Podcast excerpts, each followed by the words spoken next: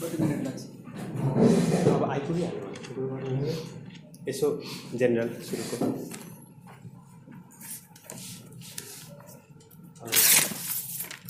हामी पार्लर फिडर्सको आज यो छैटौँ कार्यक्रम हो। यसमा हामी यो कार्यक्रम डाइलेक्टिक डिस्कोर्स भनेर गर्छौँ। यसमा पेपर रिसर्च पेपर प्रेजेन्टेसन यसमा कमेन्ट्री र डिस्कसनको कार्यक्रम छ यो यो लग लग यो लगायत हाम्रा अरू कार्यक्रमहरू भनेको चाहिँ एक्सपिरियन्स सेयरिङको कार्यक्रम छ एक्सपर्टहरूबाट र लेक्चर सिरिजका कार्यक्रमहरू पनि छन्। यसमा चाहिँ हाम्रो फर्मेलिटी फर्मेट चाहिँ आज पहिला अद्वैत बरालले आफ्नो पेपर प्रेजेन्ट गर्नुहुनेछ। त्यो पेपर प्रेजेन्टेसन सकिँदा सकिँदै सुभाष सर आइपुग्नुहुन्छ। सुभाष सरले पहिला त्यसमा कमेन्ट गर्नुहुनेछ। सुभाष सरको कमेन्ट पछाडि लगत्तै हामी हेमराज सरबाट सुन्छौँ अनि त्यस पछाडि श्रीमानबाट सुन्नेछौँ। अनि अन्तिममा फ्लोरो पनि हुनेछ। फ्लोरबाट पनि हामी डिस्कसन सुन्नेछौँ। पार्टिसिपेन्टहरूलाई चाहिँ मेरो विशेष अनुरोध चाहिँ हजुरहरूले अन्तिममा जब यो डिस्कसनको अन्त्यमा प्रश्न सोध्ने बेलामा चाहिँ आफै ओरल्ली प्रश्न सोध्नुभन्दा समय बचाउनका लागि हजुरहरूले लेखेर त्यो क्वेसन अगाडि पास गरिदिनु भयो भने चाहिँ सजिलो हुनेछ। त्यो टाइम कम लागोस् भनेर। अब म बिचमा यो फर्मल प्रोग्रामको रूपमा यसलाई नगरिने भएको हुनाले यसमा बिचमा म आफ्नो कुरा फेरि राख्ने छैन। यो फर्मेटमै बग्नेछ सबैभन्दा पहिला त्यसैले म सुरुमै मान्य न्यायाधीश पुरुषोत्तम भण्डारीज्यूलाई स्वागत गर्दै धन्यवाद भन्छु बाल लिडर्सको तर्फबाट। त्यसै गरी खेमराज सरलाई पनि स्वागत गर्दै आइपुग आइदिनु भएकोमा धन्यवाद भन्छु। अद्वैत बरालज्यूलाई पेपर तयार पारिदिनु भएकोमा धन्यवाद। अब यो त्यही फर्मेटमा सुरुमा उहाँको प्रेजेन्टेसन त्यस पछाडि सुभाष सरको कमेन्ट्री अनि खेमराज सरको कमेन्ट्री र पुरुषोत्तम श्रीमानको कमेन्ट अनि डिस्कसनमा हामी अगाडि बढ्नेछौँ। अद्वैत दाईलाई म पेपर प्रेजेन्टेसनको लागि रिक्वेस्ट गर्छु। सर्वोच्च अदालतका श्रीमान पुरुषोत्तम भण्डारी साथै सहन्यायाधिवक्ता खेमराज गिवानी सर यस कार्यक्रममा उपस्थित भएर मेरो पेपर सुनिदिनु हुन र त्यसमा कमेन्ट गरिदिनु हुन यहाँहरूलाई पार्लरले बोलाएकोमा त्यो निमन्त्रणा स्वीकार दिनुभएकोमा धेरै धन्यवाद। अब विदाउट फर्दर अडु म चाहिँ मेरो पेपरलाई सकभर सानो तरिकाबाट प्रेजेन्ट गर्छु। म धेरै समय पनि लिन्न।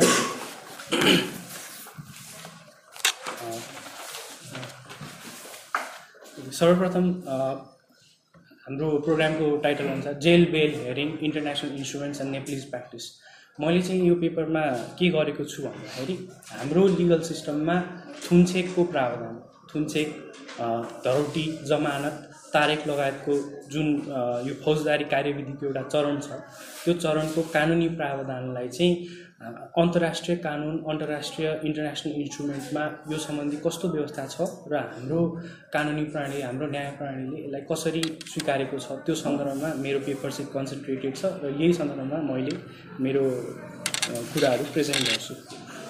सर्वप्रथम त हामीले सर्वप्रथम त हामीले थुन्सेकलाई बुझ्नु पर्दाखेरि यसलाई कसरी बुझ्न सकिन्छ भन्दा यो एउटा क्रिमिनल प्रोसिडिङको चरण हो फौजदारी कार्यविधिको चरण हो।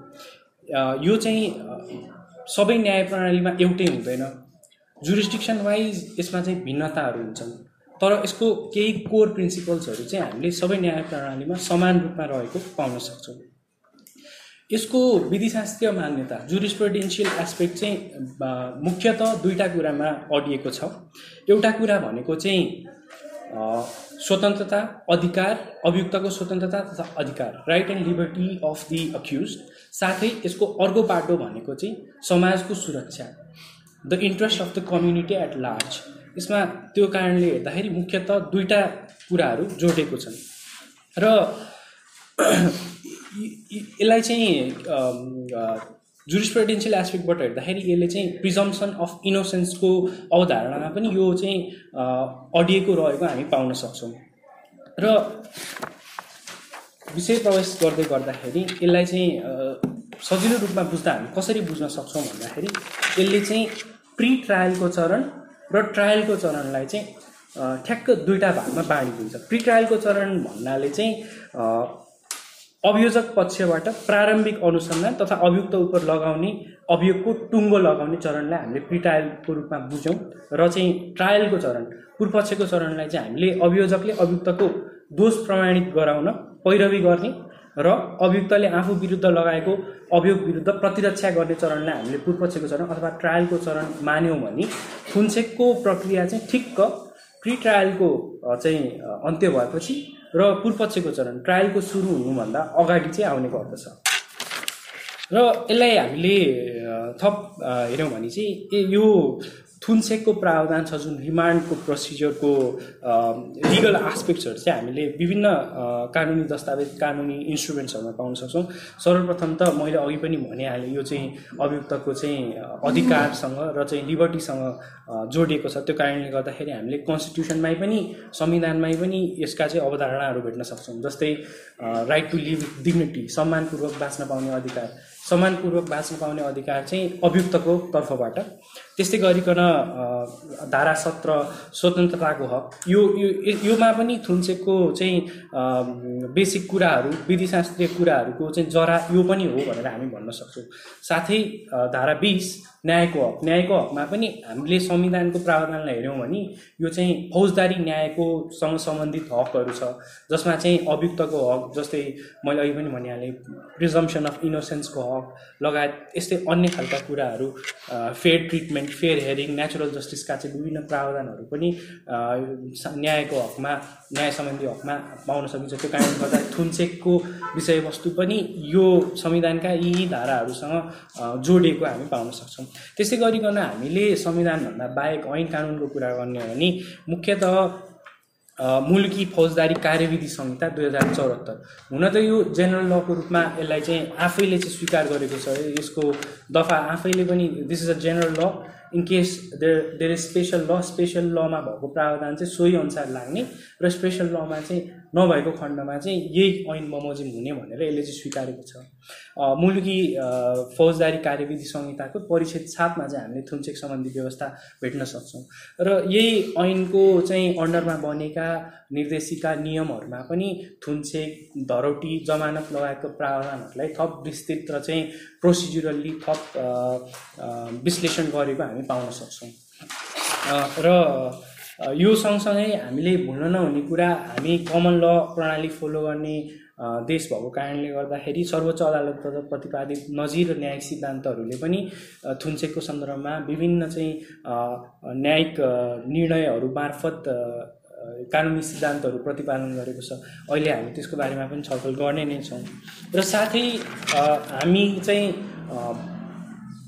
मोनोइजम फलो गर्ने देश भएको कारणले गर्दाखेरि इन्टरनेसनल इन्स्ट्रुमेन्टमा रहेका प्रावधानहरूलाई पनि हामीले चाहिँ आफ्नै कानुनको सरह चाहिँ हेर्नुपर्ने हुन्छ। र यो सन्दर्भमा विभिन्न इन्टरनेसनल इन्स्ट्रुमेन्टले पनि थुन्चेकसँग सम्बन्धित रिमान्ड प्रोसिजरसँग सम्बन्धित विषयवस्तुलाई चाहिँ निर्देश गरेको हामी पाउन सक्छौँ। र यसरी म यो विषय प्रवेश गरेसँगै अब म चाहिँ अगाडि बढ्न चाहन्छु।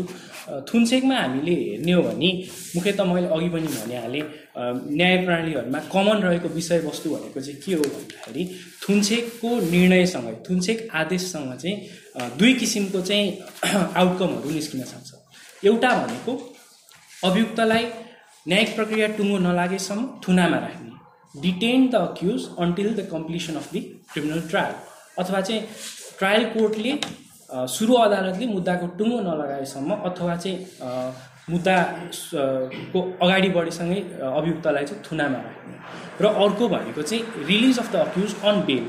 Release of the accused on बेलमा अलि यो चाहिँ अलिक विश्लेषण गर्ने भने यसमा धेरै कुरा अड्डेको हामी पाउँछौँ बेल भन्नाले धरौटी तिरेर रिहा हुने अथवा चाहिँ जमानत कसैको जमानतमा रिहा हुने अथवा सामान्य तारिकमा अभियुक्त रिहा हुन्छ भने पनि त्यसलाई बेलै मानिन्छ। पर्सनल रिकग्निजन्स भनेर चाहिँ यसलाई भनिने गरिँदो रहेछ। र यो तिनैवटा कुरालाई चाहिँ बेलमा समष्टिगत रूपमा हामीले हेर्न सक्छौँ। सो एउटा भनेको चाहिँ अभियुक्तलाई थुनामा राख्ने confining the accused on judicial custody र अर्को release of accused on bail र सर्वप्रथम जुडिसियल कस्टडीसँगै अब जुडिसियल कस्टडी के हो त्यसको बारेमा म थोरै भन्न चाहेँ। अब हाम्रो सम्मानित सर्वोच्च अदालतले चाहिँ जुडिसियल कस्टडीको बारेमा सिद्धान्त प्रतिपादन गर्दै के भनेको छ भन्दाखेरि थुन्सेकको आदेशको क्रममा यदि अभियुक्तलाई थुनामा राख्ने निर्णय हुन्छ भने त्यस्तो निर्णय बमोजिम अभियुक्तलाई राखेको थुनालाई न्यायिक हिरासत भनिन्छ। अथवा जुडिसियल कस्टडीको डेफिनेसन चाहिँ हाम्रोमा वैद्यनाथ प्रसाद कर्णको पक्षबाट टङ्कप्रसाद दुइटेल विरुद्ध अ, महानगरीय प्रहरी वृत्त दुई हजार उनासत्तरी नेकापामा चाहिँ यो सिद्धान्त प्रतिपादन भएको हामी पाउन सक्छौँ। र यो अभियुक्तलाई थुनामा राख्ने कुरा चाहिँ के के विषयवस्तुमा अडिएको हुन्छ भन्दा एउटा थुन्सेकको क्रममा अभियुक्तलाई अदालतमा प्रस्तुत गर्दै गर्दाखेरि अभियुक्त विरुद्ध कस्तो किसिमको प्रमाणहरू बरामद भएको छ? तत्काल प्राप्त प्रमाणले अभियुक्तको दोषी हुने अथवा निर्दोष हुने स्थितिको सन्दर्भमा कस्तो कस्तो कुरा प्रकाश पारेको छ? त्यो एउटा कुरा भयो। अर्को भनेको चाहिँ अभियुक्तले थुना बाहिर रहँदा अथवा चाहिँ न्यायिक निगरानी बाहिर रहँदाखेरि प्रमाणमा पार्न सक्ने असर अथवा प्रमाणलाई नष्ट पार्ने अथवा प्रमाणलाई तोडमोड गर्न सक्ने असर र त्यो सँगसँगै अभियुक्तको चाहिँ अपराधिक पृष्ठभूमि र अभियुक्तले गरेको कसुरको गम्भीरतालाई पनि मध्यनजर गर्ने गरिन्छ। र यो तिनवटा कुरालाई समग्र रूपमा समष्टिगत रूपमा विचार गरेर अदालतले चाहिँ अभियुक्तलाई थुन्सेको क्रममा थुनामा पनि राख्ने गर्छ। त्यस्तै हामीले अन्तर्राष्ट्रिय अवधारणा हेर्ने हो भने थुन्सेकको यसलाई चाहिँ थुन्सेकको अथवा थुनाको भनौँ यो सन्दर्भमा जुडिसियल कस्टडीको। हामीले चाहिँ अन्तर्राष्ट्रिय अभ्यासमा के पाउन सक्छौँ भन्दाखेरि न्यायालयहरूले चाहिँ कस्तो खालको अवधारणा विकास गरेका छन् भन्दा बेल इन्स्टेड अफ जेल भन्नुको अर्थ जुडिसियल कस्टडीलाई चाहिँ सेकेन्ड प्रायोरिटीमा राख्ने पहिलो प्रायोरिटीमा चाहिँ सकभर अभियुक्तलाई जुडिसियल कस्टडीमा नराख्ने। विषयको गम्भीरता हेरेर मुद्दाको गम्भीरता हेरेर मात्रै न्यायिक निर्कलमा पुग्ने थुनामा राख्ने न्यायिक निर्कलमा पुग्ने। यो सन्दर्भमा चाहिँ केलाई मुख्यताका साथ हेरिन्छ भन्दा कम्युनिटीको सेक्युरिटी एट लार्ज अभियुक्त यदि थुनामा नरहेको सन्दर्भमा उसले समुदायमा पार्न सक्ने असर के कस्तो छ भनेर गम्भीरताका साथ अदालतले यो सन्दर्भमा विचार गर्नुपर्छ। र यो भन्दै गर्दाखेरि हामीले के कुरा बिर्सिनु हुँदैन भन्दा अभियुक्त भनेको चाहिँ के हो? अभियुक्तको स्थिति कस्तो हुन्छ भन्दा ऊ दोषी प्रमाणित भइसकेको हुँदैन। संवैधानिक मान्यता र अन्तर्राष्ट्रिय कानुनी अवधारणामा पनि के पाउन सक्छौँ हामी भन्दा एडभर्सरियल सिस्टम फलो गर्ने कन्ट्रीहरूमा अभियोग प्रमाणित नभएसम्म अभियुक्तलाई दोषी नै मान्ने गरिन्छ। र जुडिसियल कस्टडी कस्टडीमा राख्दै गर्दाखेरि अभियुक्तको चाहिँ विभिन्न अधिकारहरू कर्टेल हुन जान्छ। अभियुक्तको स्वतन्त्रताको हक अभियुक्तको त्यस्तै थुना बाहिर रहँदाखेरि उसले उपभोग गर्न पाउने हक यो सबै कुरा चाहिँ जुडिसियल कस्टडीमा राख्दै गर्दाखेरि उपभोग गर्नबाट अभियुक्त वञ्चित हुने गर्छ। त्यो कारणले गर्दा अदालतले थुनामा राख्ने निर्णय निर्क्योल गर्दै गर्दाखेरि विभिन्न कुराहरूलाई मध्यनजर गर्नुपर्ने हुन्छ। र अर्को पाटो थुन्सेको अर्को पाटो release on bail release of accused on bail मैले अघि भनिहालेँ बेलमा चाहिँ विभिन्न कुराहरू पाउने गर्छन्। धरोटीमा रिहाई जमानतमा रिहाई अथवा सामान्य तारिकमा रिहाई यो सबै बेलकै पक्षहरू हुन् र बेलको हामीले चाहिँ विभिन्न विद्वानहरूले भनेको अथवा प्रस्तुत गरेको अवधारणालाई मध्यनजर गर्ने हो भने विद्वानहरूले चाहिँ के भन्नुभएको छ भन्दा किन बेल लिइन्छ भन्दा अभियुक्तको अदालतमा बाँकी न्यायिक प्रक्रियामा प्रेजेन्सलाई सुनिश्चित गर्न। भन्नुको अर्थ थुन्चेकको सन्द थुन्चेक भनेको कस्तो अवधारणा त मैले अघि भनिहालेँ यो प्रि ट्रायल ट्रायलको बिचमा हुने हो। ट्रायलले मुद्दा मुद्दालाई टुङ्गो लगाउँछ र ट्रायलले मुद्दालाई टुङ्गो न नलगाउन्जेलसम्म अभियुक्तको चाहिँ अदालतमा उपस्थितिको सुनिश्चितताको लागि चाहिँ बेल लिने गरिन्छ। बेलको अवधारणा यसमा टिकेको पाइन्छ। र बेललाई हामीले हाम्रो न्यायिक प्रक्रिया हाम्रो न्यायिक प्रणालीमा कस्तो अवधारणा छ बेलको त्यो यसमा पनि प्रवेश गर्छौँ। सर्वप्रथम त इन्टरनेसनल प्र्याक्टिस हेरौँ हामीले बेलको इन्टरनेसनल प्र्याक्टिस मैले अघि भनिहालेँ jail sorry bail instead of jail भन्नुको अर्थ आजभोलि न्याय अन्तर्राष्ट्रिय रूपमा न्यायालयहरूले चाहिँ बेललाई प्राथमिकता दिएको पाइन्छ जेलभन्दा पनि। र यसको हामीले इन्टरनेसनल इन्स्ट्रुमेन्टमा हेऱ्यौँ भने विभिन्न इन्टरनेसनल इन्स्ट्रुमेन्ट जस्तै आइसिसिपिआर युडिएचआरले पनि के रिजल्ट गरेको पाइन्छ भन्दाखेरि सकभर सकभर यथासम्भव सम्भव भएसम्म अभियुक्तलाई चाहिँ जुडिसियल कस्टडीको भन्दा पनि जुडिसियल कस्टडीमा भन्दा पनि बेलमा राख्नुपर्छ भन्ने किसिमको अवधारणा रहेको हामीले पाउँछौँ। Pre trial detainee should be kept on bail instead of jail bail instead of judicial custody खालको अवधारणा रहेको छ न्याय अन्तर्राष्ट्रिय इन्स्ट्रुमेन्टहरूमा पनि। यस्तै आइसिसिपिआर त एउटा सन्धि भयो। यसको इफेक्ट इफ के भन्छ यसको चाहिँ तपाईँको हाम्रो न्याय प्रणालीमा यसको भूमिका पनि महत्त्वपूर्ण हुन्छ। यो सँगसँगै विभिन्न युनाइटेड नेसन्सको जेनरल एसेम्ब्लीको डिक्लेरेसनहरूले पनि यो कुरामा चाहिँ बोलेका छन्। यो सन्दर्भमा पनि हामी अहिले एकैछिनमा प्रवेश गर्छौँ। र आइसिसिपिआरको कुरा मैले भनिहालेँ। आइसिसिपिआरको विभिन्न धाराहरूले चाहिँ कस्तोसम्मको कुरा मैले एउटा चाहिँ प्रस्तुत गर्न चाहेँ। It shall not be the general rule that persons awaiting trial shall be detain in custody but release may be subject to guarantees to appear for trial at any other stage of the judicial proceedings and should occasion arise for the execution of judgment भन्नुको अर्थ अभियुक्तलाई यदि judicial कस्टडीमा राखिने हो भने त्यो त्यसलाई चाहिँ as a last resort र चाहिँ अभियुक्तको अभियुक्तको बाँकी न्यायिक प्रणालीमा चाहिँ उपस्थितिको लागि कार्यविधिको कुराको सुनिश्चितताको लागि चाहिँ लिने गरेको आइसिसिपिआरको अवधारणा पाउँछ मैले सबभन्दा सुरुमा भनेको थिएँ थुन्सेको अवधारणा प्रिजम्सन अफ इनोसेन्सको प्रिन्सिपलसँग निकै जोडिएको हामी पाउन सक्छौँ। यो यही प्रिन्सिपलको कारणले गर्दाखेरि चाहिँ यहाँ यो अवधारणा कस्तो रहेको छ भन्दा थुनामा राख्दै गर्दाखेरि अभियुक्तलाई सजायको रूपमा थुनामा राखिने होइन कि अभियुक्तलाई अदालतको साथी अथवा चाहिँ न्याय प्रणालीमा चाहिँ भूमिका खेल्नको लागि अथवा एडमिनिस्ट्रेसन अफ जस्टिसमा सहजताको लागि अभियुक्तलाई थुनामा राखिने हो न कि सजायको रूपमा अभियुक्तलाई थुनामा राखिने हो भन्ने अवधारणा रहेको हामी पाउन सक्छौँ। यो अर्थमा प्रिजम्सन अफ इनोसेन्स यसरी महत्त्वपूर्ण हुन्छ। त्यसै गरी अब हामी हामीले अन्तर्राष्ट्रिय रूपमा कस्तो छ यसको अवधारणा त्यसको बारेमा पनि डिस्कस गरिहाल्यौँ। अब हामीले चाहिँ हाम्रो न्याय प्रणाली हाम्रो कानुनी प्रणालीमा छुन्चेकको अवस्था कस्तो रहेको छ त्यसको बारेमा थोरै चर्चा गरौँ। मैले सुरुमा भनेको थिएँ मुलुकी फौजदारी संहिता दुई हजार चौहत्तरको परिच्छेद सातले थुन्चेक सम्बन्धी व्यवस्था गरेको छ। यसमा पनि हामीले अघि डिस्कस गरे जस्तै एउटा कुरा त अभियुक्तलाई जुडिसियल कस्टडी न्यायिक हिरासतमा राख्न सकिने कुरा थुनामा राख्न सकिने कुरा त्यसपछि गएर धरौटी जमानतमा छोड्न सकिने कुरा र सामान्य तारिखमा छोड्न सकिने कुराको रूपमा छोड्न सकिने कुरा मुख्यत मुख्यत यी कुराहरू हामी पाउन सक्छौँ। र हामीले हाम्रो न्याय प्रणालीलाई हेर्दाखेरि मैले चाहिँ तिनवटा च तिनवटा विभिन्न पाटोहरूमा डिभाइड गरेको छु सहजताको लागि। एउटा bailable and non bailable offence कस्तो कस्तो किसिमको कसुरमा चाहिँ अदालतले बेल ग्रान्ट गर्न सक्छ र कस्तो किसिमको कस्तो अवस्थामा बेल ग्रान्ट गर्न सकिँदैन त्यो त्यो सन्दर्भमा अर्को कुरा भनेको चाहिँ कार्यविधिगत अवधारणाहरू procedural aspects in judicial custody and bail र अन्त्यमा चाहिँ अपिल अगेन्स्ट रिमान्ड अर्डर थुन्चेक आदेशको अपिल कसरी अपिलको व्यवस्था कस्तो छ? त्यो त्यो तिनवटा चरणमा डिभाइड गरेको छु सहजताको लागि।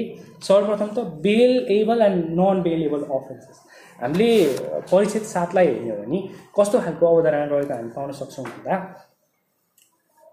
तिन वर्षभन्दा कम सजाय हुनेलाई चाहिँ सामान्य रूपमा हेर्दा नन बेलेबल अफेन्स भनेर स्वीकार गरेको हामी पाउँछौँ।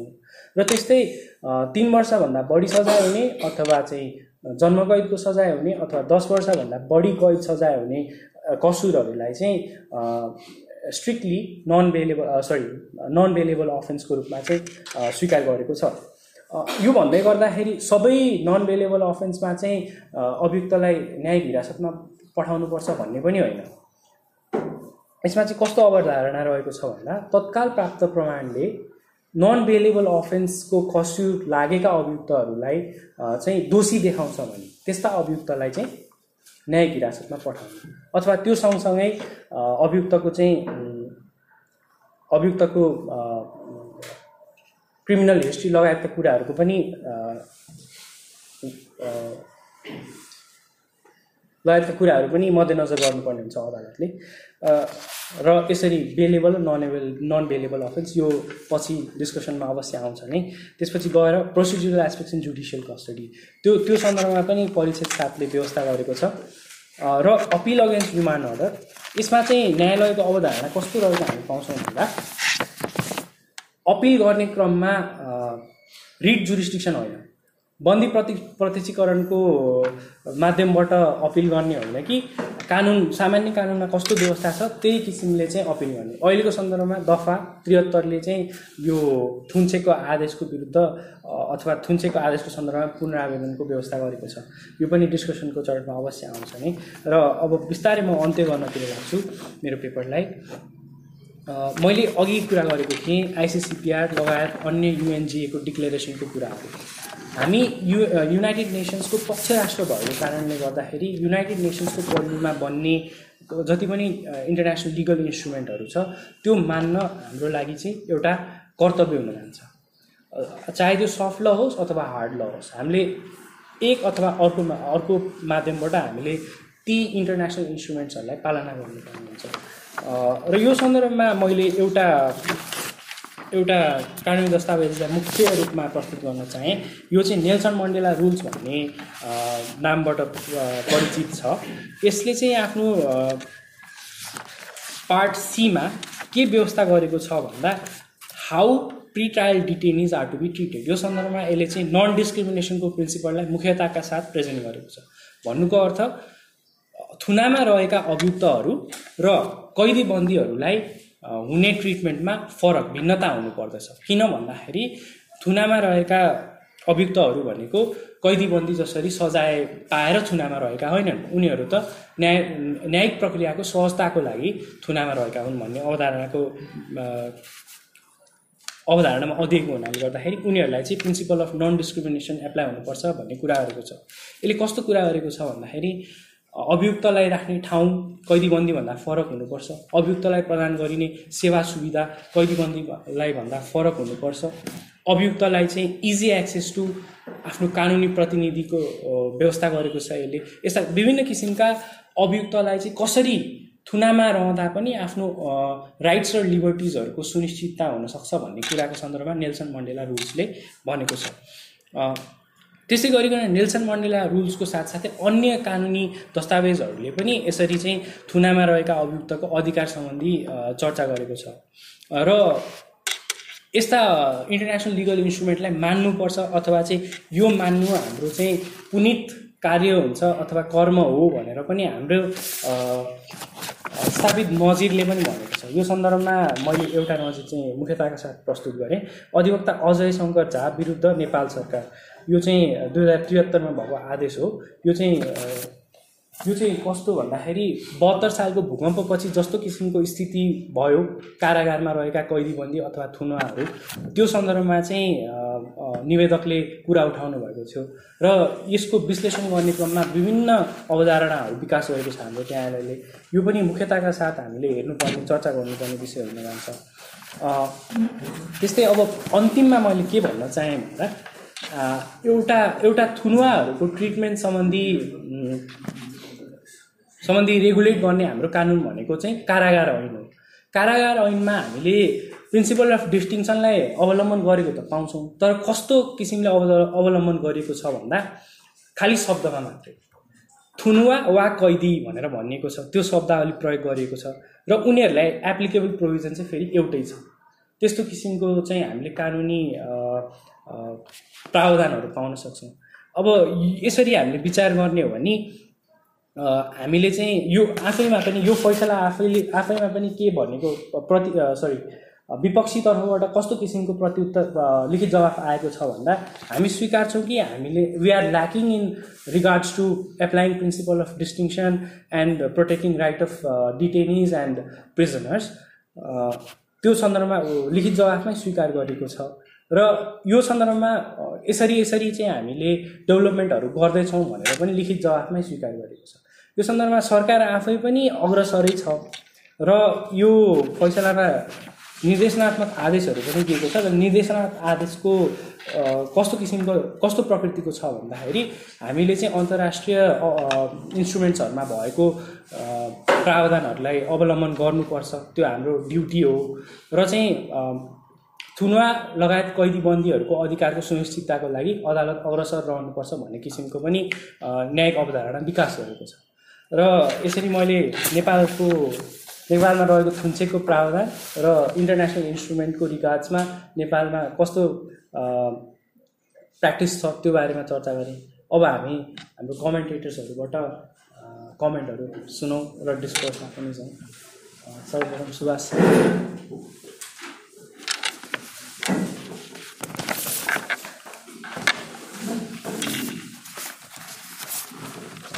नमस्कार मैले म नमस्कार यो सर्वप्रथम त ढिला आएकोमा क्षमा प्रार्थी छु। एउटा स्टेप पनि समयमै हुन्छ समयमै हुन्छ। अनि प्रयास लगाएर चाहिँ दिनु। दोस्रो कुरा यस्तो डाइलेक्टिक डिस्कोर्समा श्रीमानले हाम्रो जोइन्ट अफिसरले जुन समय दिनुभयो दिएर यहाँ पढेर हामीसँग यसरी अन्तर्क्रिया कार्यक्रममा सहभागी हुनु यसको लागि अत्यन्तै आयोजकले पनि गर्ला मेरो तर्फबाट पनि औधी सम्मान र धन्यवाद व्यक्त गर्न चाहन्छु। यसले नै हामीलाई माझ्न र हाम्रो समस्याहरू के छ हामी सुनाउनु बुझाउनु सहयोग पुर्याउँछ अब कार्यपत्र मैले पढेको थिएँ। कार्यपत्र एकदमै राम्रो छ। बृहत मिहिनेत गरेर लेख्नु भएको छ। त्यसै गरी अगाडि बढ्नु होला अब यसमा हामीले भोगेका कुराहरू के छ भन्ने कुराहरू पनि सँगसँगै यहाँ चाहिँ निवेदन गर्छु। अब हामी पालुवा लिडर्सहरू साहबहरू पनि यहाँ भएको हुनाले अहिले सुनसेको सन्दर्भमा नयाँ कानुन आइसकेपछिको पहिलो कानुनले संयन्त्र खोलेको विधायिकाको अनुसार के हो भने हिजोको कानुनबाट यो कानुनमा के फरक आयो भनेर चाहिँ हामीले विधायिकाले के फरक महसुस गरेर प्राप्त गरेको हो भन्ने बुझ्नुपर्छ हिजोकोबाट आज आउँदाखेरिको तात्विक फरक के हो त भन्दा हिजो चाहिँ हिजो कुनै पनि व्यक्तिलाई पक्राउ गर्दाखेरि प्रहरी स्वयंले आफै पुर्जी जारी गरेर पकड अब त्यहाँबाट चाहिँ विधायिकाले केही फरकहरू व्यवस्थाहरू राखेको छ। अब व्यक्तिका नाममा पक्राउ पुर्जी जारी गर्दा इमर्जेन्सी बाहेक बाध्यताको कारणले गर्दा थुनुवा चाहिँ भागिजाने पक्र के सं- सङ्गीत व्यक्ति भागिजाने अवस्था छ भन्ने लागेको अवस्थामा त्यस्तै खास खास अवस्थामा बाहेक इमर्जेन्सी अवस्थामा बाहेक चाहिँ प्रहरी आफैले पक्राउ पुर्जी जारी गर्दैन प्रहरीले व्यक्तिका नाममा पुर्जी जारी गर्नको लागि सरकारी वकिल मार्फत अदालत समक्ष लान्छ। भन्नुको अर्थ विधायिकाले के मनसाय राखिरहेछ भने अब व्यक्तिलाई यत्तिकै पकड्ने होइन है। यत्तिकै पकडेर उसको लिबर्टी कटेल गर्ने होइन। पक्रेर उसको अनुसन्धान तहकिकात भएर अदालतबाट छुट्ने थुन्सेक प्रक्रियासम्म जाँदा त उसको लिबर्टी कटेल भइसक्छ। त्यस कारणले यो सामान्य होइन। अदालतले नै पुँजी जारी गर्नुपर्ने आवश्यक छ कि छैन भन्ने औचित्य हेरेर बल्ल पुँजी जारी गर्छ अनि मात्रै पक्राउ गर्नुपर्छ भन्नुले आजको हाम्रो मुलुकी अपराध संहिता दुई हजार चौहत्तर आइसकेपछिको परिपक्ष के हो भने व्यक्ति थुनामा जाने भन्ने कुरा अपवाद हो। यो कुरा विधायिकाले मानेको छ। दोस्रो कुरा अहिले कानुनले प्रहरी स्वयंलाई पनि जाहेरी परिसकेपछि जमानीमा छोड्न सक्ने व्यवस्थादेखि मुद्दा नचलाउने निर्णय गरेर सरकारी बिलबाट मुद्दा नचल्ने हुने निर्णयसम्म छ। त्यो हिजो पनि थियो तर प्रहरी स्वयंले पनि छोड्न सक्ने व्यवस्था छ। फेरि पनि यसको किन यति फोकस भएको छ भने व्यक्तिलाई थुनामै राखेर अनुसन्धान गर्ने भन्ने चाहिँ विकल्प होइन है भन्ने हो यसरी व्यक्तिमाथि अनुसन्धानको दायरा बढेर अदालतले औचित्य र आधार हेर्दाखेरि यसलाई थुनामै राखेर चाहिँ अनुसन्धान गर भन्ने लाग्छ। सुरुकै पच्चिस दिनमा भने त्यसै गरेर अब ट्रायलको प्रि ट्रायलको स्टेजमा जब कोर्टमा थुनछेकमा हाजिर हुन जान्छ थुनछेकमा त अब दोस्रो लेयरमा गइसक्यो। अदालतले उसलाई सकेसम्म सकेसम्म विधायिकाको मनसाय हो थुनामै राखेर हेर्ने भन्ने विधायिकाको मनसाय छैन। पहिलो अनुसन्धानकै क्रममा दोस्रो जाहेरीमै तिमी जमानी लिएर छोड्न सक्छौ त्यसलाई हाजिर जमानीमा छोड्न सक्छौ। होइन थुनामै राखेर यदि अनुसन्धान गर्नुपर्नेछ भने ठिक छ सकेसम्म छिटो। पच्चिसौँ दिनमा होइन कि सकेसम्म छिटो अदालत समक्ष पेस गर्नुपर्छ र अदालतमा प्रि ट्रायलको हेरिङ हुने हो।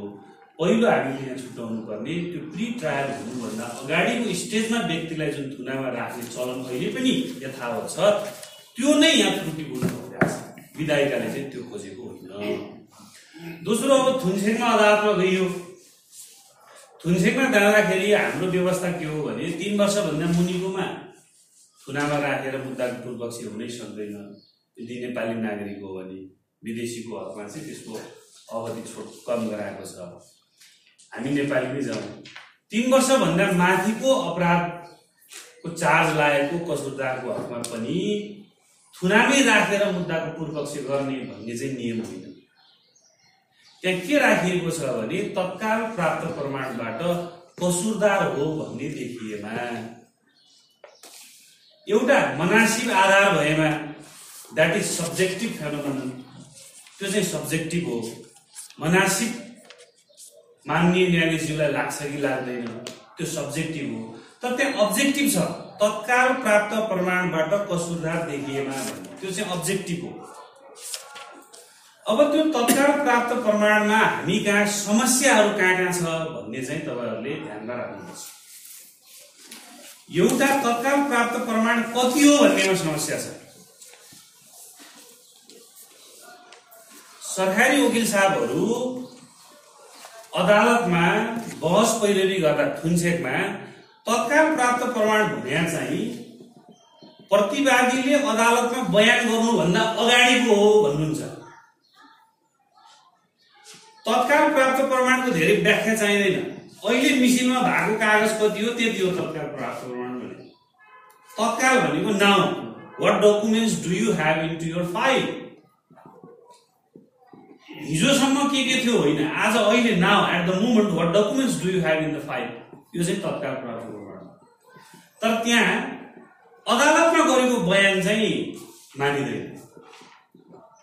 थ्योरिटिकल्ली मानिन्छ। प्र्याक्टिकल्ली मानिँदैन अब तपाईँ कुन ठाउँमा हुनुहुन्छ भन्ने बुझ्नुहोस्।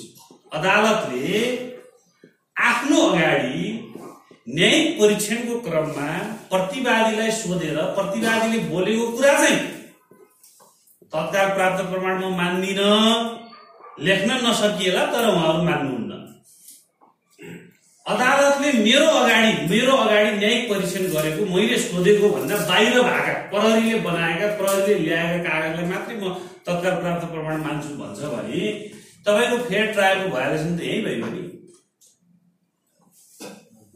अदालतमा किन बयान गर्नु पर्यो अदालतमा किन बयान गर्नु पर्यो भने तिमी चाहिँ पुलिस कस्टडीमा थियौ पुलिस कस्टडीमा फोर्स हुन्छ त्यहाँ बल हुन्छ कोयर्सन हुन्छ।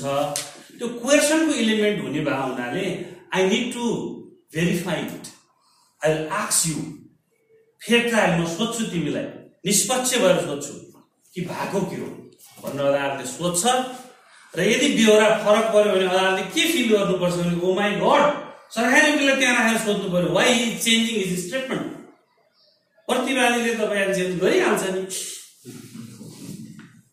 भन्ने कानुन हो र त्यस कारणले प्रतिवादीले अदालतमा गरेको बयान पछि म हेर्ला अहिले हेर्दैन यो होइन।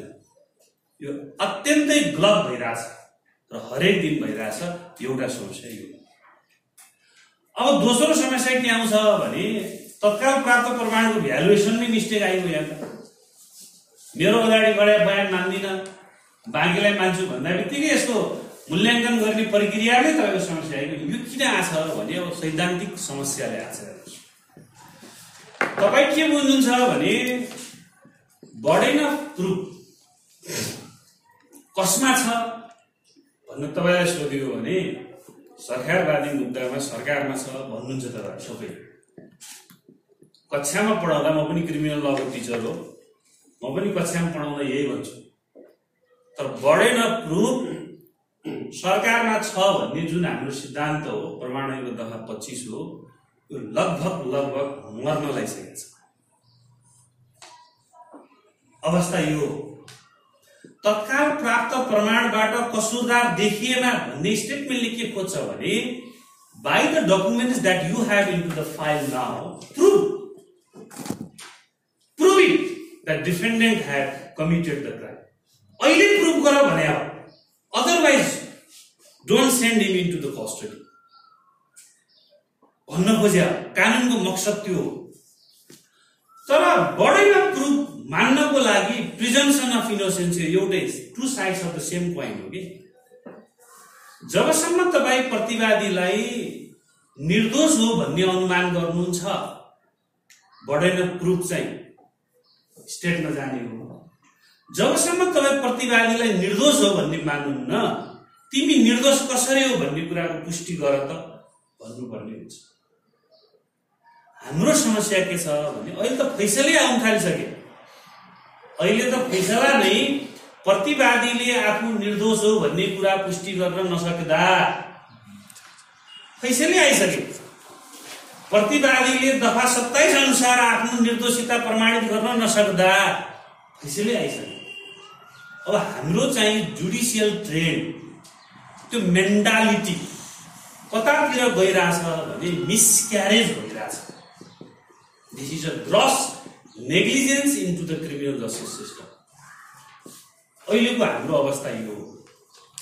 शास्त्र के हो भने प्रमाणित गर्नुपर्छ तर प्रमाणित गर्ने सिस्टम एउटा सूत्र छ प्रिन्सिपल छ।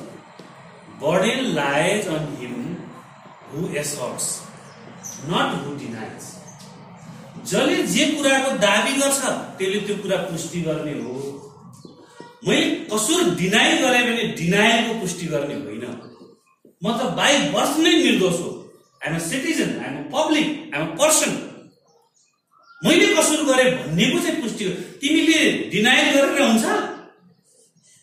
तिम्रो डिनाइलको पुष्टि गर भन्छ अदालतले सरकारी वकिल साहबहरू यही नै भन्नुहुन्छ। तिम्रो डिनाइलको पुष्टि गर भन्नुहुन्छ। डिनाइलको पुष्टि गर्ने होइन शास्त्रमा। त्यही भएर संविधानमै लेखियो कि presumption of innocence ICCPR article fourteen human rights declaration सबै ठाउँमा छ त। डिनाइलको प्रुफ गर्नु पर्दैन। हाम्रो समस्या चाहिँ डिनाइलको प्रुफ गर भन्छ। अनि त्यो डिनाइलको प्रुफ गर्नुपर्छ भनेर दफा सत्ताइसको व्याख्या हुन्छ। त्यस कारणले प्रमाण ऐनको दफा पच्चिसले भने के हो भने गभर्मेन्ट पार्टी भएको केसहरूमा राज्यले एसर्ट गरेर हुन्छ। तिमी क्रिमिनल हौ भनेर एसर्ट गरेर हुन्छ। जसले एसर्ट गर्छ त्यसले पुष्टि गर्छ। म वारदातमा थिएन म एलिपी लिन्छु। द्याट इज माई एसर्सन अब मैले त्यो पुष्टि गर्नु एसर्टको चाहिँ पुष्टि गर्ने हो डिनाइलको गर्ने होइन। त्यस कारणले यो प्रिजम्सन अफ इनोसेन्स भन्ने सिद्धान्त बढेन प्रुफसँग जोडिएर आउँछ। यो शास्त्र नै सक्यो। कोमामा छ तपाईँको प्रिजम्सन अफ इनोसेन्स कुनै पनि थुन्सेको मुद्दामा अपवाद बाहेक अदालतले प्रतिवादी इनोसेन्ट हो भन्ने प्रिजम गरेर त्यो बिन्दुबाट सुनवाई गर्छ भन्नुभयो भने तपाईँले आजको हाम्रो यो जुडिसियल ट्रेन बुझ्नु भएको छैन श्रीमानहरू भएको ठाउँमा त भन्नै पर्छ यो कुरो यहाँ त जोइन्ट एटोर्नी सर हुनुहुन्छ। यसको समस्या कहाँदेखि आयो भने तालिमदेखि आयो? जब न्यायाधीश नियुक्ति हुनुहुन्छ उहाँलाई तालिम दिने ठाउँमा चित्तले विवेकले भनेर सिकाइँदो रहेछ। फौजदारी न्याय चित्तले विवेकले हुँदैन। यसको शास्त्र हुन्छ सिद्धान्त हुन्छ। बढेन प्रुफ कहाँ हुने हो? कसले एसर्ट गर्यो? कसले डिनाइल गर्यो? प्रिजन्सन इनोसेन्स पनि काहीँ मेरो चित्तले देखेर हुन्छ। यो अवस्था भइरहेछ। अब तपाईँ मेन्टालिटी हेर्नुहोस् त जब प्रिजम्सन अफ इनोसेन्स म मान्दिनँ प्रतिवादीले चाहिँ तिम्रो इन्कारीलाई प्रमाणित गर म भनिरहन्छु भने राज्यसँग त्यत्रो रिसोर्सेस छ। त्यत्रो मेन पावर छ त्यत्रो चाहिँ सुविधा सम्पन्न छ। तिमीलाई पुष्टि गर भनेर त्यो चाहिँ सब गरेको छ। अब प्रतिवादीलाई you have him into the custody given him a charge and you are saying that prove it I can just say I do not, I did not commit the crime. अब मैले कहाँबाट पुष्टि गर्ने हो कि मेरो डिनाइलको प्रमाण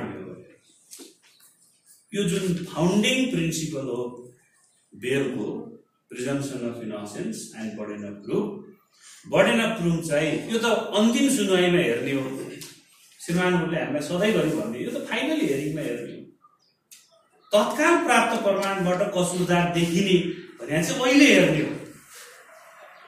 यो हाम्रो अर्को समस्या छ। तेस्रो समस्या कहाँनिर छ मित्रहरू भने प्रतिवादीलाई थुनामै राखेर मुद्दाको पूर्वपक्ष गरे बापत थुनामै राखेर मुद्दाको पूर्वपक्ष गर्ने माननीय ज्यूलाई कहिले पनि काहीँ पनि कुनै पनि उहाँको सक्षमतामा प्रश्न उठ्दैन तर केही मुद्दामा यदि बेल भएको छ वा तारिखमा छोड्ने गरी आदेश भएको छ भने त्यो चाहिँ फेरि मिडिया स्क्यान्डल बन्न सक्छ। त्यस कारणले यहाँ उहाँहरूको वृत्ति विकास र जागिरसँग पनि जोडिएको विषय भइदियो। थुन्दा झन्झटै खतम। किन तपाईँ किन थुन्यो भन्नेको प्रश्नै छैन। यस्तो पनि थुन्न हुन्छ र भन्नेको काहीँ हेरिङै हुँदैन। त्यसको कुनै सुनवाई नै हुँदैन। छोड्यो भने चाहिँ हुन सक्छ। अब उहाँको प्रायोरिटिजमा किनकि प्रि ट्रायलको हेरिङ त डिस्ट्रिक्ट कोर्टले गर्छ नि। त्यहाँबाट हुने उहाँको चाहिँ प्रायोरिटिजमा चाहिँ पहिलो आफै सुरक्षित हुने भन्ने हुन्छ। झापा जिल्ला अदालतमा गएको थिएँ एउटा मुद्दामा त्यहाँ हाम्रो पालो पुगेर बसिरहेको थियौँ। श्रीमानले चाहिँ त्यस्तै कर्मचारीसँग गफ गर्ने बेला होइन मेरो दसैँ बिग्रिएर मिस्टेक भए भए त मैले त्यस्तो आदेश गरेँ होला नत्र मबाट त्यस्तो हुनै सक्दैन भन्नु छक्क पऱ्यो। छोड्ने भन्ने चिज त हुनै सक्दैन हो। त्यसको लागि त विभिन्न तपाईँको अत्यन्तै अत्यन्तै अत्यन्तै वातावरणले छोड्नुपर्ने भयो भने मात्रै हो तपाईँ यो अवस्थामा हुनुहुन्छ। कानुन कहाँ छ? थुन्नै हुँदैन है अपवाद बाहेक। त्यस कारणले हिजोको प्रहरी अनुसन्धानमै थुन्ने प्रक्रियालाई पनि अब कम गर्नुपर्छ भनेर अदालतबाट पुर्जी जारी हुने सम्भवको व्यवस्था भयो। पार्लियामेन्ट्री हिस्ट्री हेर्नु पऱ्यो नि कानुनको व्याख्या त यसरी हुन्छ।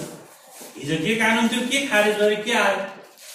तर अभ्यास यस्तो गरिरहेको छ त्यस कारणले गर्दा कानुनको व्यवस्था चाहिँ तिन वर्षभन्दा मुनिकोमा थुन्नै नहुने सोदेखि माथिकोमा चाहिँ तत्काल प्राप्त प्रमाणले देखियो भने थुन्ने नभए नथुन्ने र त्योदेखि माथिकोमा यदि थुनिया छ भने करेक्सनको लागि दस वर्षभन्दा माथि छ भने चाहिँ हाइकोर्ट हुँदै सर्वोच्चसम्म सोभन्दा मुनि छ भने एक तल माथि त्रिहत्तर नम्बर बमोजिम निवेदन हालेर करेक्सन गर्ने कानुनी व्यवस्था छ।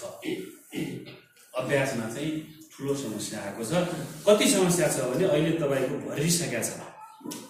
अहिले हाम्रो जुन कस्टडीमा रहने र कारागारमा रहने व्यक्ति एउटै हुन्छ त्यो हुनु हुँदैन उहाँले सही कुरा उठाउनु भयो कस्टडीमा र कारागारमा एउटै हुनु हुँदैन फरक हुनुपर्छ। कारागारभित्र गइसक्यो भने त उसले क्रिमिनल मोडस अप्रेन्डीहरू सिक्छ। क्रिमिनलसँग कन्ट्याक्टमा आउँछ। उसलाई सुधार्ने हो कि क्रिमिनल बनाउने हो? ठाउँै छैन। त्यही हालिदिएको छ र ती सिकेको छ। नयाँ नयाँ मोडस अप्रेन्डीहरू सिक्दै आउँछ र निस्किने बेला भेटेरान क्रिमिनल भएर आउँछ। एउटा चोरीको मुद्दामा थुनामा रहेको व्यक्ति भोलि आएर मर्डरको क्राइम मनराज गुरुङहरू सुरुमा चाहिँ सामान्य एउटा केसमा परेको थियो। पछि मर्डरमा गएको। दोस्रोचोटिको केस। यस्तो अवस्था छ। त्यसले गर्दा यसलाई करेक्सन गर्नु जरुरी छ। तेस्रो म के भन्छु भने कानुनमा एउटा के समस्या आइदियो भने हामी कहाँ प्रतिवादीले कसुरमा साबित भएर बय- बयान गर्यो भने के व्यवस्था छ? थुनामै राखेर मुद्दाको पूर्वपक्ष गर्नुपर्छ भन्ने व्यवस्था प्रतिवादीले साबिती गरेर बयान गर्यो भने। उतातिर दफा उन्चालिसमा के छ भने त्यो चाहिँ सजाय घटाउने आधारमा छ छ। अब मैले कसरी प्ली बार्गेनिङ गर्छु त कोर्टसँग सेन्टेन्स हेरिङ हो नि त दफा उन्चालिसको त्यो व्यवस्था त। म चाहिँ स्वीकार छु मलाई दण्ड कम गर भने हो। चोरी मुद्दामा पनि यदि उसले स्वीकार्यो भने के मुद्दामा पनि उसले स्वीकार्यो भने कसो स्वीकार्दा बित्तिकै उसलाई थुनामा हाल्नुपर्ने भयो। मलाई कानुनले दुईटा छुट दिएको एउटा सेन्टेन्स बार्गेनिङ छ त्यो कम दण्ड हुनसक्छ। दोस्रो एक वर्षभन्दा मुनि कैद हुने विषयमा त दिनको तिन सयको दरले पैसा बुझाएर भोलि कैद बापतको रकमै मैले बुझाएर पनि इम्युन पाउन सक्छु। कानुनमा त्यो व्यवस्था पनि छ। तर यता थुन्सेकमा के भन्छ? खास खास पर्टिकुलर केस थुन्सेकले के भन्छ त भन्दा यसलाई चाहिँ थुनामै राखेर मुद्दाको पूर्वपक्ष गर्नुपर्छ भन्छ। त्यस कारणले लिगल डिफल्टहरू पनि छ त्यो सुधार हुँदै जाँदा तर मूलत थुन्सेक सम्बन्धमा चाहिँ अदालतले हेर्ने दृष्टिकोण नै परिवर्तन गर्न आवश्यक छ। तत्काल प्राप्त प्रमाणबाट कसुरदार देखिन्छ भन्ने कुरा प्रोसिक्युटरले बियोन्ड रिजनेबल डाउट प्रुभ गर्नुपर्छ। अदालतले यसमा चाहिँ एक्सक्युज गर्नु हुँदैन। अदालत चाहिँ अहिले हामीलाई कस्तो लाग्छ भने श्रीमान सरकारी वकिलसँग अदालत चाहिँ बढी नजिक छ। उहाँहरू जस्तो कुनै फाइल आयो अस्ति एउटा मुद्दा जिल्ला अदालतमा आर्बिट्रेसनमा इस्यु थियो। मध्यस्थबाट निरूपण गर्ने पनि कन्ट्र्याक्टमा थियो श्रीमान। मध्यस्थबाट निरूपणको लागि मध्यस्थको प्रक्रियामा उच्च अदालतमा मध्यस्थ नियुक्त गरी पाउँ भनेर निवेदन थियो। ठगी अपराधिक विश्वासघातमा जारी परेछ। जिल्ला अदालतले म्याथ थप गरेको। अनि म्याथ थप गर्ने बेला हामी गयौँ। यो त कसरी म्याथ थप गर्नुहुन्छ श्रीमान? यो त आर्बिट्रेसनले हेर्ने तपाईँको जुरिस्टिक्सनै पुग्दैन भन्यो। एक दिन थप्नु। भोलिपल्ट गयो फेरि एक दिन थप्न हुन्न भन्ने चाहिँ थाहा छ। तर छोड्ने भन्ने चिज चाहिँ डर छ क्या। अनि सर्वोच्चमा आएर बन्दी प्रत्यक्षीकरणको तेह्रौँ दिनमा बन्दीको रिट जारी भयो र ती मान्छे छुटे। तेह्र दिनसम्म त उनी इलिगल्ली बसे नि त। यो चिज चाहिँ प्रि ट्रायल हेर्ने म्याथप गर्ने जिल्ला न्यायाधीशले हेर्नुपर्छ। यो समस्या छ। यो समस्याको समाधानमा हाम्रो श्रीमानले पनि आफ्नो माताहतमा र जोइन्ट एटोर्नीले पनि आफ्नो माताहतमा भन्नुपर्छ भन्ने मेरो निवेदन छ। अब फ्लोरबाट आयो भने थप्नु धन्यवाद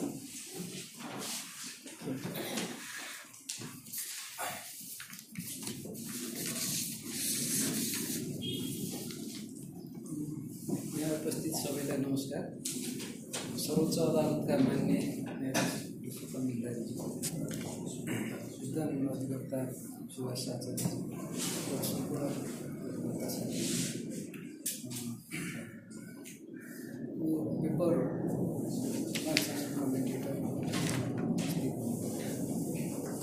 मौका प्रदान गर्नुभएकोमा पार्लर लिडर्स र विशेष गरी त्यसको सङ्ख्या आफै धन्यवाद दिन चाहन्छु र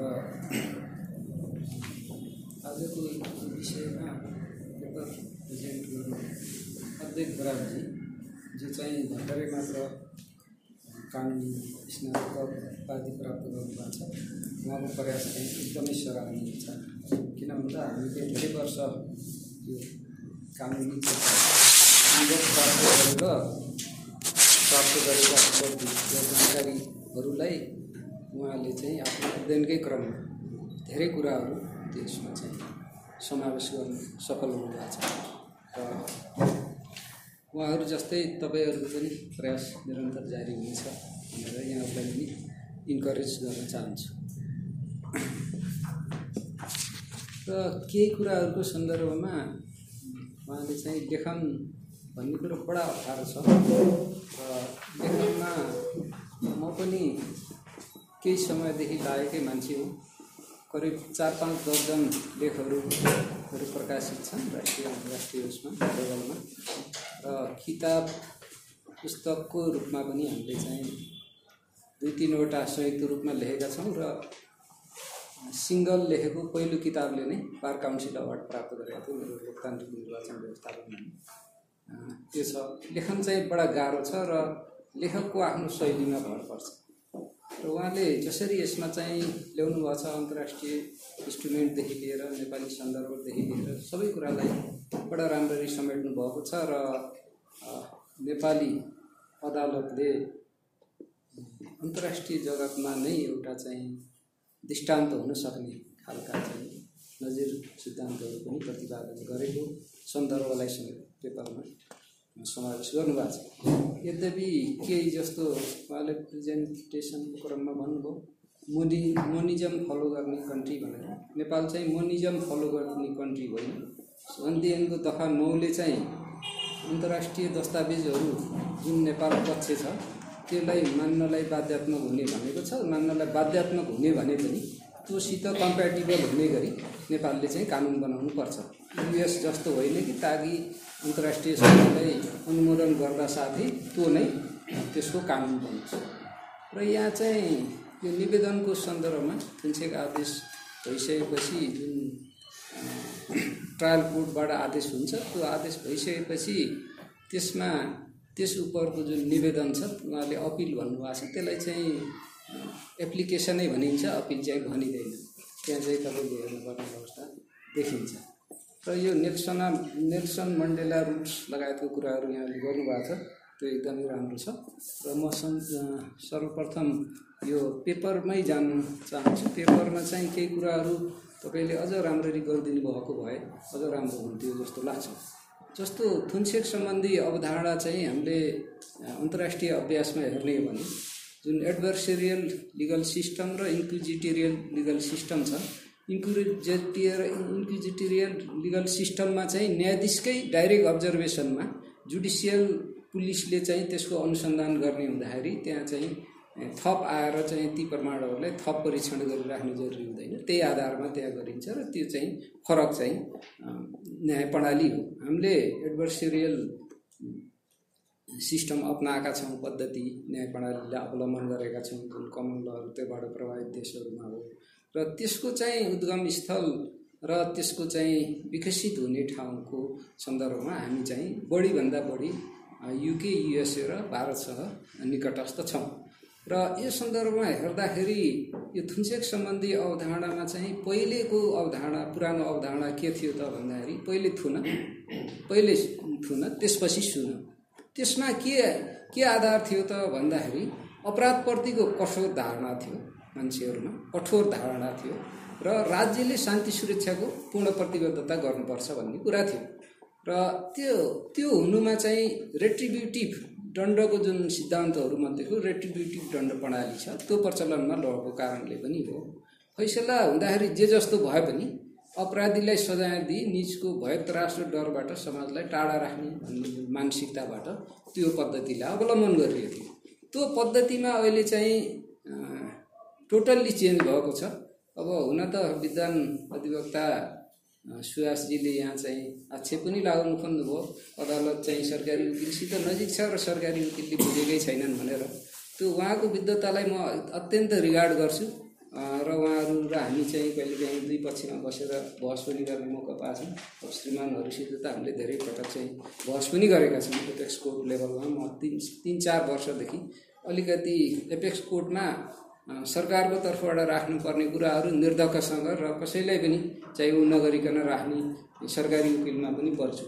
त्यस्तो खालको एउटा इमेज छ। अब श्रीमानको चाहिँ रिडिङ चाहिँ पछि सुन्न पाइयो। अब आधुनिक अवधारणामा पहिले सुन पहिले सुन त्यसपछि थुन भन्ने अवधारणा हो। त्यसको ठ्याक्कै रिभर्समा गएको छ। त्यसको कारण के छ त भन्दाखेरि राज्य र कानुनको प्रमुख उद्देश्य नै अपराधी वा अभियुक्तलाई सजाय गर्नु मात्र होइन। पहिला चाहिँ प्रतिकारात्मक सिद्धान्तमा रेट्रिब्युटिभमा सजाय गर्नु थियो जसरी पनि। अहिलेको त्यो होइन अपराधिक कार्य पश्चाताप गराउनु उसले पश्चाताप गर्छ कि गर्दैन? यसै उसले कुनै कारणवश गल्ती गर्यो भने पश्चाताप गर्छ कि गर्दैन? र समाजमा सभ्य नागरिक भई बस्न सिकाउनु। सभ्य भएर बस्न सिकाउनु पर्छ आफ्नो अधिकारको प्रयोग गर्दा पनि अरूका अधिकारहरू हनन हुन्छन् कि तिनको अधिकारको सम्मान हुन सक्दैन कि भन्ने कुराहरूलाई बोध गराउनु पनि हुन्छ र असल नागरिक भएर जीवन बिताउनुको लागि शिक्षा दिनु पनि हुन्छ। त्यो हिसाबले गएको हुनाले अहिलेको एप्रोच भनेको रिफर्मेटिभ एप्रोच हो। त्यही एप्रोचलाई कन्टेम्पोरेरी उसमा हाम्रो चार पाँच वर्ष दशकदेखि छ करिब छ दशक प्लसको चाहिँ प्रयत्नपछि जुन चाहिँ हामीले दुई हजार बाह्र सालबाट दण्ड विधानको कुरा गर्दै आयौँ यो संहिताहरू जारी भएका जारी भएर लागू भएका छन्। र यसमा चाहिँ सुधारात्मक प्रणालीको विकास भयो र त्यसले सुधारात्मक प्रणालीले के कुरालाई जोड दिन्छ त भन्दाखेरि वैयक्तिक स्वतन्त्रताको रक्षा गर्ने कुरालाई र जुनसुकै हालतमा यो वैयक्तिक स्वतन्त्रताको रक्षा गर्नुपर्छ र मानव अधिकारको पूर्णता संरक्षण गर्नुपर्छ भन्ने अवधारणा आयो र त्यही अवधारणा अन्तर्गत निर्दोषिताको अनुमान पनि आयो। र फैसला हुँदा सफाइ पाएमा पीडा र पीडितले बेहोर्नु परेको पीडा र तनावको क्षतिपूर्ति दिनलाई सम्भव हुँदैन त्यसलाई फर्काउनु सम्भव हुँदैन भन्ने आधारले पनि यो चाहिँ आधुनिक अवधारणा आयो जुन चाहिँ पहिले सुन पहिले सुन अनि त्यसपछि मात्र सुन भन्ने कुरा भयो। अब अब यसमा चाहिँ नेपालमा हेर्दाखेरि जस्तो धरोड जमानी जमानत र यसको थुनछेक थुना भनेर तिन किसिमले क्याटेगोराइज गरिएको छ। र यसमा पनि जमानतमा पनि जस्तो तिन किसिमका जमानतको चाहिँ कल्पना गरिएको छ। एउटा व्यक्तिगत जमानीको कुरा छ अर्को जेठा जमानीको कुरा छ। र धन जमानीको कुरा छ। केही वर्ष अगाडिदेखि म काठमाडौँ जिल्ला अदालतमा हुँदादेखि हो सायद त्यो पैँसठी त्रिसठी सालदेखि हामीले चाहिँ यो बैङ्क ग्यारेन्टीलाई पनि लिन थालेका छौँ। करिब करिब छब्बिस वर्षको अनुभवको दौरानमा आदि आदि आदि अदालततर्फ र आदि चाहिँ यो सरकारी वकिलतर्फको मेरो अनुभव छ र सरकारी वकिलतर्फ हुँदाखेरि अ, संयोगवशमा चाहिँ संविधान सभामा पनि एक वर्ष जति बसे। संविधानको अवधारणा पत्र सहितको चाहिँ लेखनको ड्राफ्ट मसौदाको क्रममा र अख्तियारमा र निर्वाचन आयोगमा पनि मैले अनुभव हासिल गरेछु यो फरक फरक निकायहरूमा बसेर अनुभव गर्दाखेरि जस्तो संसदमा चाहिँ कसरी ऐन कानुन बनाउँदाखेरि उहाँहरूको भावना के हुन्छ कसरी छलफल गर्नुहुन्छ त्यस्तो कुराहरूमा पनि मैले मौका पाएँ र अदालतको मानसिकता के हुन्छ हामी चाहिँ म इजलास सहायक भएर पनि बसेँ। पाटनमा हुँदाखेरि मुख्य न्यायाधीश त्यति बेला मिनबहादुर रायमाझीज्यू हुनुहुन्थ्यो र त्यसमा पनि थुन्सेको आदेश विरुद्धका निवेदनहरू सुनवाई हुन्थे र मैले खुला रूपमा उहाँलाई पचपन्न सालमा म एक नम्बरमा न्याय सेवामा सिफारिस भएर त्यहाँ पोस्टिङ भएको थिएँ र श्रीमानलाई मैले खुला रूपमा सोध्ने पनि गर्थेँ च्याम्बरमा उहाँले बताउनु पनि हुन्थ्यो। र विश्वको प्रचलन हेर्दाखेरि के रहेछ भने बेलेबल र नन बेलेबल अफेन्स भनेर छुट्याउँदो रहेछ। कुन कुन बेलेबल अफेन्स हुन् कुन कुन नन बेलेबल भन्ने हिसाबले वर्गीकरण गरिएको छ भने नेपालको हकमा चाहिँ नन बेलेबलमा पनि कन्डिसनल राखेको छ। जस्तो नन बेलेबल कन्डिसनमा भनेको कस्तो भने तपाईँको दस वर्षभन्दा बढी कैद नहुने। त्यस्तो मुद्दामा यदि बालबालिका छन् वृद्ध पचहत्तर वर्ष माथिका छन् सात महिनाभन्दा बढीको गर्भवती छन् भने तिनलाई चाहिँ थुनामा राख्नु पर्दैन। त्यो चाहिँ जमानत पनि छोड्नुपर्छ भन्ने खालको यो कन्डिसनल कन्सेप्टलाई पनि नेपालले स्वीकार गरेको छ। र यसमा चाहिँ अब यो धेरै मुलुकमा चाहिँ जस्तो सुवास सरले पनि अघि भन्न खोज्नुभयो होइन? जमानतलाई चाहिँ रुलको रूपमा लिइन्छ। किन भन्दा हामीले यो रिफर्मेटिभ एप्रोच अवलम्बन गरिसकेपछि जमानत चाहिँ रुल हो। किनभने मान्छेलाई त्यो सुधार हुन दिनुपर्छ पश्चाताप गर्न दिनुपर्छ र उसको मानव अधिकारको पूर्ण सम्मान गर्नुपर्छ र ऊ निर्दोष छ भनेर अनुमान गरिरहँदाखेरि ऊ दोषी जस्तो व्यवहार गरेर त्यसलाई चाहिँ कसरी हुन्छ टर्चर दिने काम गर्नु हुँदैन भन्ने हिसाबले हेरेको हुन्छ। र यस सम्बन्धमा तपाईँले चाहिँ यो केसमा जस्तो यो स्टेट अफ राजस्थान भर्सेस बालचन्दको इन्डियाको जुन जुन केस छ नाइन्टिन सेभेन्टी एटको यो केसमा के भनेको छ भने the basic rule is bail not jail भनेर भनेको छ र विश्व विदेशको यो सिद्धान्त पनि यो नै हो। यो कुरालाई चाहिँ त्यहाँ राख्न सकिन्थ्यो त्यो राखेको भए अझ राम्रो हुन्थ्यो। र थुन्सेकको क्रममा विभिन्न किसिमले आदेश हुने गर्छन्। जस्तो थुन्सेकको क्रममा नेपालमा के के आदेश हुन सक्छन् त भन्दाखेरि पहिलो चाहिँ हामीले यो तत्काल प्राप्त प्रमाणको कुरामा अलिकति हाम्रो सुभाषजीले भन्नुभएको थियो। तत्काल प्राप्त प्रमाण के हो तत्काल प्राप्त प्रमाण के हो भन्ने कुरामा चाहिँ अलिकति पेपरले पनि त्यसलाई इलाबोरेट गर्नु पर्थ्यो र अलिकति आउनु पर्थ्यो जस्तो लाग्छ। र यो सरकारी वकिल दिग्दर्शन भन्ने हाम्रो छ त्यसमा चाहिँ तत्काल प्राप्त प्रमाणको सन्दर्भमा केही छनक दिन्छ र प्रमाण ऐनको दफा अठारले पनि त्यो केही कुरालाई त्यसले सङ्केत गर्छ। त्यो अनुसार के हुन्छ त भन्दाखेरि तत्काल प्राप्त प्रमाणको हिसाबले जुन चाहिँ यहाँ एलिगेसन लाउनु भएको छ सुभाषजीले त्यसको चाहिँ यसैले खण्डन गर्छ। किनभने हामीले यो पब्लिक डकुमेन्ट हो र यो सबैले हेर्छन् र त्यसमा चाहिँ भनिएको छ। त्यहाँ के भनिएको छ त भन्दाखेरि तत्काल प्राप्त प्रमाण भन्नाले जाहेरी दरखास्त हो र त्यो जाहेरी परिसकेपछि बनेका विभिन्न खालका मुचुल्काहरू। लास जाँच मुचुल्का होला अब घटनास्थल मुचुल्का लगायतका विभिन्न मुचुल्काहरू होला। पहिला त सर्जनिङको कुरा पनि थियो। लगायतका त्यहाँ चाहिँ मुचुल्काहरू पनि हुन्छ। र अर्को हो प्राविधिक र वैज्ञानिक परीक्षण प्रतिवेदन। जस्तो प्राविधिक र वैज्ञानिक परीक्षणहरूको चाहिँ जब त्यसको टेस्टिफाई हुन्छ त्यो तब मात्र प्रमाणमा जाने हुन् तिनीहरू त पहिला प्रमाणको रूपमा रहन्छन् पछि सबुतमा परिणत हुने हुन् जब टेस्टिफाई हुन्छ त्यसपछि सबुतमा परिणत हुने तर दफा अठारले के भनौँ भने यो चाहिँ थुन्सेको प्रयोजनको लागि टेस्टिफाई नभए पनि यो तत्काल प्राप्त प्रमाणभित्र पर्छ है भन्ने हिसाबले स्पष्टसँग बोलिदिइरहेको अवस्था छ। त्यसबाहेक भौतिक चिज वस्तुहरू पनि हुन सक्ने भए दसी लगायतका चिज वस्तुहरू पनि तत्काल प्राप्त प्रमाण हुन् र विभिन्न व्यक्तिका भनाइ तत्काल प्राप्त प्रमाण हुन्। अभियुक्तको बयान पनि तत्काल प्राप्त के अरे प्रमाण हो र साक्षीको भनाइ पनि तत्काल प्राप्त प्रमाण हो भन्ने कुरालाई यो दिग्दर्शनले नि भनेको छ र सम्पूर्ण सरकारी वकिलको बुझाइ र अन्डरस्ट्यान्डिङ पनि यही छ।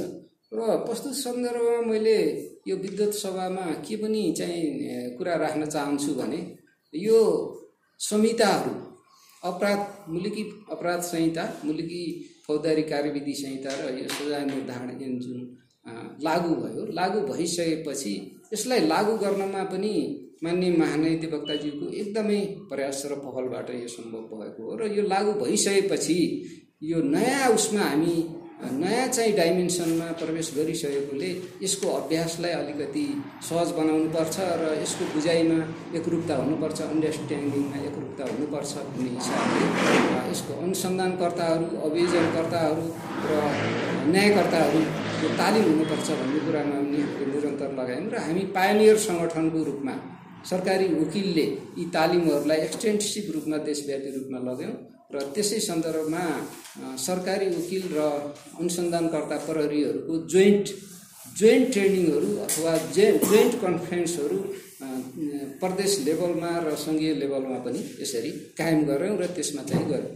र यो यो विषयको जुन थुन्सेको विषय छ यो थुन्सेको विषयमा कतिपय चाहिँ प्रदेशहरूमा गएर मैले यो जोइन्ट प्रहरी र सरकारी वकिलहरूलाई चाहिँ ट्रेनिङको चाहिँ फेसिलिटेटरको रूपमा रहेर पनि काम गरेँ र त्यसै सिलसिलामा यो स्रोत सामग्रीमा मेरो लेख पनि प्रकाशित भएको थियो।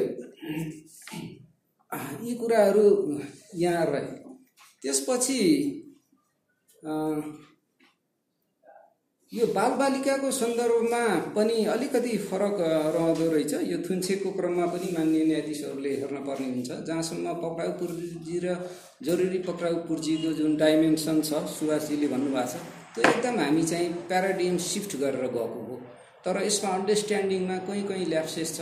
त्यसमा पनि हामी चाहिँ अहिले यसमा ल्याप्सेस हुन नसकोस् भन्ने हिसाबले करिब पाँचौँ चरणसम्म पनि हामीले चाहिँ अभियोजन अडिट गरिसकेका छौँ। अस्ति मात्र म सुनसरी मोरङ र धनकुटाको समेत अभियोजन अडिटमा गएको थिएँ र त्यहाँ चाहिँ म्याथ थपका कुराहरूको क्रममा अथवा यो थुन्सेको क्रममा केही ल्याप्सेसहरू छन् कि भन्ने हिसाबले पनि हामीले हेरेका थियौँ र हाम्रो अभियोजन ठिक छ कि छैन भन्ने हिसाबले नि हेरेका थियौँ।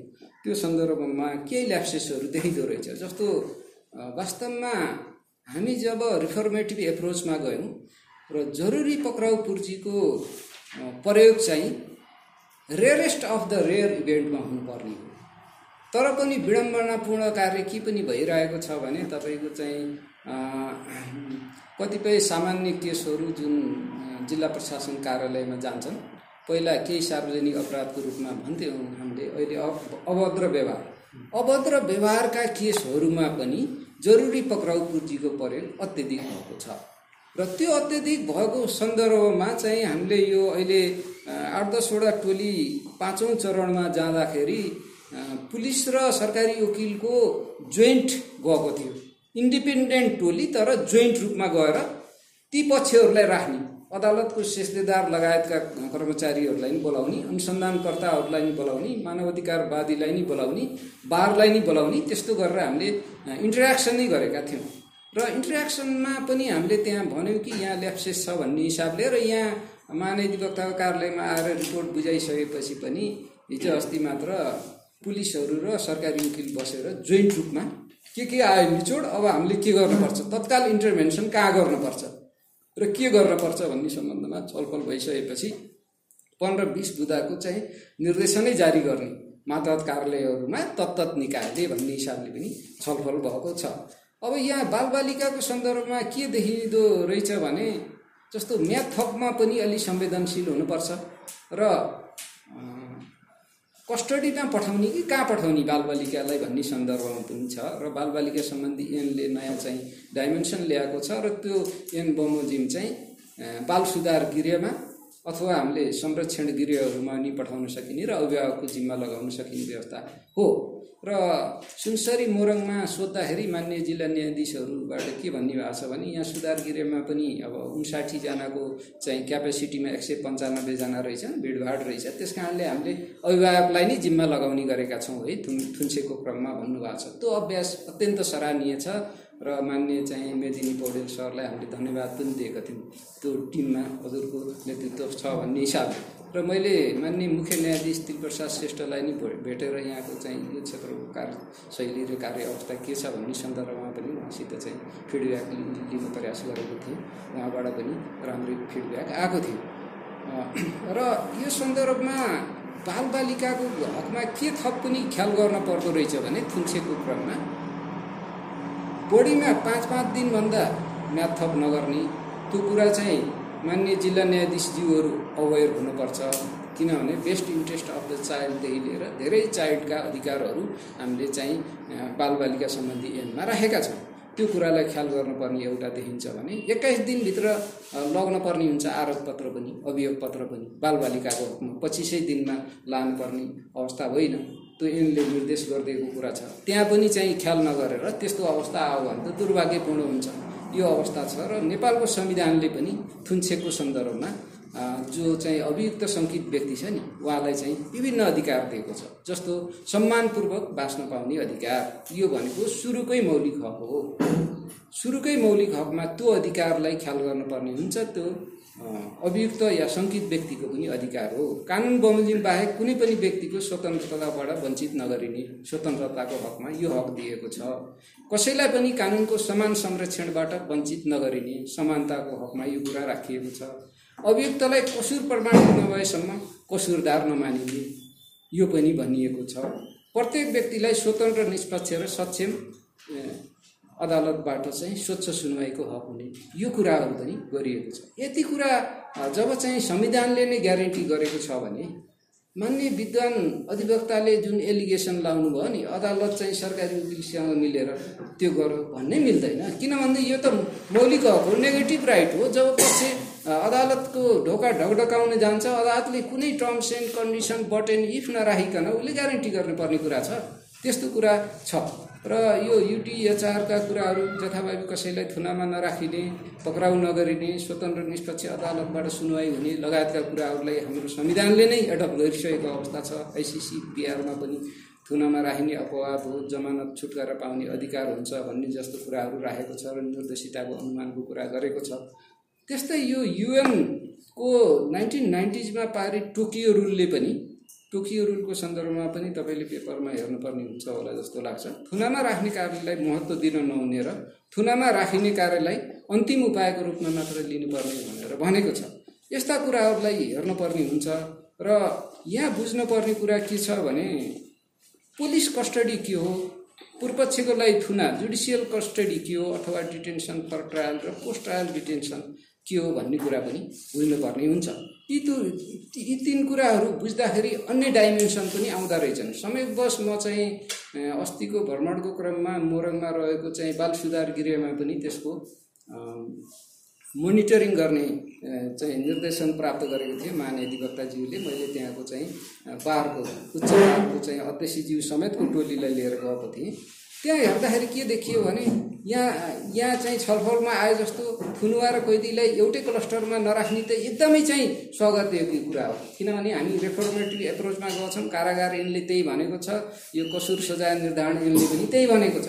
त्यसरी नै जाने अझ बालबालिकालाई पनि क्लस्टरिङ बाइट ब्लकमा राख्न पर्दो रहेछ। जस्तो किनभने तपाईँको दस वर्षदेखि चौध वर्षको बालकलाई एउटा खालको दायित्व वहन गराएको छ। चौधदेखि सोह्रको बालकलाई एउटा खालको दायित्व वहन गराएको छ। सोह्रदेखि अठारसम्मकोलाई एउटा गराएको छ भने अठारभन्दा माथिकोलाई एउटा गराएको छ। तिनीहरूलाई पनि ब्लक वाइजमा राख्न पर्दो रहेछ। किन भन्दा त्यो चाहिँ प्रयोगशाला र पाठशाला नबनोस् अपराध गर्नको लागि त्यो फेरि ग्रे एरियाजबाट चाहिँ जो भल्नरेबल थप भल्नरेबल नहोस् भन्ने कुरालाई हेर्न पर्ने अवस्था रहेछ। यी कुराहरूलाई चाहिँ हामीले हेर्न पर्ने अवस्था हुन्छ। र यहाँ चाहिँ यो पेपरमा अलिकति तपाईँले चाहिँ यसरी पनि क्याटेगोराइज गर्नु पर्थ्यो जस्तो लाग्यो मलाई।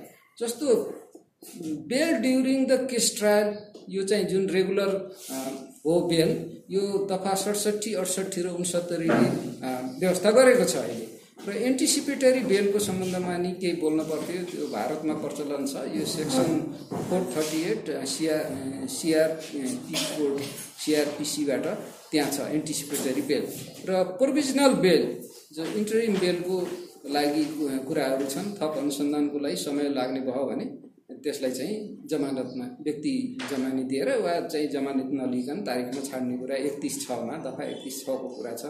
र सक्सेसिभ बेलका कुराहरू पनि अलिकति राख्नुपर्छ। होला बेलको सन्दर्भमा सक्सेसिभ बेलको सन्दर्भमा हाम्रो दफा एक सय सैँतिस दुईमा पचहत्तर वर्ष माथिको कडा रोग लागेको धरोटी जमानत लिई पुनरायन गर्ने अनुमति दिन सक्ने त्यस्तो व्यक्तिलाई चाहिँ अदालतले अनुमति दिन सक्छ भन्ने व्यवस्था गरेको छ भने त्यस्तै पुनरावेदन दर्ता मितिले छ महिनापछि पनि तारिखमा राखेर पूर्वपक्ष गर्न सक्ने छ महिना दर्ता भयो छ महिनासम्म फैसला भएन र त्यो चाहिँ कैदमा नराखेर पनि त्यसको चाहिँ पूर्वपक्ष गर्न सकिने अवस्था छ भने पुनरावेदन लेभलमा पनि त्यसलाई चाहिँ बेलमा छाड्नुपर्छ भन्ने जुन सक्सेसिभ बेलको कुरा छ त्यो कुराहरूलाई पनि हेर्न पर्ने हुन्छ र हामीले यो थुन्सेको सन्दर्भमा ख्याल गर्नुपर्ने केमा बेस रहेर गर्नुपर्छ त भन्ने सन्दर्भमा चाहिँ त्यसका सिद्धान्तहरू छन्। सर्टेन प्रिन्सिपलहरूलाई फलो गर्नुपर्ने हुन्छ। प्रिन्सिपललाई फलो गर्नुपर्ने कुरामा चाहिँ नेपालको संविधानले नै के भनेको छ भने अदालतहरूले नेपालका अदालतहरूले यो संविधान प्रचलित नेपाल कानुन र न्यायका मान्य सिद्धान्तको आधारमा न्याय सम्पादन गर्नेछन् भन्ने जुन व्यवस्था गरिएको छ संविधानमा त्यही व्यवस्था बमोजिम थुन्सेकका सिद्धान्त जुन मान्य सिद्धान्तहरू हुन् यी सिद्धान्तहरूलाई अवलम्बन गर्नुपर्ने हुन्छ। जस्तो ती सिद्धान्तहरूको उल्लेखन पनि पेपरमा भइदियो भनेर त्यो लागिरहेको छ। जस्तो थुन्सेकका सिद्धान्तहरूमा दोषी ठहर नभएसम्म निर्दोष मानि पूर्वपक्ष गर्नुपर्ने। यो त एडभर्सरियल लिगल सिस्टमको प्राइम एन्ड मोस्ट इम्पोर्टेन्ट सिद्धान्त हो। यो सिद्धान्तलाई सरकारी वकिलले व्यवस्था गरेका छन् अदालतले चाहिँ सरकारी वकिलसँग मिलेर मिलुवाको चाहिँ जस्तो व्यवहार गर्यो भनेर जुन एलिगेसन लाउनु भएको छ नि त्यो कुरा हुँदैन यो यो कुरालाई चाहिँ सरकारी वकिलले त यस कुरामा ल्याप्सेस नहोस् र यो जुन कोडले जुन आधुनिक अवधारणाहरूलाई न्यू एप्रोचेसहरूलाई चाहिँ अवलम्बन गरेर यसलाई फलो गर्नको लागि अनिवार्य रूपमा बाध्यात्मक बनाएको छ त्यो कुरामा चाहिँ कुनै कमी कमजोरी नहोस् भन्ने हिसाबले नै मान्य महाधिवक्ताको इनिसिएसनमा तालिमहरू निरन्तर भइरहेछन् र यसको पायनियर सङ्गठन इभन अदालतभन्दा अगाडि नै हामीले चाहिँ यसको प्रशिक्षणको कुराहरू गरेका छन् नट ओन्ली सरकारी वकिल बट अल्सो इन्भेस्टिगेटर पुलिसलाई पनि हामीले प्रशिक्षण दिएका छौँ। त्यस्तै गरी यो धरौटी योग्य अपराधमा धरौट पक्षको अधिकार हुने यो धरौट चाहिँ अधिकार हो है यो नियम हो। किनभने रिफर्मेटिभ एप्रोचमा छौँ हामी उसलाई पश्चाताप हुन भनेका छन् असल नागरिक बन भनेर सिकाउन खोजिरहेछन्। ऊ असल बन्छु यो रिपिट गर्दिनँ भने उसलाई सुधार हुने मौका दिउँ भनिरहेछन्। त्यस्तै गरी धरौटी अघि चाहिँ अपराधमा धरौटी चाहिँ स्वविवेकीय अधिकार हुन्छ। धरौटी अयोग्य अधिकार छ भने त्यसमा चाहिँ न्यायाधीशको स्वविवेकीय अधिकार हो। कहिलेकाहीँ कस्तो हुन्छ भने त्यो घटना र परिस्थिति समय उमेर अवस्था इत्यादिको कारणले न्यायाधीशको चाहिँ भित्री विवेकले उसलाई उसलाई लागेको सनकले होइन। न्यायाधीशले लागेको सनकले होइन ऊ पनि एउटा ह्युमन बिइङ हो उसले ह्युमन बिइङबाट एरर हुनसक्छ।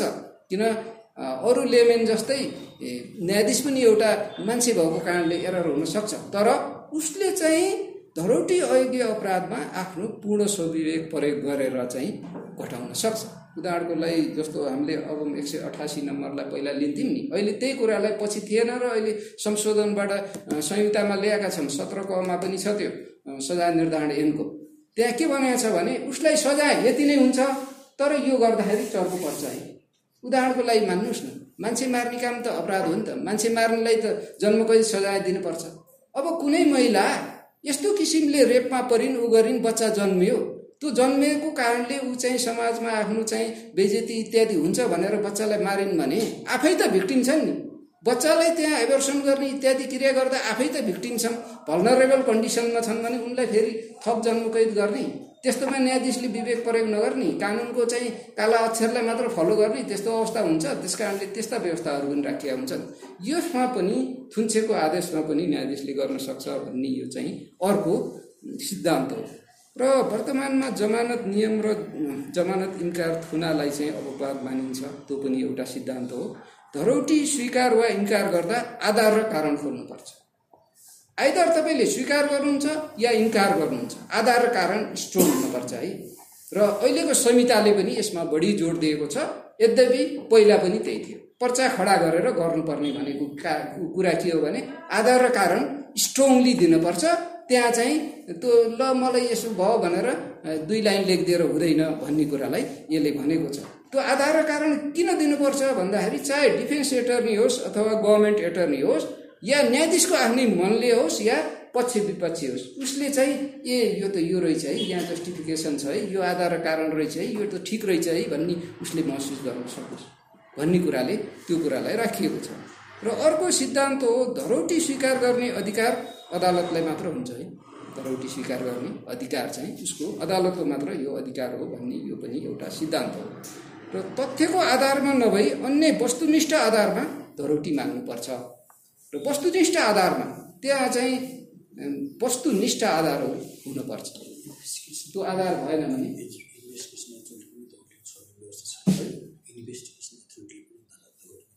त्यो त्यो व्यवस्था पनि छ म भन्दैछु त्यो आउँदैछ। र धरौटी सम्बन्धी आदेश अन्तर्कालीन नभई अन्तिम हुने त्यो अन्तिम नै हुन्छ। र धरौटी तिर्न सक्ने क्षमताको आधारमा तोक्नुपर्ने हुन्छ। धरौटी तिर्न सक्ने क्षमताको आधारमा धरौटी तोक्नुपर्ने हुन्छ। यहाँ कस्तो छ भने हामीले चाहिँ कानुनी व्यवस्थाहरूमा टाइट टाइट गर्दै लयौँ। हाम्रा जनशक्ति कस्ता राख्यौँ भन्ने कुरा मैले चाहिँ भन्न चाहन्छु। अब सुभाषजीको मेरो चाहिँ जुन समग्र न्याय प्रणालीमा राम्रो हुनुपर्छ भन्ने चाहिँ भावनामा कुनै अन्तर छैन। र हामी दुई पार्टमा भएर हेर्दाखेरि एउटा पार्टले अर्को पार्टको चाहिँ कुरा चाहिँ अलि चाहिँ राम्ररी गहन तरिकाले बुझ्न नसक्यौँ कि भन्ने लाग्छ मलाई लाग्छ। म चाहिँ छिटै नै चाहिँ उता डिफेन्सतिरै जान्छु कि भन्ने जस्तो लाग्छ। किन भन्दा श्रीमान यहाँ मुसु मुसु हाँस्नु छ मेरो चाहिँ स्वभाव पनि बहस गर्दा त्यस्तै छ। र त्यहाँ के के छ भने हाम्रो हामीले कमजोरी कहाँनिर छ? अब यो विभिन्न डिस्कोर्सहरूमा आउ- आउँछ र यो विद्वत समुदायमा मैले राख्दाखेरि अन्यथा हुँदैन। जस्तो हामीले चाहिँ सम्पूर्ण रूपमा राष्ट्रिय अन्तर्राष्ट्रिय रूपमा जानकार भएको व्यक्ति र हाम्रा कानुनहरू पनि राम्ररी पढेको अध्ययन गरेको त्यस्तो खालको व्यक्ति चाहे इन्भेस्टिगेटर होस् अथवा चाहिँ यो प्रोसिक्युटर होस् अथवा जजेस होस् भन्ने हामीले परिकल्पना गरेका छौँ। तर त्यो ठाउँमा त्यो तत्पर ठाउँमा हामीले कस्ता मान्छे राखिदिएका छौँ? के का आधारमा नियुक्ति गरेका छन्? र त्यो चाहिँ नियुक्ति गर्दाखेरि स्ट्रङली जस्टिफिकेसन गर्न सकेका छौँ कि छैनौँ त्यति कम्पिटेन्स मान्छे त्यहाँ लगेर राखिदिएका छौँ कि अथवा जाहिर खानी एउटा जिएम जस्तो बनाइदिएका छौँ न्यायाधीशलाई या चाहिँ सरकारी वकिललाई। विडम्बनापूर्ण के छ? नेपालमा हेर्नुहोस् अलिकति सिस्टमिक चाहिँ एररलाई पनि सुधार गर्नुपर्ने हुन्छ। कुनै पनि अभियोजनकर्ता जुन अभियोजनकर्ता लिगल माइन्डको छैन भने त्यो के अभियोजनकर्ता हुन्छ?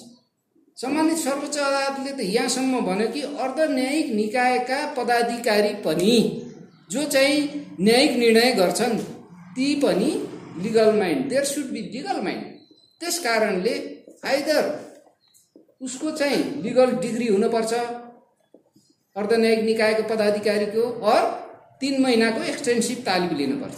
अब हामीले कस्ता सरकारी वकिल राखिदिएका छौँ भने more than hundred prosecutors are non BL जसको लिगल माइन्ड छैन बिएल गरेका छैनन्। अनि तपाईँले के अपेक्षा गर्नुहुन्छ?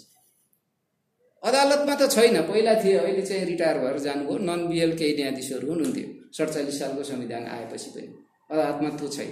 तर बिएल ल्याएकै मान्छेहरू पनि कस्ता ल्याएका छौँ अनुहार हेरौँ उहाँको कम्पिटेन्सी हेरौँ उहाँको चाहिँ लगाव हेरौँ। उहाँले चाहिँ न्यायप्रतिको समर्पण हेरौँ। मान्छे नेपालमा अब त के भन्न सकिन्छ भने सुशीला कार्कीज्यू सम्मान्य प्रधान न्यायाधीशज्यूको किताब न्याय हेर्नु भएको छ भने अब त नेपालमा कोही पनि एउटा व्यक्ति पनि नबिकाउ छैन। एभ्री बडी आज बिकाउ। वाट द्याट मिन के हो त्यसको मतलब? जुनसुकै पदमा बसेको पनि जिम्मेवार छैन। र बिकाउ नहुने छैन। त्यही पनि पिटी क्यासेसमा बिक्री हुन्छ।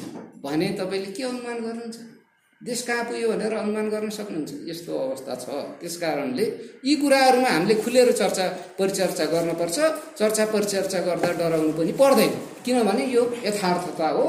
चाहे यो तितो नै किन नहोस्। तर यसमा चाहिँ यसका धेरै उतार चढावहरूको सन्दर्भमा मान्य न्यायाधीशज्यूको एकदमै चाहिँ त्यो त्यो चाहिँ अनुभवबाट खारिएको छ। किन भन्दा हामीभन्दा दस पन्ध्र वर्ष बढीकै अनुभव छ मान्य न्यायाधीशज्यूकोमा र आफै पनि अलि लिबरल न्यायाधीशको रूपमा मैले हेर्छु। न्यायाधीशमा हुनुपर्ने एउटा एकदम मोस्ट र फरमोस्ट गुणमध्येको एउटा लिबरल एप्रोच पनि हो। किनभने लिबरल एप्रोच भएन र कठोर एप्रोचमा न्यायाधीश बेन्चमा बसिरहेछ भने उसले चाहिँ वास्तविक अर्थमा न्याय दिनमा चाहिँ पूर्ण रूपमा सफल हुँदैन भन्ने मेरो धारणा छ। यी रहे थुनछेकका सिद्धान्तहरू। र थुनछेक किन गरिन्छ? यसको उद्देश्यलाई पनि हामीले बुझ्नुपर्ने हुन्छ। थुनछेकको उद्देश्य चाहिँ अनुसन्धानमा बाधा व्यवधान वा प्रतिकूल प्रभाव पार्न नदिने। जब हामीले थुनछेकको उद्देश्यलाई बुझ्छौँ नि त्यसपछि मान्छेलाई थुनामा राख्ने हो कि छोड्ने हो? किनभने हामीले त के भन्यौँ? थुना त रुल होइन अपवाद हो। छोड्ने नै जमानतमा छाड्ने नै चाहिँ रुल हो नि त। त्यस कारणले त्यसको उद्देश्य बुझ्दा साथ त त्यसले चाहिँ क्लियर गरिदिन्छ। यी कुराहरूमा क्लियर हुन जरुरी छ। किनभने चारवटै पक्ष डिफेन्स भनेको बार गभर्मेन्ट एटर्नी दुईवटा पक्ष भयो अदालत र अनुसन्धानकर्ता यी पक्षहरू सबै चाहिँ क्लियर हुनुपर्छ। र प्रमाण लोप वा नष्ट हुन नदिने। थुनामा राख्नु भने के उसले प्रमाण लोप या नष्ट गर्ला भन्ने हिसाबले नै हो। र फरार भइदियो भने भोलि कार्यान्वयन हुन नसक्ला कि फैसला भन्ने हिसाबले नै हो। यी कुराहरू रहन्छ। र अदालतमा उप उपस्थितिलाई सुनिश्चित गर। भनेको अदालतलाई उसले रिगार्ड गरोस् र उसले अदालतलाई सम्मान पनि गरोस् र अदालतप्रतिको उसले विश्वास पनि व्यक्त गरोस् भन्ने पनि हो उद्देश्य। र सूचनाकर्तालाई अपराधीले गर्न सक्ने आ आक्रमणबाट जोगाउ फर्दर आक्रमण गर्न सक्छ नि त किन भन्दा तिनीहरूमा रिस राग इत्यादि हुनसक्छ मलाई यसले उजुर दिएको कारणले म चाहिँ यसरी थुनामा जानुपर्ने अवस्था छ भन्न सक्छ। त्यो परिस्थितिलाई पनि हुन्छ। र न्यायिक प्रक्रियामा अवरोध आउन नदिने। Obstruction of the justice process भन्छ नि त्यसको लागि रहन्छ। र स्वयं अपराधीलाई शारीरिक आक्रमणबाट जोगाउनु। मलाई चाहिँ बिटर एक्सपिरियन्स छ काठमाडौँ जिल्ला अदालतमा हुँदाखेरि दुईवटा केस आयो हेर्नुहोस्। त्यति बेला त्यसको तत्कालै म चाहिँ संविधान सभामा पनि थिएँ त्यहाँ पनि धेरै कोर्सहरू मैले त्यहाँ सुने छलफलहरू एउटा थियो तपाईँको यो ख्याति श्रेष्ठको मुद्दा जुन एघार बाह्र कक्षामा पढ्ने विद्यार्थी छिन् जसलाई आफ्नै विद्यार्थी सङ्गिनीको सहयोगबाट स्वर्गमा गएको छ सरले चाहिँ मान्छेलाई मारेको मात्र छैन कि पिस पिस टुक्रा पारेर काटेर ऊ गरेको छ त्यो मुद्दामा प्रतिवादीहरूलाई थुन्सेकोलाई अदालतमा चाहिँ मान्छेहरू त्यहाँ त्यहाँ आउँदाखेरि बाहिर नाराबाजी थियो सारा कुरो थियो र मान्छेहरूको आक्रोश यस्तो रहेछ त्यहाँ एक ठाउँमा राख्ने त्यो के जस्तो थियो त्यो त्यो अ, शङ्कित व्यक्तिलाई। त्यहीँ पनि घोँचघाँच पारेर ढुङ्गाले हानेर के गरे डेढ सयजना प्रहरी परिचालन गर्दा नसकेपछि हामीले थप डेढ सयजनाको प्रहरी फोर्स थप मागेर अनि बल्ल बल्ल जोगाएको अवस्था थियो। एउटा त्यो थियो। विवेक लु- लुइटेलको केसमा त्यस्तै भयो। म काठमाडौँ जिल्लामा हुँदाखेरि एउटा यो चाहिँ चाबेलतिरको चाहिँ बुहारीलाई जिउँदै जलाएको भनेर माडेको केसमा पनि त्यस्तै भयो। यस्ता यस्ता कुराहरू आउँछन्। हेर्नुहोस् कहिलेकाहीँ फिड इत्यादिको कुराहरू पनि आउँछ। अब अ, सुभाषजीले भनेको कुरा ठिकै हो। त्यस्ता कुराहरूबाट विचलित हुनु हुँदैन न्यायाधीशहरू र खुन्सेको क्रममा आफूले तत्काल प्राप्त प्रमाणहरूलाई नै एनालाइसिस गरेर आधार र कारणसहित लेख्नुपर्छ भन्ने रहन्छ। र फैसला कार्यान्वयनलाई सम्भव बनाउने पनि यसको उद्देश्य हो र अपराधबाट समाजलाई जोगाउने अपराध गर्ने प्र- प्रवृत्तिलाई निरुत्साहित गर्ने पुनः अपराध गर्नलाई रोक लगाउने र अपराधीप्रतिको सामाजिक आक्रोशलाई साम्य पार्ने। त्यो त सामाजिक आक्रोश हो नि। किन त्यहाँ चाहिँ आक्रमण भयो? सुख्याति श्रेष्ठको मुद्दामा अरूमा किन भयो? हेर्नुहोस् मान्छेलाई आक्रोश हुन्छ। एउटा भर्खर चाहिँ पढ्दै गरेको एकदम चाहिँ हुनहार चाहिँ विद्यार्थी माथिको आक्रमण भएपछि सबै everybody every every Nepali सिटिजनले के फिल गरे भने मे मेरो त्यही नै बहिनी छोरी या इत्यादि भएको भए के हुन्थ्यो? भन्ने हिसाबले आक्रोश आयो। अब आक्रोश आउनु स्वाभाविक पनि हो। र त्यस्तो निष्ठुर र निर्दयी चाहिँ समाजको चाहिँ परिकल्पना कुनै पनि देशले गर्दैन। त्यस्तो हुनु दुर्भाग्यपूर्ण हुन्छ र विश्वमै चाहिँ त्यो देश चाहिँ कलङ्कित हुन पुग्दछ यस्ता घटनाहरूले। ती कुराहरूमा ख्याल गर्नुपर्ने हुन्छ। र पीडित वा परिवारलाई तत्कालको राहि राहत पनि दिने। किन भन्दा थुनामा राखिदियो भनेपछि कमसेकम मलाई त न्याय पाउने अवस्था हुँदो रहेछ है। भन्ने खालको उसले महसुस गर्छ। भन्ने कुरा पनि रहन्छ र समाजको शान्ति सुरक्षाको पूर्ण प्रत्याभूतिका कुराहरू पनि त्यसमा आउँछन्। यी कुराहरू उद्देश्य र सिद्धान्तलाई अलिकति स्पष्ट भइसकेपछि थुनामा राख्ने र नराख्ने भन्ने कुरामा जे निस्कुल आउँछ त्यो चाहिँ मलाई लाग्छ केही नै नभएको विषय नभएको र त्यसमा एक्सपिरियन्सै नभएको हिसाबको जनशक्ति चाहिँ अहिलेको अदालतमा छैन। अदालत र चाहिँ सरकारी वकिलको घाँटी जोडिएछ भनेर चाहिँ भन्न मिल्ने अवस्था छैन। न्यायाधीशहरूले तत्कालका प्रमाणहरूलाई हेरेर त्यसलाई चाहिँ यकिन गर्नुहुन्छ र उहाँलाई चाहिँ राज्यले र तपाईँको विधिकर्ताहरूले पूर्ण विश्वास गरेका छन्। त्यो विश्वासलाई उहाँहरूले चाहिँ खण्डित हुने गरी काम गर्नुहुन्न र उहाँहरूको पनि चाहिँ दायित्व छ कि यो देशलाई चाहिँ समृद्ध बनाउने शान्ति सुरक्षाको प्रत्याभूत गराउने सबै जनतालाई न्याय प्राप्त हुन्छ भन्ने भावनाको सुदृढ पार्ने उहाँलाई दिनरात चिन्तन हुन्छ। यति मात्र होइन तपाईँ हामीलाई त सजिलो छ हेर्नुहोस्। गएर चाहिँ मागिदिन्छ। हामी त माग्ने नै परियो सुभाषजीले एक तिराड माग्नुहुन्छ खेमराजले अर्को तिराड माग्छ। तर न्यायाधीशलाई त गाह्रो छ। कतिपय थुन्सेको आदेश गरेर गएपछि तिन दिन निद्रा लाग्दैन। श्रीमानको अनुभव आउँछ यहाँ। हेर्नुहोस् त्यस्ता अवस्था पनि हुन्छन् हेर्नुहोस्। किनभने यो यो आदेश गर्दाखेरि मैले चाहिँ कतै मेरो विवेक चाहिँ पूर्ण रूपमा परिचालित हुन सकेन कि अथवा यसले चाहिँ समग्र समाजले यसमा चाहिँ न्यायको अनुभूति गर्न सक्दैन कि भन्ने चिन्ता यस्तो हुन्छ हेर्नुहोस्। त्यो त बडा गाह्रो कुरा हो नि।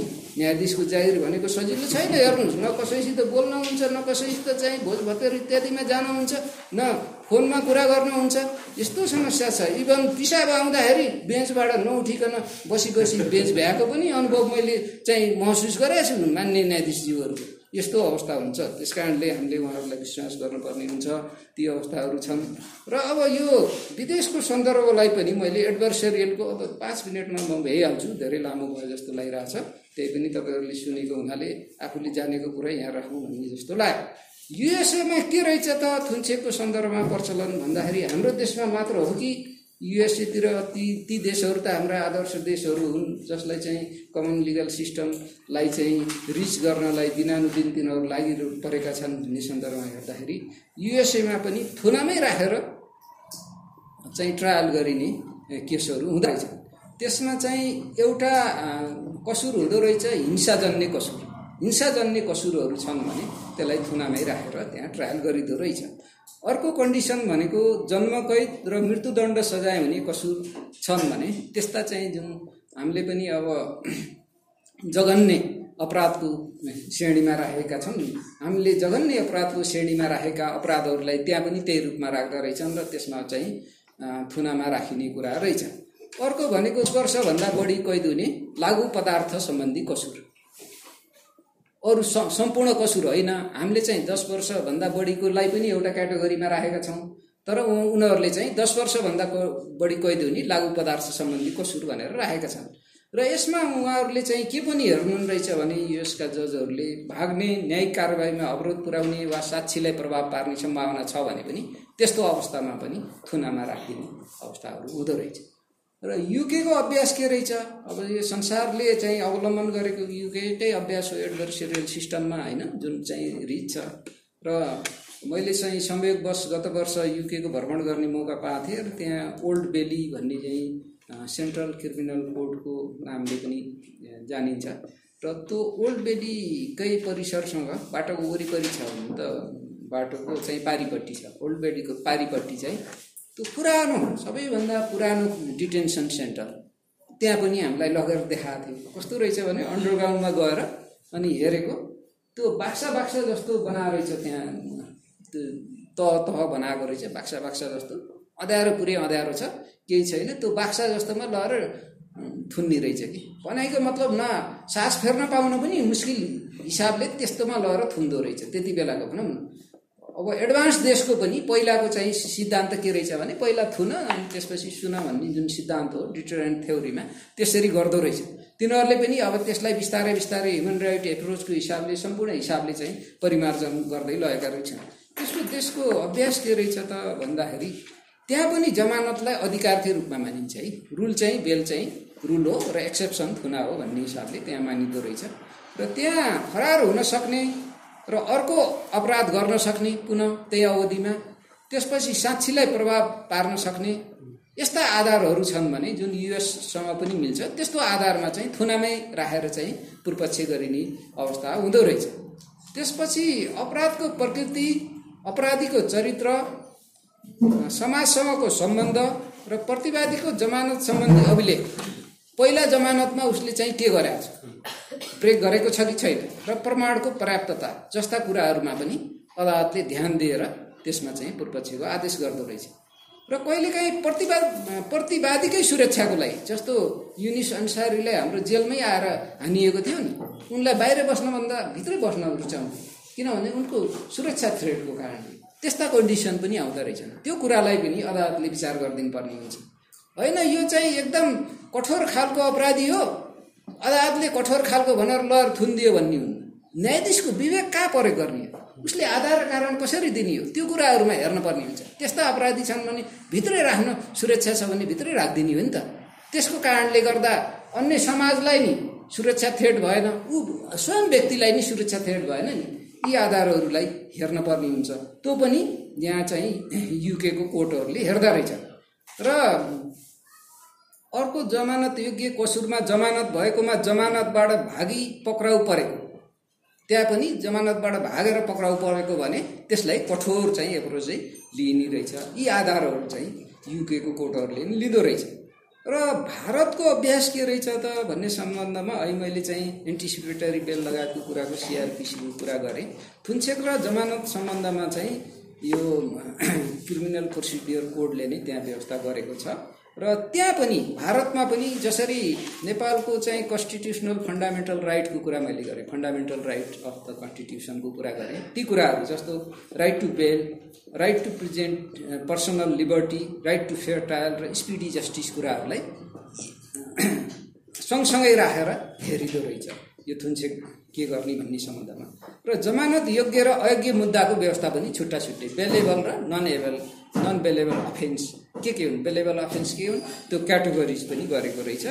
र जमानत योग्य अफेन्समा चाहिँ जमानत र चिन्जानको व्यक्तिको जिम्मा लगाइने व्यवस्था पनि हुँदो रहेछ। भनेको मतलब व्यक्ति जमानी पनि हुँदो रहेछ। र महिला र नाबालकको हकमा जमानत अयोग्य मुद्दामा पनि जमानत लिई छाडिने जस्तो कन्डिसनल भने नि हाम्रो पनि चाहिँ कन्डिसनल कुरा छ नि। बालबालिका र सात महिनाभन्दा बढीकी गर्भवतीलाई दस वर्ष कम कैद हुन सक्ने छ भने त्यसमा चाहिँ छाड्न सकिन्छ। त्यस्तो महिला र नाबालकको हकमा त्यहाँ पनि व्यवस्था रहेछ। र तोकिएको अवधिसम्म अनुसन्धान नसकिए जमानतमा रहन पाउने। यहाँ नेपालमा पनि त्यही छ। पुनरावेदन अपिल लेभलमा छ भने तपाईँको चाहिँ छ महिनापछि छोडिन्छ। ट्रायल कोर्टमा छ भने एक वर्षपछि छोडिन्छ। यदि फैसला भइसकेन भने त्यो कुराहरू छ नि ती कुराहरू यहाँ पनि छ। यति कुराहरू राखिसकेपछि अब चाहिँ मैले राख्नुपर्ने खासै कुनै कुराहरू छन् जस्तो लाग्दैन। र हामीले यो थुन्सेको क्रममा तत्काल प्राप्त प्रमाणहरूलाई हेर्दा हेर्दै मान्य न्यायाधीशहरूले के कुरामा पनि अहिले याद गर्नुपर्ने अवस्था देखिन्छ भने नयाँ संहिताले गरेको व्यवस्था बमोजिम एग्रिगेटिङ र मिटिगेटिङ फ्याक्टरलाई हेर्नुपर्ने हुन्छ। त्यसले के गर्छ त भन्दाखेरि हामीले त्यहाँ सीमा तोकिदिएका छौँ नि। तिन वर्षभन्दा बढी भनेको छ। तिन वर्षसम्मको ला होइन तिन वर्ष एक दिन भएपछि। विदेशीको हकमा के भनेका छौँ हामीले? एक वर्ष भएपछि भनेका छौँ। अनि उसले स्वीकार गर्यो भने के भनेका छौँ? ऊ बस्न सक्छ भनेका छौँ। र अनुसूची एक र दुईका तिन वर्षभन्दा बढी कैद हुन सक्ने केसको हकमा के भनेका छन्? थुनामा राख्ने कुराहरू यिनले नै गरेको छ नि त। ती कुराहरू सम्पूर्णलाई विचार गरेर सकभर लिबरल एप्रोचबाट कानुनले चाहिँ थुनामा राख भनेकोमा पनि न्यायाधीशको चित्त र विवेकले देख्यो भने बेलमा छोड्न सक्छ। तर त्यसको एक्सपिरियन्स चाहिँ न्यायाधीशलाई लाग्न पर्यो नि त। त्यो व्यक्ति बेलमा छोडिदियो अरे जमानतमा छोडिदियो भोलि भागेर गयो अनि न्यायाधीशले ल फलानु चाहिँ यस्तो कडा चाहिँ हार्डकोर क्रिमिनललाई छोडिदियो कारणले ऊ भागेर गयो। न्यायाधीश मिलेर के बिचमा चाहिँ बिहाइन्ड द कर्टेन केही भयो के भन्नु भने के गर्ने? हेर्नुहोस् गाह्रो कुरा छ। हामीले न्यायाधीशलाई चाहिँ भन्नलाई सजिलो हो। न्यायाधीशको जागिर र उहाँको काम जिम्मेवारी चाहिँ बहुत महत्त्वपूर्ण छ र कार्यपालिकाका र व्यवस्थापिकाले गरेका कुराहरूलाई पनि करेक्सन गर्ने ठाउँमा न्यायपालिका हुन्छ। जज हुन्छ। र जज चाहिँ तपाईँको इन्डिपेन्डेन्स अफ जुडिसियरीले के भन्छ भने आइदर प्रधान न्यायाधीश होस् या जिल्लाको डिस्ट्रिक्ट जज होस्। उनीहरू चाहिँ इक्वेल न्याय प्रधान न्यायकर्ता हुन् इक्वेल र त्यहाँ कुनै डिस्टिङसन हुँदैन। प्रधान न्यायाधीशले पनि भन्न सक्दैन ए फलानु जिल्ला न्यायाधीश यसो गर्नुहोस्। सिडिओलाई गृहबाट एउटा सहसचिवले आदेश दिएको जस्तो होइन। त्यस कारणले उनीहरूले इन्डिपेन्डेन्ट साथ आफ्नो स्वविवेक साथ र यहाँ थुन्सेको सिद्धान्तलाई फलो गरेर त्यसको उद्देश्यलाई फलो गरेर इन्टरनेसनल इन्स्ट्रुमेन्टका कुराहरूलाई विचार गरेर न्याय र कानुनका मान्ने सिद्धान्तहरूलाई समेत फलो गरेर त्यसको परिधिभित्र रहेर गर्ने यो काम जुन छ यो चाहिँ अत्यन्त चाहिँ संवेदनशील छ र यसलाई केटाकेटी खेलको रूपमा रहँदैन। यही रूपमा हामीले बुझ्नुपर्छ र हामीले यो न्याय प्रणालीलाई समृद्ध बनाउने भनेको हाम्रो मेच्युरिटीको कारणले हो। हामी मेच्युरिटी भएर अगाडि बढ्नुपर्छ। अब थप कुराको सन्दर्भमा त सर्वोच्च आयोगको स्वयं मान्य न्यायाधीशजी हुनुहुन्छ। उहाँको धेरै लामो अनुभव छ र उहाँको चाहिँ थुन्सेको सन्दर्भमा लिबरल एप्रोच पनि छ। उहाँहरूको चाहिँ जुन अनुभवहरू छन् त्यो चाहिँ हाम्रो लागि ग्रहणयोग्य हुन्छन् वर्णनयोग्य हुन्छन्। त्यसलाई सुनौँ त्यसपछि छलफल गरौँला धन्यवाद।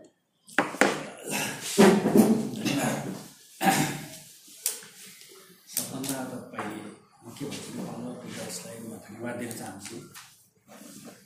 मलाई यहाँहरू रिक्वेस्ट गर्नुभयो। यहाँहरूको रिक्वेस्टलाई मैले मैले गरेको चालिस वर्षपछि यहाँहरूको रिक्वेस्टलाई पालना गरेर आउँदा चालिस वर्षपछि यो कम्पाउन्डभित्र पस्ने मैले मौका म छत्तिस सालमा ल क्याम्पसबाट भएर जितेपछि यो फर्स्ट चान्स यहाँ क्याम्पस प्रवेश गरेको छु।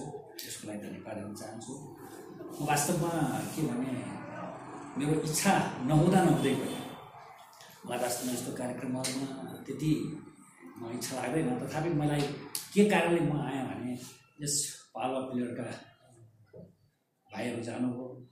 मलाई श्रीमान यसो छ हाम्रो कार्यक्रम छ आइदिनु पऱ्यो भन्नुभयो।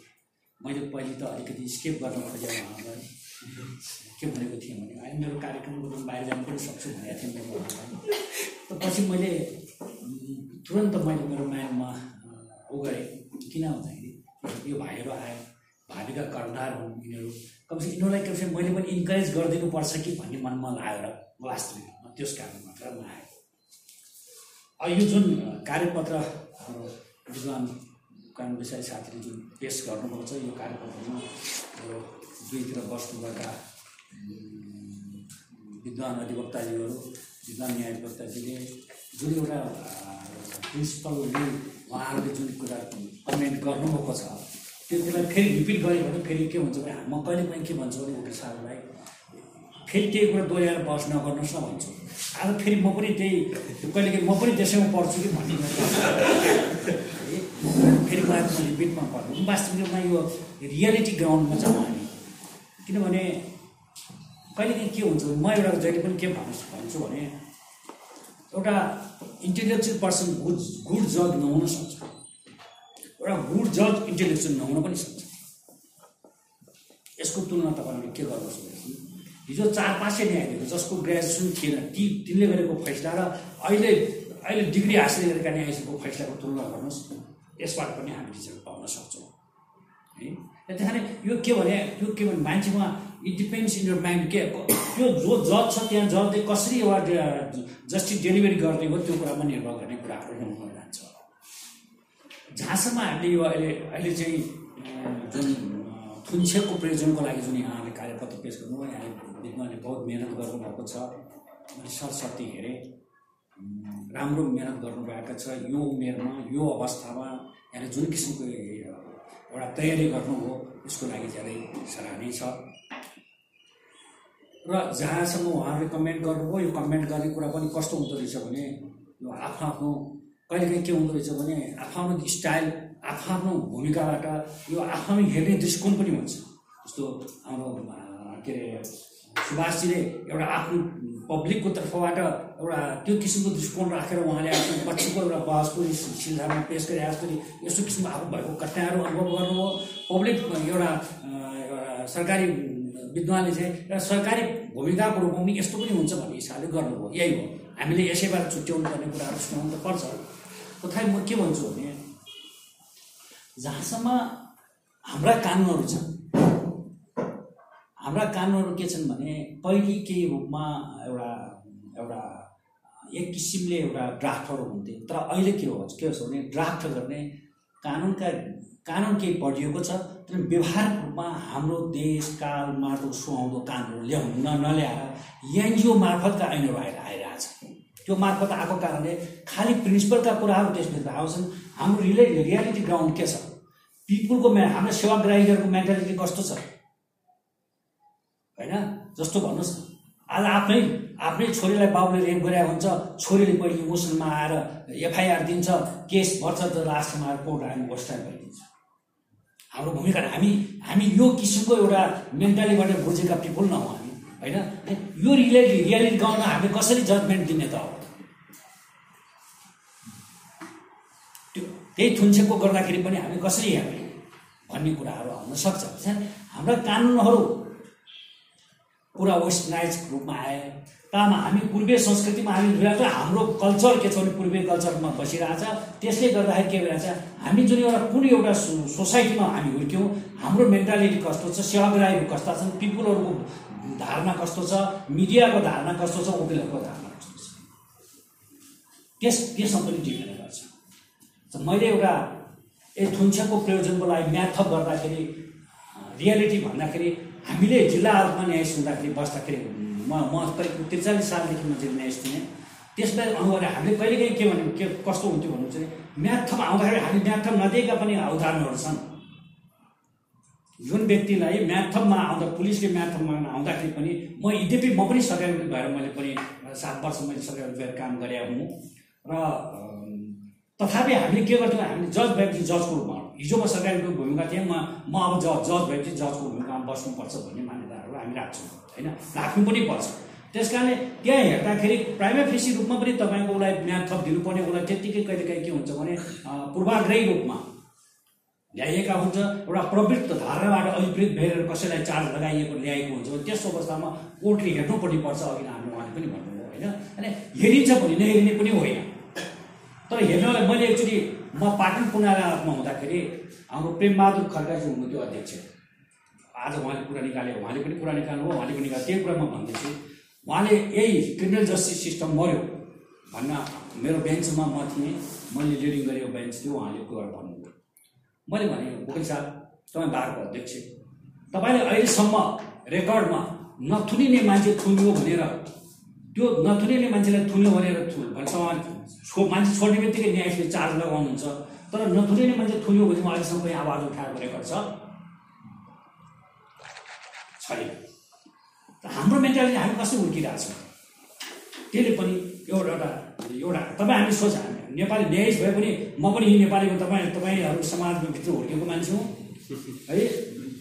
त्यस कारण मैले मैले मैले मेरो भूमिका पनि म तपाईँहरूसँग तपाईँहरूसँग बस्नु छ भनेपछि मैले पनि त त्यो किसिमको भूमिका अदा गर्नु पऱ्यो त्यस कारणले गर्दाखेरि यो सोसल अवस्थाले पनि हामीलाई त्यही किसिमको कस्तो किसिमको धारणा बनाउने भन्ने किसिमको दिन दिन्छ। जहाँसम्म मलाई के लाग्छ भन्नुहुन्छ भने अहिले हाम्रा ऐन कानुनहरू वेस्टर्नाइज छन् हाम्रो मेन्टालिटी त्यही भएको त्यसले पनि एउटा अप्ठ्यारो हामीलाई दिइराखेको छ एउटा पार्ट। दोस्रो पार्ट के छ भन्नुहुन्छ भने थुन्सेको हाम्रो इन्भेस्टिगेसन पार्टलाई पनि हेर्नुपर्छ। रियालिटी ग्राउन्डमा जाँदाखेरि के हुन्छ भने हामी इन्भेस्टिगेसन गर्नाले एफआइआर पर्ने बित्तिकै। हाम्रो इन्भेस्टिगेसन एथोरिटीको एउटा अहिले चाहिँ केही अलिक अलिकति स्लाइडली केही चाहिँ भएको छ तर कस्तो छ भन्नुहुन्छ भने एफआइआर पर्यो हामी त्यसको अग्नेस्टमा मात्र हामी प्रमाण कलेक्ट गर्न गर्न सुरु गर्छौँ। जसले गर्दाखेरि के हुन्छ न्युट्रल रूपमा हामीले त्यहाँ ऊ गरिराखेका हुँदैनौँ इन्भेस्टिगेसन गरिराखेका छौँ। त्यसलाई एफआइआर परेपछि अब त्यसको अग्नेस्टमा के के प्रमाणहरू छन् हामी खोज्छौँ। त ऊ निर्दोष पनि त हुन्छ भन्ने किसिमले त्यो मेन्टालिटीबाट हामीले उसको इन्भेस्टिगेसन सुरु गरेका हुँदैनौँ। तर इन्भेस्टिगेसन पनि त्यत्तिकै न्यु जस्तो जज एउटा न्यु- न्युट्रल हुन्छ भने हामी भन्छौँ। राज्यको संयन्त्र पनि पिपुलको लागि त न्युट्रल रूपमा हेर्नु पऱ्यो नि। जबसम्म हाम्रो हाम्रो लले के भन्छ भने जबसम्म कुनै कुनै व्यक्तिको क- दोषी करार हुँदैन तबसम्म के हुन्छ र भन्छ भने त्यो निर्दोष हो भन्ने कुरा अनुमान गरिन्छ भन्ने कुरा प्रिन्सिपली त्यसो मानिन्छ। तर इन्भेस्टिगेसन अथोरिटीले के गर्छ भने सुरुमै स्टार्टिङदेखि नै उसलाई चाहिँ एउटा अभियुक्तकै रूपमा अभियुक्त मात्रै एकदम त्यसलाई चाहिँ कसुरदारकै रूपमा मात्र नहेरेर घोषणा भएको कसु कसु कसुदार सरह मानेर इन्भेस्टिगेसन सुरु गर्ने परिपाटीले गर्दाखेरि पनि एउटा त्यहाँ त्यहाँ पनि अलिकति डिफेक्टहरू छ। त्यसपछि गएर के छ भने त्यो इन्भेस्टिगेसन एथोरिटीले जस्तो म्याथप गर्दाखेरिको कुराहरूमा म्याथप लिँदाखेरिकोमा जजले पनि हेर्नुपर्छ। जस्तो अहिले अहिले अलिकति कता कता सुरुवात भएको छ जस्तो किसिमले के भने त्यसको लागि त के भने पीडित र पीडकको तर्फबाट जो प्ली गर्ने मान्छे उनीहरू पनि त्यत्तिकै सतर्क रहनु पऱ्यो के? त्यो अहिलेसम्म मैले देखेको छैन के भने एका कहीँ छ होइन भने इन जनरल रूपमा थुनुवामा म्याथप गर्दाखेरिको अवस्थामा म्याथप गर्ने स्थितिको छ कि छैन? म्याथप गर्न म्याथप दिनुपर्ने अवस्थाको छैन भनेर प्ली गरेको मैले पाएको छैन। त्यो हुनुपर्छ। किनभने जब कुनै व्यक्तिलाई हामीले सात दिनको म्याथप दिन आयो भने म्याथप दिनुपर्ने स्थिति कन्डिसन भएको छैन छैन। हामी के गर्छौँ भन्नुहुन्छ भने अदालतले पनि त्यो किसिमको गरिरा गरिराखेको छ। किनभने म्याथ आयो कहिलेकाहीँ न्यायाधीश हुँदैन। रियालिटी भन्छु है म तपाईँलाई न्यायाधीश हुँदैन। तपाईँ ए शेर्दालाई ल थपेर पठाइदिनुहोस् म भोलि आएर सही गरिदिउँला भन्ने तरुण पनि भइराखेको हुन्छ कहिलेकाहीँ। होइन? किनभने उसको त्यो त्यो न्यायाधीशको सामनेमा ल्याएर रोकेर न्यायालय उसलाई सोधेर गर्ने परिपाटी पनि अब अहिले चाहिँ सुरुवात भएको छ। पहिले चाहिँ त्यो पनि थिएन। नहुँदाखेरि के भन्यो भने जस्तो ल्यायो त्यस्तोमा सही गरेर पठाउने जस्तो अहिले हामीले सुप्रिम कोर्टले हामीले हाइकोर्टमा हुँदाखेरि हामीले के भन्छौँ भने थुनछेक गर्दाखेरि पनि के अरे उसलाई कस्टडीमा लिँदैखेरि अवस्थामा आफ्नो प्रोसिड्योर पुरा गरेको छैन। कानुनबुझीको तपाईँको चाहिँ के अरे का पुँजी दिएको छैन उसको कानुनबुझी खानतलासी गरेको छ छैन। ऊ शनाखत गरेर आएको छ कि छैन। यी सबै कुरा उसलाई पक्राउ गर्दाखेरि कस्तो अवस्थामा पक्राउ गरेको सबै कुरा हेरिनु हेरिनुपर्छ। तब मात्र उसलाई चाहिँ उसलाई म्याथप दिने हो भन्दाखेरि हामीले अहिले गएर सुप्रिम कोर्टमा आउँदाखेरि जस्तो तपाईँको के हुन्छ भने त्यो प्रोसिड्योर पुरा नगरेको लागि हेभियस कर्पसको रिटबाट पनि आदेश जारी गर्नुपर्ने स्थिति आएको छ। यद्यपि के हुन्छ भने त्यो किसिमको पहिले नै हेरिदियो भने के हुन्थ्यो भने त्यो राम्रो हुन्थ्यो। त्यो म्याथप गर्दाखेरिको अवस्थामा दुवैतिर साइडबाट बहस गरेर म्याथप दिनुपर्ने कन्डिसन हो कि होइन भनेर बहस गराएर दुइटैको प्रतिनिधित्व गराएर गराउँदाखेरि त्यो सिस्टमलाई पनि हामीले डेभलप गऱ्यौँ भने मलाई लाग्छ थुन्चेको प्रयोजनको दृष्टिकोणबाट पनि सुरुमै बिग्रेको कुरा कटेलहरू हुन सक्छ। त्यो कुरा पनि हुनसक्छ भन्ने कुरा विचार गर्नुपर्ने कुरा हुन्छ। अब पक्राउ गर्दाखेरि स्वीकृति लिने कुरो अघि हाम्रो अम, गेवालीजीले भनिसक्नुभयो हामीले एक्सेप्सनल केसको रूपमा त्यस्तो कहिलेकाहीँ अप्ठ्यारो परेको बेला असजिलोको बेला काउबाहिरको परिस्थिति परेको बेला त्यस्तो अवस्थामा युज हुने कानुनलाई हामी इन जनरल रूपमा युज गरिदिन्छौँ जस्तो काउबाहिरको परिस्थितिबाट अहिले तुरन्तै उसलाई पक्राउ गर्नु पर्यो तर अहिले चाहिँ अड्डामा गएर सुविधा लिनुपर्ने अवस्था अवस्थाको सिद्धि हो टाइम छैन भनेपछि त्यो बेला लिएर दिन सकिएको तर हामी किन त्यसलाई सबैलाई हामी दिन्छौँ न के? त्यो लिएर अदालतसँग गएर सुविधा लिनुपर्ने किन हामीलाई त्यो त्यो अलिकति लले हामीलाई चाहिँ अलिकति के गर्यो भनेपछि इन्भेस्टिगेसन एथोरिटीलाई अलिकति हामीलाई यो यसमा चाहिँ झन्झट लगायो भन्ने किसिमको एउटा फिलिङ पनि त्यो भएर पनि हो कि? त्यो किसिमको एउटा गर्ने सिस्टम पनि डेभलप हो। हुँदाखेरि त्यसलाई पनि चेकअप हुनु पऱ्यो त्यो सबै ठाउँबाट आकाङ्क्षा सबैभन्दा मुख्य कुरो के छ भन्नुहुन्छ भने हामी नेप्लिस पिपुलहरू के छौँ भन्नुहुन्छ भने हामी अधिकारका भएका छौँ कर्तव्यप्रति हामी उदासीन छौँ होइन? Right and duty are correlated हुन्छ होइन? तर के भने हामी त्यहाँ आफ्नो आफूले पाउने कुरामा चाहिँ हामी असाध्य डिमान्ड गर्छौँ। तर जो मैले दिनुपर्ने कुरो हो मेरो के हो त भने मेरो कर्तव्य के थियो भने हामी कर्तव्यतिर पालन गर्न सक् गर्दैनौँ। त्यो एउटा एउटा हाम्रो डिफेक्ट नेप्लिज डिफेक्ट। र हाम्रा ऐन कानुन सबै कुरा के छ भन्नुहुन्छ भने हामी नेप नेप्लिजहरूको एउटा जस्तो यो थुन्सेको प्रयोगमा धेरै किन थुनामा राखिन्छ भन्ने कुरा आयो नि। सबैभन्दा पहिले के हुन्छ हाम्रो मेन्टालिटीले काम गरेको छ त्यहाँ किन भन्छ भने लिगल सिस्टममा हामी हाम्रो प्रवृत्ति के छ भने नेपालीहरूको ठगी छ ठग्ने छल्ने ढाँट गर्ने एउटा प्रचलन बढिसक्यो। त्यस कारण त्यो एउटा किनभने अहिले हामी विदेशमा कहिले गयौँ भने नेप्लिज पासपोर्ट देखि देखे देख्ने बित्तिकै उनीहरूले के भने यी फर्जरी जस्ता हुन् भन्ने किसिमको एउटा हेर्ने दृष्टिकोण उनीहरू मात्रै छ। हाम्रो प्रवृत्ति जस्तो कहिले हामीले लोम्ब्रोसोले क्रिमिनोलोजीमा भनेको चाहिँ क्रिमिनल पर्सनहरू बस्दा कस्ता किसिमका हुन्छन् अनुहार हेरेर बताउने यसो हुन्छ हात हात भने जसरी त्यो हामी नेपालीको हुने बित्तिकै के हुन्छ भने त्यो सबै त्यस्तै हुन् भन्ने किसिमको सोच पनि आउन सक्ने देखिरहेको छ। किनभने जो गएको छ बाहिर गएको छ धेरै सो मोस्ट अफहरूले के गर्ने ढाँट्ने छल्ने झुटा कुरा गर्ने भने मलाई म अस्ति पोर्सादमा अस्ट्रेलिया जाँदाखेरि केही चिजहरू मैले लिएर गएको थिएँ। होइन? त्यो त्यहाँ कसै असाध्यै टाइट रहेछ। टाइट। पहिले डिक्लेयर गऱ्यो भने तपाईँले डिक्लेयर गर्नुहोस् पेपरमा डिक्लेयर गरिदिनुहोस् तर त्यसले केही पनि गर्दैन। त्यो फाल्ने भन्छ त्यो लिएर दस दिनमा फाल्दैन भन्छ होइन? तर तपाईँले छैन भने ढाँटेर लिनु भने अनि तपाईँ एक्सन लिन्छ त्यस्तो रहेछ के? त्यस कारणले गर्दाखेरि के हुन्छ हाम्रो जुन के भने छ सकभर हालेर छलाएर लैजाउँ भन्ने किसिमको एउटा प्रवृत्ति हुन्छ नि। त्यस कारण त्यो किसिमले त्यसले पनि हामी हाम्रोले एउटा उ गरेको छ। अब बाँकी रह्यो के भनेको चाहिँ म म यहाँहरूसँग के निवेदन गर्छु भने थुनुवा को सम्बन्धमा जुन जुन किन थुनामा राखिन्छ थुना राख्नुपर्ने कारण के हुन्? भन्ने भन्ने कुरा त अब अघि आइसक्यो त्यो त्यसलाई रिपिट किन गरौँ म रिपिट नगरौँ। थुनुवाको दृष्टिकोणबाट हेर्दाखेरि थुनुवाले पनि आफ्नो लिगल राइट आफ्नो कस्टमर राइट आफ्नो यो लिबर्टीका कुराहरू उसले पनि उसले पनि राख्न पाउनुपर्छ। पब्लिक त्यो किसिमको एउटा पब्लिकको अग्नेस्टको अग्नेस्टमा भएको क्राइमको दृष्टिमा क्राइमको एउटा ग्राभिटीलाई हेरेर केही कुराहरूमा अन्य एउटा व्यवस्था के गरिरहेको छ भने ठुलो किसिमको गम्भीर प्रकृतिको अपराधलाई थुन्चेपको प्रयोजनको लागि लिने भन्ने कुरा आखिर थुनामा राख्नुपर्ने भन्ने कुराहरू गरिराखेको छ होइन? त्यो कुरा उहाँले भनिसक्नुभयो।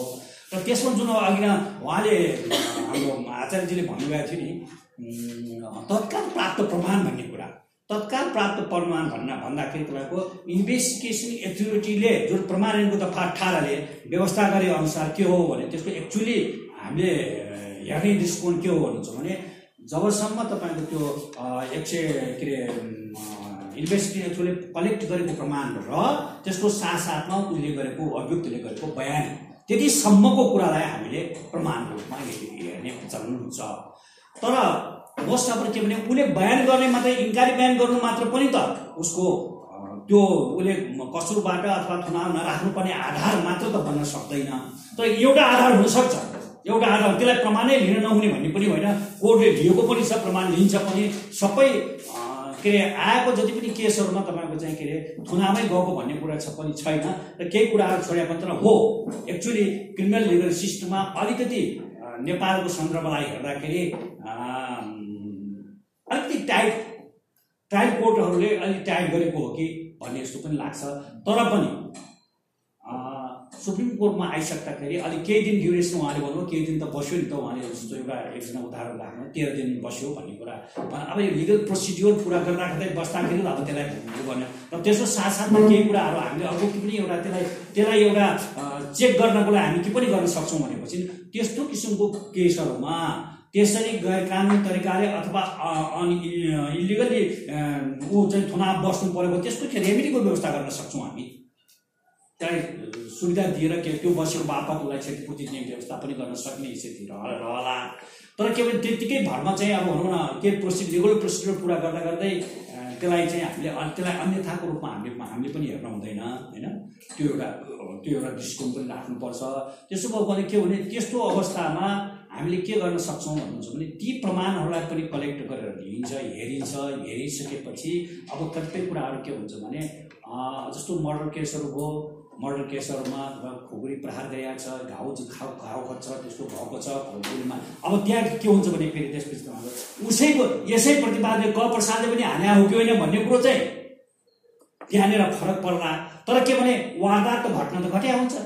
घटिसकेपछि तपाईँको त्यसपछि त्यो उसले गरेको हो कि होइन भने अनि त्यसको उसको बयान उसको इन्कारी बयानलाई मात्र भने कहिलेकाहीँ हामी के गर्छौँ?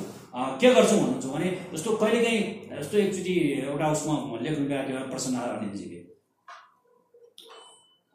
चारजना चार भाइ भएर मा मारे एकजनाले मात्र स्वीकार गरे पनि हुनसक्छ नि त्यहाँ।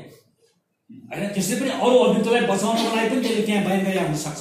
ती कुरालाई पनि तर के भने जहाँसम्म मैले मेरो आफ्नो अनुभव म यहाँलाई भन्छु एउटा न्यायाधीशले फियरली हेऱ्यो भने थुन्चेको आदेश वा अथवा जस्टिस डेलिभरी फाइनल डिसिजन गर्दाखेरि पनि के हुन्छ भने जबसम्म जब उसले कुनै विदाउट यानि इन्ट्रेस्ट कुनै इन्ट्रेस्टमा नपरेर काम गरेको छ भने त्यहाँ जस्टिस गरेको हुन्छ। मेरो आफ्नो अनुभव। दबाब प्रभाव र अभाव को- कुनै कुनै पनि कुनै पनि कुरा छ त्यहाँ हिंसा परेकै हुन्छ। तर कुरो के हुन्छ भने अब कसै कसो के हुन्छ भने जस्तो अघि नै उहाँले भन्नु कोही लिबरेल टिचरको जज हुन्छ कोही चाहिँ एउटा हार्डलाइनर हुन्छ। अब एक्चुअली के हुन्छ भने लिबरल जस्टिस लिबरल एउटा लिबरल जज छ भने उसले अलिकति के भने यसलाई अन्याय पर्छ कि भन्ने एउटा दिमाग सोच्छ हामीले पा प्रयोग गर्ने भने एज जज हामीले प्रयोग गर्ने भन्ने कुरो के हो भने चाहे त्यो थुन्चेक गर्दाखेरिको अवस्थामा होस् चाहे त्यो तपाईँको चाहिँ के अरे फाइन डिस्ट्रिक्ट गर्दाखेरि। हामीले हेर्ने भन्ने कुरो भने जुडिसियल माइन्ड प्रयोग गर्नु पऱ्यो म जज हुँ। जज भइसक्यो मैले जुडिसियल माइन्ड एउटा पनि यो संसारको जति पनि जीवित प्राणीहरू छन् सबैभन्दा जीवित प्राणीमा विवेक भएको भनेको मान्छे मान्छे भन्दा मान्छे हो। त्यसमध्ये पनि जज भने त्योभन्दा अझ विवेक प्रयोग गर्ने निकायमा बसेको मान्छे भएको हुनाले उसले त विवेकै प्रयोग गर्नुपर्छ। हामीले रिजिक्नेस भएर अथवा एउटा शङ्काकै भरमा कसुर कार्य अब मलाई एउटा अनुभव भन्नुहुन्छ भने म बर्दियामा सरकारी वकिल थिएँ दुई चालिस सालमा। म एउटा मुद्दामा मेरो पनि आफ्नो बहस गर्ने आफ्नो स्टाइल थियो। म देवेन्द्रराज शर्मा भन्ने भन्नुहुन्थ्यो न्यायाधीश एउटा डाँगा मुद्दामा थुन्सेरमा बहस गर्न गएको थिएँ बहस गरेँ। श्रीमानलाई त थुनामा राखेर काम गर्नुपर्छ भनेर भने ऊ थुनुवा के भन्छ? त्यो इजलासमै। अरे वकिल साहब आप कौन कौन रास्ता से जाएंगे?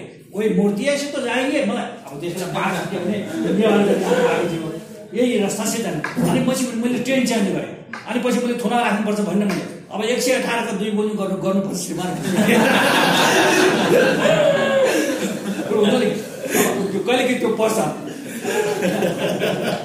एक सय अठार दुई भने दुई वर्ष गरिब भन्दाखेरि उसलाई उसले त बुझेन नि। यो यस्ता परिस्थितिहरू पनि पर्छन् मान्छेलाई हेर्नुहोस् के भने यो जिन्दगीमा मान्छे सबै मान्छे एउटै प्रकृतिको हुँदैन। होइन? एउटै प्रकृतिका हुँदैन। कोही कोही चाहिँ कस्तो किसिमको हुन्छ अब फेरि एउटा कुरा आफ्नो धारणा हुन्छ। कहिलेकाहीँ हामी एउटा उखान हाल्छौँ अगाएको मान्छे डाँडा डाँडा पारे खाउँ भन्छ भोगाएको मान्छे डाँडा पारे खाउँ भन्छ। होइन? त्यस कारणले त्यो आफ्नो हेर्ने दृष्टिकोण हुन्छ। सोच्ने सोचाइ पनि त्यही अनुसार हुन्छ। त्यस कारणले गर्दाखेरि के भने यो यो फिल्म हामीले वास्तविक रूपमा अलिकति केही हामीले वाइड सेन्सवाला हेर्नुपर्ने स्थिति छ हाम्रो क्रिमिनल लिगल सिस्टममा। र फेरि एउटा कुरा के छ भने हामीले त्यसलाई मात्र हेऱ्यौँ भनेपछि पनि के हुन्छ हामीले कतै फेरि जति पनि केसहरू छन् हामीले त्यो सबैलाई छोड्दै गयौँ भने फेरि हामीले समाजमा कस्तो कस्तो वातावरण पनि बनाउन सक्छौँ।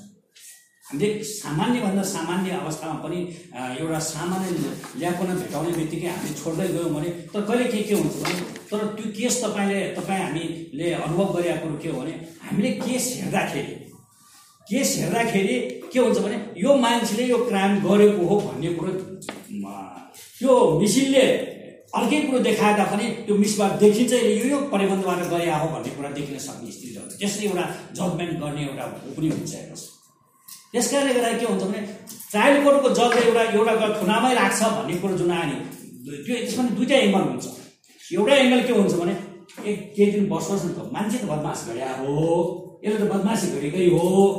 तर यो फाइनलमा यसले तर सफाइ पाउला तर अहिले केही दिन पश्चात गरेर प्रायश्चित त गर्नु पऱ्यो नि हेरे पनि त्यो क्राइम गरे बाद प्रायश्चित गर्ने गर्नुपर्छ भन्ने एउटा किसिमको त्यो एउटा आइडियोलोजीबाट पनि गाइडेड भएर पनि जबले त्यहाँ पनि कहिले थुना राख्नुपर्ने स्थिति भइराखेको छ। ट्रायल कोर्टले भोलि माथिबाट छुट्नु हाइकोर्टबाट छुट्न सक्ला तर केही दिन त यो प्रस्ताव गर्नु गर्नै पर्छ यसले पुगिँदा पनि भने एउटा त्यस्तो किसिमको कहिले त्यो देखिन्छ मिसिलबाट त्यो त्यो आइडियाबाट पनि गाइडेड हुनसक्छ होइन? तर अब हामीले हाम्रो कानुनलाई मात्र हेरेर अक्षरस्य कानुनलाई मात्र हेरेर गऱ्यौँ भने धेरै कुराहरू फेरि हाम्रो हाम्रो हाम्रो सामाजिक वातावरण नमिल्न सक्ने स्थिति रहन्छ। अब त्यसपछि गएर तपाईँको थुन्चेको गर्दाखेरि हामीले वास्तविक रूपमा के के हेर्छौँ भन्नुहुन्छ भने प्रमाण आइरहेको प्रमाण र निजले गरेको अभियुक्तको बयान। लाई समेत हेरेर त्यसपछि यो मान्छेले क्राइम गरेको हो कि होइन यसमा यसको इन्भल्भमेन्ट छ कि छैन भन्ने कुराहरू पनि हेरिया हेरिया हुन्छ। नहेर्ने भने सबै कुरालाई प्रमाण तर एकदमै उसको स्टेटमेन्टलाई एभोइड गर्ने त होइन एभोइडै गरेको त होइन। तर कहिले के हुन्छ भने सर्कमटेन्सियल इभिडेन्सबाट पनि के हुन्छ भने त्यो किसिमको देखिरहेको हुन्छ देखिरहेको हुन्छ अब हुन त कहिले के हुन्छ भने इन्भेस्टिगेसन एथोरिटी नै कहिलेकाहीँ त्यो एउटा एउटा साइड लागेर कहिलेकाहीँ त्यो मान्छेलाई चार्जसिट चाहिँ हाई लेभलको चार्जसिट लगाइदिन्छ इन्भेस्टिगेसन एथोरिटी लुज भइरहेको छ। मलाई नवलपरासीमा एउटा पुलिस इन्सपेक्टरको अगेन्स्टमा एउटा केस आयो। तिन चारवटा होस्टाइल एफआइआर ल्याएको छ त्यो पनि त्यहीँ राखेको छ।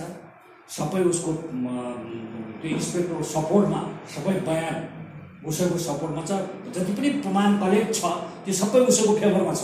अभियुक्तको फेभरमा छ। अब न्यायले के गर्छ? त पब्लिक सेन्टिमेन्ट एकातिर छ। पब्लिक सेन्टिमेन्ट तर हामीले के गर्यौँ भने के गर्ने हुन्छ भने त्यो त हामीले हेर्ने त डकुमेन्टलाई नै हो। हामीले पब्लिक सेन्टिमेन्टलाई मात्र हेरेर गर्ने कुरो त होइन। कहिलेकाहीँ डिस्ट्रिक्ट जजको त्यो ऊ आ, जजको एउटा ऊ अनुसार क्यापेसिटी अनुसार पनि भर पर्छ कहिलेकाहीँ त्यो हाइली चाहिँ बाहिर पब्लिक सेन्टिमेन्टलाई क्याच गरेर पनि उसले त्यो आज गर्न सक्छ। न त्यो त्यसलाई हामी नकार्न सकिँदैन सक्दैनौँ। किनभने त्यो वातावरण त्यस्तो पनि हुन्छ। कहिले अहिले भन्नु भने हामीले हामीले थुना व्यक्तिलाई हामी थुनामा राख्नुपर्ने कारण किन त? कहिलेकाहीँ त्यसको उसको लागि पनि राख्नु जस्तो हामीले गर्थ्यौँ। मैले आफूले गरेको अनुभव गर्छु। म बताउँछु त्यो माओवादी इन्सिडेन्ट्सको बेलामा हामीले त्यो मान्छेलाई छोड्ने बित्तिकै त हाइवेसकोबाट आउँथ्यो।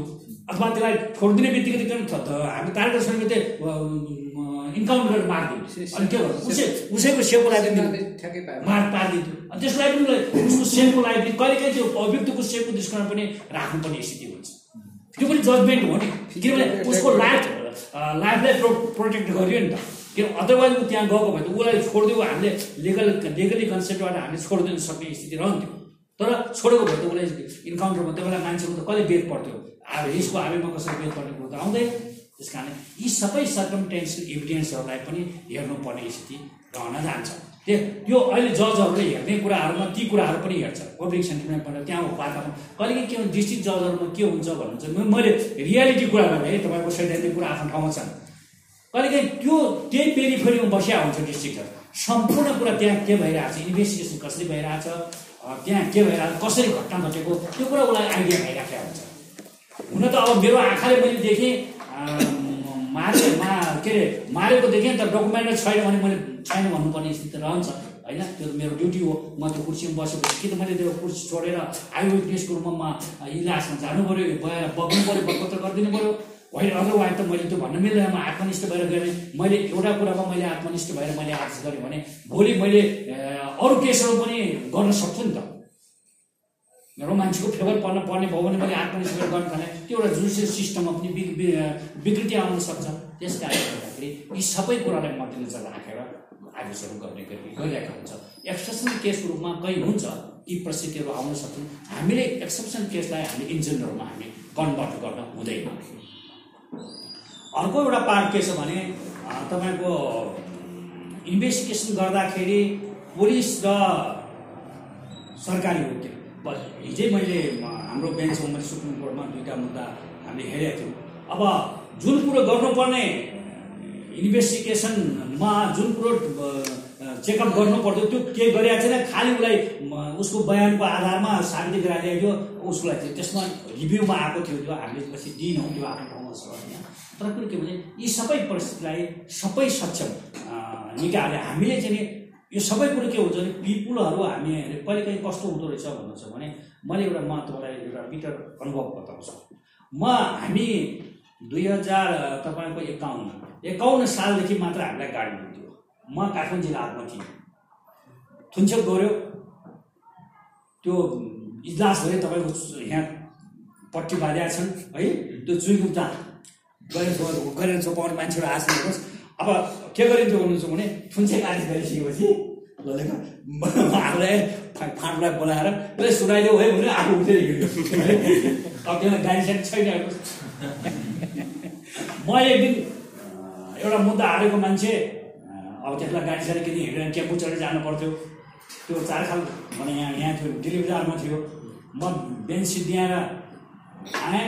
आएर टेम्पोमा चढेर नेसर जान आएको थिएँ। एउटा मुद्दा हालेको मान्छे तिमी मेरो चिना छैन नचिन्दाखेरि के गर्यो भन्नुहुन्छ भने त्यसले सीमा मेरो त मुद्दा हराइदिनु गर्नु भन्यो त्यो च्याप टेम्पो बसेको छ।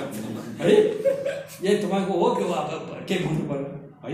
अब उसलाई के भने त्यही कुरै भने अनि म बिचमा कुद्ने सडकमा उठ्थेँ यो यहाँनिर हो यो हिँडेर उठिहाल्यो क्या यस्तो पर्छ एक दिन त्यसो म रोडमा पनि छिराइरहेको थिएँ। एउटा मान्छेलाई मैले मान्छे फेराएको थियो। है प- पहिले हाजिको त्यसपछि उसलाई भाइको मैले सर्वश्रेष्ठ जन्मकृत गरेँ। म रोल्पाबाट पैदल हिँडेर आउनु पर्थ्यो। दुई दिन बिचमा बास बस्नु पर्थ्यो एउटा त्यो गो उवा भन्ने ठाउँमा त्यो बिचमा एउटा मात्र घर थियो। त्यही घरमा बास बसिरहेको छु म। एउटा मात्र घर छ त्यो त्यसको करिब करिब पेरिफेरीमा करिब वान किलोमिटरको पेरिफेरीमा घरहरू छैन। त्यो पसल हो त्यो। अनि त्यही ठाउँमा हामी बसेको ठाउँमा त्यो जो जो चाहिँ अँ, म- लाई कैद गरेर त्यही मान्छे रक्सी खाएर आएको है न्यायाधीशको है भनेपछि अब भन्नुहोस् न कोही छैन मेरो गाडी छैन केही छैन म कसरी बत्ने भन्नुहोस् न है अब त्यो आयो आएपछि कराउन करायो भने यसो भयो अनि मैले राम्रैसँग अब तपाईँलाई मैले चिनेको थिइनँ भाइ है अब म कागजमा दिएको दिएको अब यसो गर्नुहोस् तपाईँलाई म सिकाइदिन्छु उपाय अपिल गर्नु यसो माथिबाट हेरिदिन्छु यस्ता पर्छन् होइन त्यसो भयो भने के हुन्छ भने हामीले काम गर्ने भन्ने कुरो के भने मलाई मेरो ग्रान्ड फादर भन्थ्यो डिट्ठा हुनुहुन्थ्यो क्या। मैले ल पढेर गएपछि मेरो ग्रान्ड फादर डिट्ठा भनेको त्यस बेलाको न्यायाधीश सर जिल्ला न्यायाधीश हो। अन्थ्यो बाबु अब गर्नु न्याय चाहिँ नबेच्नु त त्यही मेरै प्रोफेसनमा लागिस् भनेर भन्नुहुन्थ्यो। तर मैले उहाँले भनेको मेरो आफ्नो मलाई के जसले जेसुकै भनोस् हुन त के भने यो पद भने कस्तो हुन्छ भने जित्ने मान्छेलाई जिताइदियो भने मेरो प्रमाणले जित्ने भन्छ हार्ने मान्छेले के भन्छ घुस खाएर हराइदियो?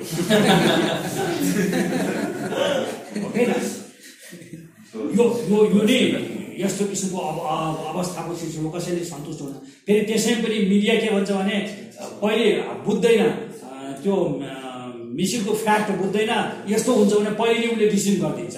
अब त मलाई लाग्छ के भने अब यो मुलुकमा त हो भने अब सुप्रिम कोर्टले फैसला गरिसकेपछि त्यो एकचोटि फेरि अपिल गर्नलाई मिडियामा पठाइदिनु पर्छ। है? त्यो गर्नुपर्छ जस्तो लाग्छ मलाई होइन? कि त कि त चाहिँ अब कि त त्यो अदालतको न्यायलाई चाहिँ त्यो नदिएर अब कि पुलिसलाई जिम्मा दिनु पऱ्यो सरकारी मुद्दा कि सरकारी वकिललाई जिम्मा दिनु पऱ्यो दिनु पऱ्यो क्या? त्यो भएर पनि के भने कहीँ हुनु भएन। यो किसिमको वातावरण जुन क्रिएट भइरहेको छ अहिले मिडियाहरूबाट वास्तवमा केहीकै रूपमा जस्तो अघि नै हाम्रो आचार्यजीले भन्नुभयो नि अदालत र यो भन्ने कुरा सायद मलाई लाग्छ यिनै किसिमको यो इन प्र्याक्टिसमा आएको कारणले गर्दाखेरि पनि कहिले कहिले न्यायाधीशले पनि अप्ठ्यारो परेर गर्न नसकेको कारणहरू होला केही होला त्यो कारणबाट पनि भएको हुनसक्छ। है यही भएको त म भन्न सक्दिनँ। यी सबै वातावरण त्यस्तो बनाइदिन्छ कहिले। कहिले कहिले मान्छेले न्याय गरेर मात्र हुँदा गएको जस्तो देखिनु पनि पर्छ भने जस्तो नि। यस्तो किसिमको स्थिति कल्पना छ त्यस कारण यी कुरा जस्तो अब हामी थुनुवाको राख्दाखेरि हामी थुनुवालाई राख्ने भनेर भन्छौँ नि। कहिलेतिर थुनुवा बेला भयो? के गर्नुहुन्छ? त्यो जुमिनाल कोर्टमा जाने मुद्दा मुद्दा त्यो जुमिनाल उसमा भएको मान्छेहरूलाई पनि हामी बच्चाहरूलाई पनि हामी त्यही का उसमा राख्ने स्थिति रहन्छ थाहा छैन म हामी जेनेरेसन गर्न जान्छौँ। तपाईँले भन्नुहुन्छ यो राख्नुपर्छ। सैद्धान्तिक रूपमा त आयो। अनि प्र्याक्टिकलले हामी सक्छौँ। सक्दैनौँ हामीसँग त्यो सुविधा छ छैन। त्यो जेल छ छैन। त्यो किसिमको एउटा सुधार के अरे हामीले व्यवस्थापन गर्न सकिरहेको छौँ छैनौँ। आज तपाईँ हुम्लाको हुम्लामा हुम्लाको बच्चाले अथवा हुम्लामा सुधारमा राख्ने मान्छे काठमाडौँ ल्याएर सुधार गरेर काठमाडौँमा छ हामी हुम्लामा राख्न सक्छौँ। इम्प्लिमेन्टेसन हुने किसिमले गर्नु पर्यो। त्यस कारण यी सबै कुराहरू छन्। त्यस कारण यो पनि हामी सैद्धान्तिक रूपमा त हामी सहमत छौँ।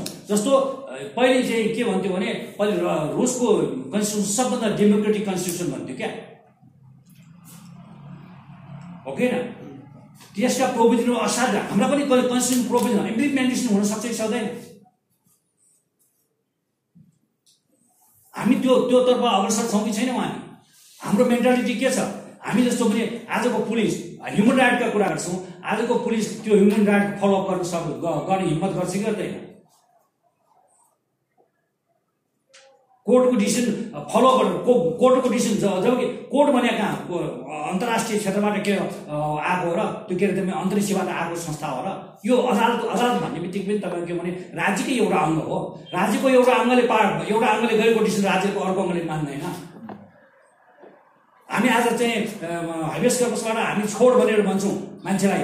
छोड त थुनिदिन्छ। गेटबाटै पकड्छ। यस्तो मेन्टालिटीमा तपाईँहरू चाहिँ के अरे वेस्टर्नाइज कन्ट्रीका कुराहरू कुरा गरेर हामी कसरी सक्छौँ? हामी त्यो त्यो आशा आशा गरेको न्याय प्राप्त गर्न सक्छौँ सक्दैनौँ? त्यो प्राप्त गर्नको लागि सबै विङ्सहरू हुनु पऱ्यो त्यत्तिकै सजग हुनु पऱ्यो न्याय चाहिँ आफै गएर त्यसलाई छोड भनेको ठाउँमा त्यहाँ गेटबाट बाहिर निकालिदिनु पर्ने न्याय जा जानुपर्ने त होइन होला। हो कि होइन? त्यस कारण यी सबै कुरा परिस्थिति हामी सबैको त्यो त्यसका सेवाग्राहीहरू जनता नागरिक समाजहरू त्यत्तिकै सतर्क सजग रहनु पऱ्यो क्या अनि त्यसपछि हामीले जुन किसिमको आश गरेको न्याय हामी न्यायमा सबैको पहुँच पनि हुनु पऱ्यो यो सबैको वातावरण हामीले क्रिएट गर्न सक्यौँ भने तपाईँहरू जस्तो यङ जेनेरेसनले आज कुनै आज म देख्छु के भने तपाईँहरू जस्तो यङ जेनेरेसन अहिले मैले मैले हामीले सुप्रिम कोर्टमा हामीले यङ ब्याचबाट एसोसिएसन अफिसर आउनु भएको छ। इन्टेलेक्चुअल छ। हामीलाई राम्रो कोअपरेट गरिरहेको छ अहिले हामीले एक एकजना अफिसर पिएहरू पनि दिएको छ होइन उनीहरूले राम्रो किसिममा यही किसिमको एउटा मेन्टालिटी लिएर तपाईँहरूले गर्नुभयो भने अब हामी के हुन्छ भने हामी जागिर खाएकै भोलिपल्टदेखि हामीलाई कमाउनु पर्छ भन्ने भावना राखेर हामी गयौँ भने त सिद्धि देश कोल्याप्स हो हेर्नुहोस् एजुकेसन सिस्टममा के छ भने तपाईँको डेभलपमेन्ट आज भएन भने द दुई भोलि होला दस वर्ष दुई वर्षपछि होला। तर तपाईँको एजु- एजुकेसनमा तपाईँको रास आयो भने के भने मेन्टालिटीमा रास आयो भने के हुन्छ भने हाम्रो जेनेरेसन ग्याप हुन्छ। यो किसिमको अहिले अहिलेको जुन जुन अब फेरि अर्को एउटा पार्ट के छ भने अहिले जस्तो हामीले एउटा देशकाल परिस्थितिमा सुहाउँदो प्रकृतिको जनशक्ति तयार गर्ने जुन हो नि त्यो सर्टिफिकेट लेभल इन लसम्म थियो त्यो पनि हामीले घटायौँ अब हाम्रो हाम्रो त्यो त्यो तल्लो स्तरको जनशक्ति हो नि जनशक्ति हाम्रो त्यो संरचना बाहिरबाट आउँछ बाहिरबाट आएको जनशक्तिले के गर्छ भने त्यो उनीहरू फर्दर एउटा प्लेटफर्मको रूपमा मात्र आउँछ। कि कहाँ कहाँको रेल चढ्ने हो त्यो यसको तयारी गरेर बसिराखेको हुन्छ जुवाको लिएर आउँछ उता हिँडिदिन्छ त्यो मान्छेले काम काम हुँदैन। आज हामीलाई त्यो किसिमको पनि पीडा बोध भइरहेको छ। काम गरेर होइन? अब तपाईँहरू जस्तो यङ ब्याजहरू जस्तो नै अलिकति वाइड सेन्स राखेर देशको लागि केही गरौँ देशभक्ति भावना राखेर तपाईँहरूले पनि केही कुरा हामीले पैसा केही चिज हो सबै चिज होइन होइन। अहिले अहिलेको मेन्टालिटी हामी मैले मैले मेन्टे मेन्टालिटीमा हामी हुर्किरहेको छौँ।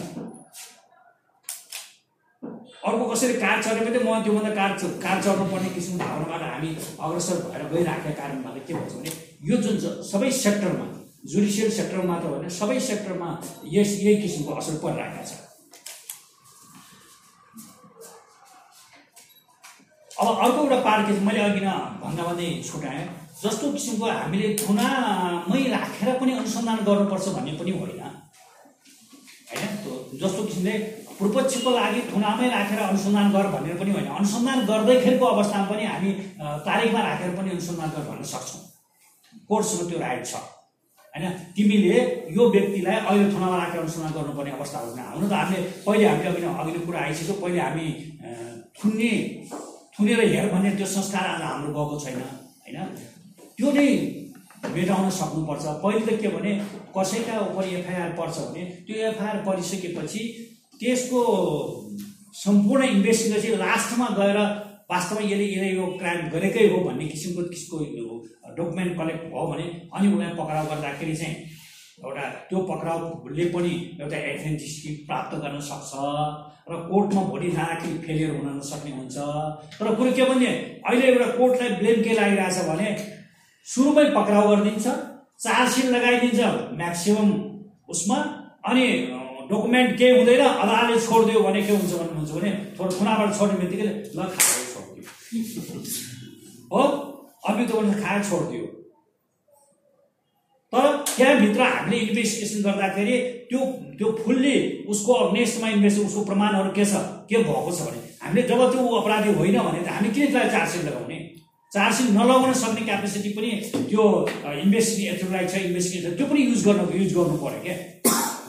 त्यो युज भइरहेको छैन। अनि अघि न यो तत्काल प्राप्त प्रमाणको कुरा आएको तत्काल प्राप्त प्रमाण भनेको त इन्भेस्टिगेसन सुरु भइसकेपछि बरामती मुजग्गा अथवा त्यस बेलादेखि देखेर बयानसम्मको कुरालाई त्यस त्यसभित्रका पेरिफेरीका जति पनि डकुमेन्ट छन् हामीले त्यसलाई नै हामीले अहिलेसम्म मानेको कोर्टले एक्सेप्ट गरेको धारणा के हो भने अभियुक्तलाई पक्राउ गर्दाखेरिदेखि लिएर अदालतमा बयान भएको सम्मको अवधिसम्मको जो कलेक्ट प्रमाण छ ती प्रमाणलाई नै हामी तत्काल प्राप्त प्रमाण भन्छौँ अब त्यसलाई विश्लेषण गर्ने आफ्ना तरिकाहरू होलान् होइन? त्यसलाई विश्लेषण गर्ने जजले कसरी विश्लेषण गरेर त्यो प्रमाणलाई पनि कुन एङ्गलबाट हेरेको छ भन्ने आफ्नो कुरा होला।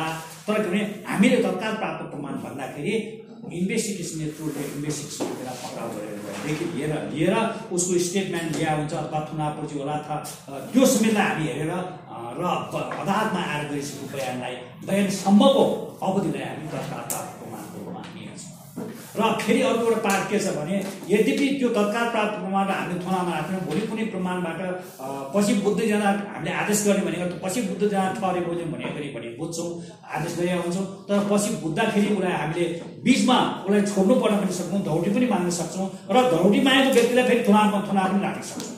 तर पहिले के थियो भने एउटा एउटा पिरियडसम्म हामीले मुद्दा चाहिँ अहिले पनि छ। ऐनको व्यवस्था त्यो मैले एक्ज्याक्टली त्यो व्यवस्था टिप्न टिपेको थिएँ है। त्यो व्यवस्था छ। जस्तो किसिमले कस्तो भनेदेखि राख्यो हामीले इन इन टाइममा हामीले मुद्दा छिन्नौँ भनेपछि ध त्यसलाई धौटीमा छोड्न सकिने। धौटीमा राखेरै तपाईँको तारिखमा राखेर छोड्न सक्ने व्यवस्था अहिले पनि छ। त्यसलाई इम्प्लिमेन्टेसन गर्ने कि नगर्ने भन्ने कुरा हुन्छ हेर्नुहोस्। है त्यो अहिलेसम्म मैले एउटा अहिलेसम्म दिएको एकजना न्यायले प्रयोग गर्नु त्यो भाउ जाने हो। त्यो उसमा के अरे सप्तरी बुझ्नु नि त्यही त्यही ऐन प्रयोग गर्नुभयो तर कानुनमा पनि उहाँले गरेको ठिक थियो तर के भने अब हुन त त्यो कानुनमा के छ भने गर्न सक्ने भन्ने व्यवस्था भयो। सक्ने भन्ने बित्तिकै त्यो अब त्यहाँ गर्ने गर्नै पर्ने हुने अब एउटा कुरा हुँदा गर्न सक्ने भने हुन्छ त त्यो युज त उसले जजले युज गर्न पाउने राइट थियो। तथापि होइन उसको मोहन गिरी तपाईँ मोहन मेरो ब्याचको साथी हो हामी हो मोहन गिरी भन्ने हुनुहुन्थ्यो सप्तरीमा त्यस बेला हरिप्रसाद शर्मा हुनुहुन्थ्यो मुख्य न्यायाधीश। त्यस बेला उहाँको जागिरीको अब कानुन गर्दाखेरि पनि उहाँले कुनै ऊ छैन तर लिगल्ली उहाँ उहाँ चाहिँ राइट हुनुहुन्छ तर पनि उहाँको जागिरीको अनि यी सबै परिस्थिति व्यवहारिक घटनाहरू काम गर्दै जाँदाखेरि पर्ने समस्याहरू होइन छन्। त्यस कारणले गर्दा अब गर्नुपर्छ। र मैले अर्को एउटा पार्ट के भने हामीले जब क्रिमिनल लिगल सिस्टमलाई यदि हामीले ट्र्याकमा ल्याउने हो र राम्रो किसिमको एउटा देशभित्र एउटा सिस्टम लिगल सिस्टमलाई डेभलप गर्ने हो भने सबैभन्दा पहिले मलाई के लाग्छ भने इन्भेस्टिगेसन एथोरिटी र पीडितहरू अथवा नागरिक समाज त्यसपछि गएर त्यसका डिफेन्डर वकिलहरू पब्लिक प्रोसिक्युटर र अदालत सबैले आफ्नो क्षेत्रबाट स्वच्छ र निष्पक्ष रूपमा काम गर्ने हो भने स्वच्छ र निष्पक्ष भने न्यायले मात्र गर्नुपर्छ भन्ने होइन। सबै नागरिकले गर्न सकिने अवस्था भयो भने सबैले आफ्नो ठाउँबाट गर्ने हो भनेपछि पनि यसले चाहिँ के अरे उ गर्छ। त्यो साथमा स्वच्छ रूपले अनुसन्धान गरिदिनु पर्यो। ठुलो ठुलो दाबी मात्र लिएर हुने होइन। अहिले एउटा कुरो के छ भने जस्तो अहिले मैले एउटा अब वकिल साहब यहीँ हुनुहुन्छ उहाँहरूले ल्याउने भने मैले म यो कुरा म जहिले पनि भन्ने गर्छु। जस्तो अहिले अहिले के भने अब यो चार्जसिट लगाउँदाखेरि जुनसुकै दुईवटा मान्छे हुने दुईवटाभन्दा तिनवटा हुने बित्तिकै त्यो सङ्गठित अपराध भन्ने दाबी आइहाल्छ। त्यही भने।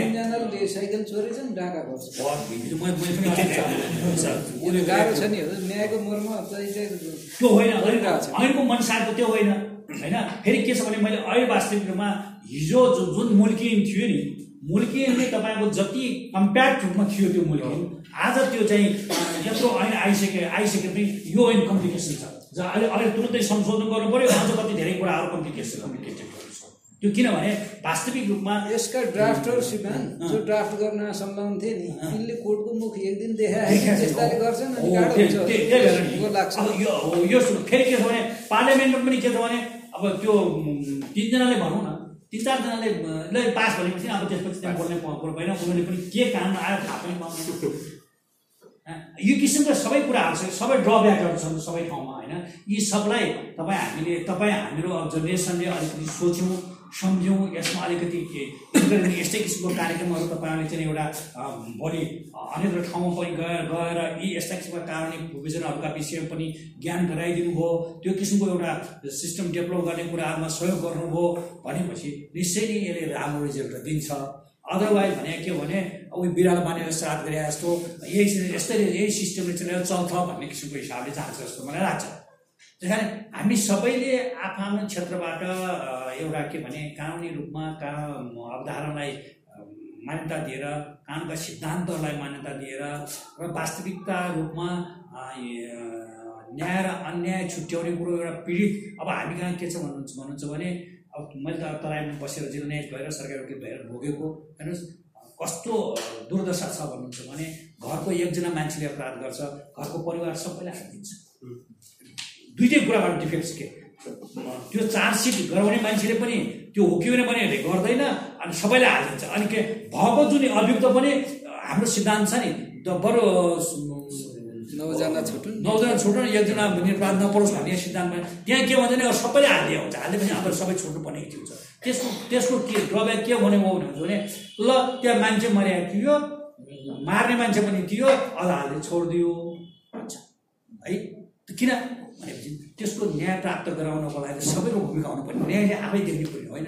अब तपाईँ भन्नुहोस् न मेरै छोरीलाई मैले कसैले केही गर्यो अथवा तपाईँको छोरालाई कसैले केही गरिरहेको छ तपाईँको छोरालाई कसैले मारेको छ भने तपाईँ आएर अदालतमा आएर भ्रष्टले हुनुहुन्छ भने अब म त के गर्न सक्ने भन्नुहोस् त।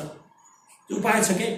हुनसक्छ। हामी तै पनि ने नेप्लिस कोर्टले त अझ के गरिरहेको छ भन्नुहुन्छ भने भन्नुहुन्छ भने त्यस्तो अवस्थामा पनि त्यो क्राइम भएको देखिन्छ उसले आएर होस् मैले नै गरेको छु कतिपय केसमा रेप केसमै मैले गरेको छु। अस्ति मात्र मैले गरेको छु। आफ्नै आफ्नै छोरीलाई बाबुले रेप गरेको छ। अब त्यस्तो अवस्थामा पनि छोरी आएर मैले त्यही भनेको छु? मैले के भने पहिले बाबुलाई यथार्थको धारामा उभिएर एफआइआर दिएको। अहिले बाबुको दया लागेर यसो होस्टाल हेर्दा पनि यो क्राइम भएको भन्ने हिसाबले रेपको हिसाबले इन्टरप्रिटेसन मजाले गर्न मिल्छ। होइन?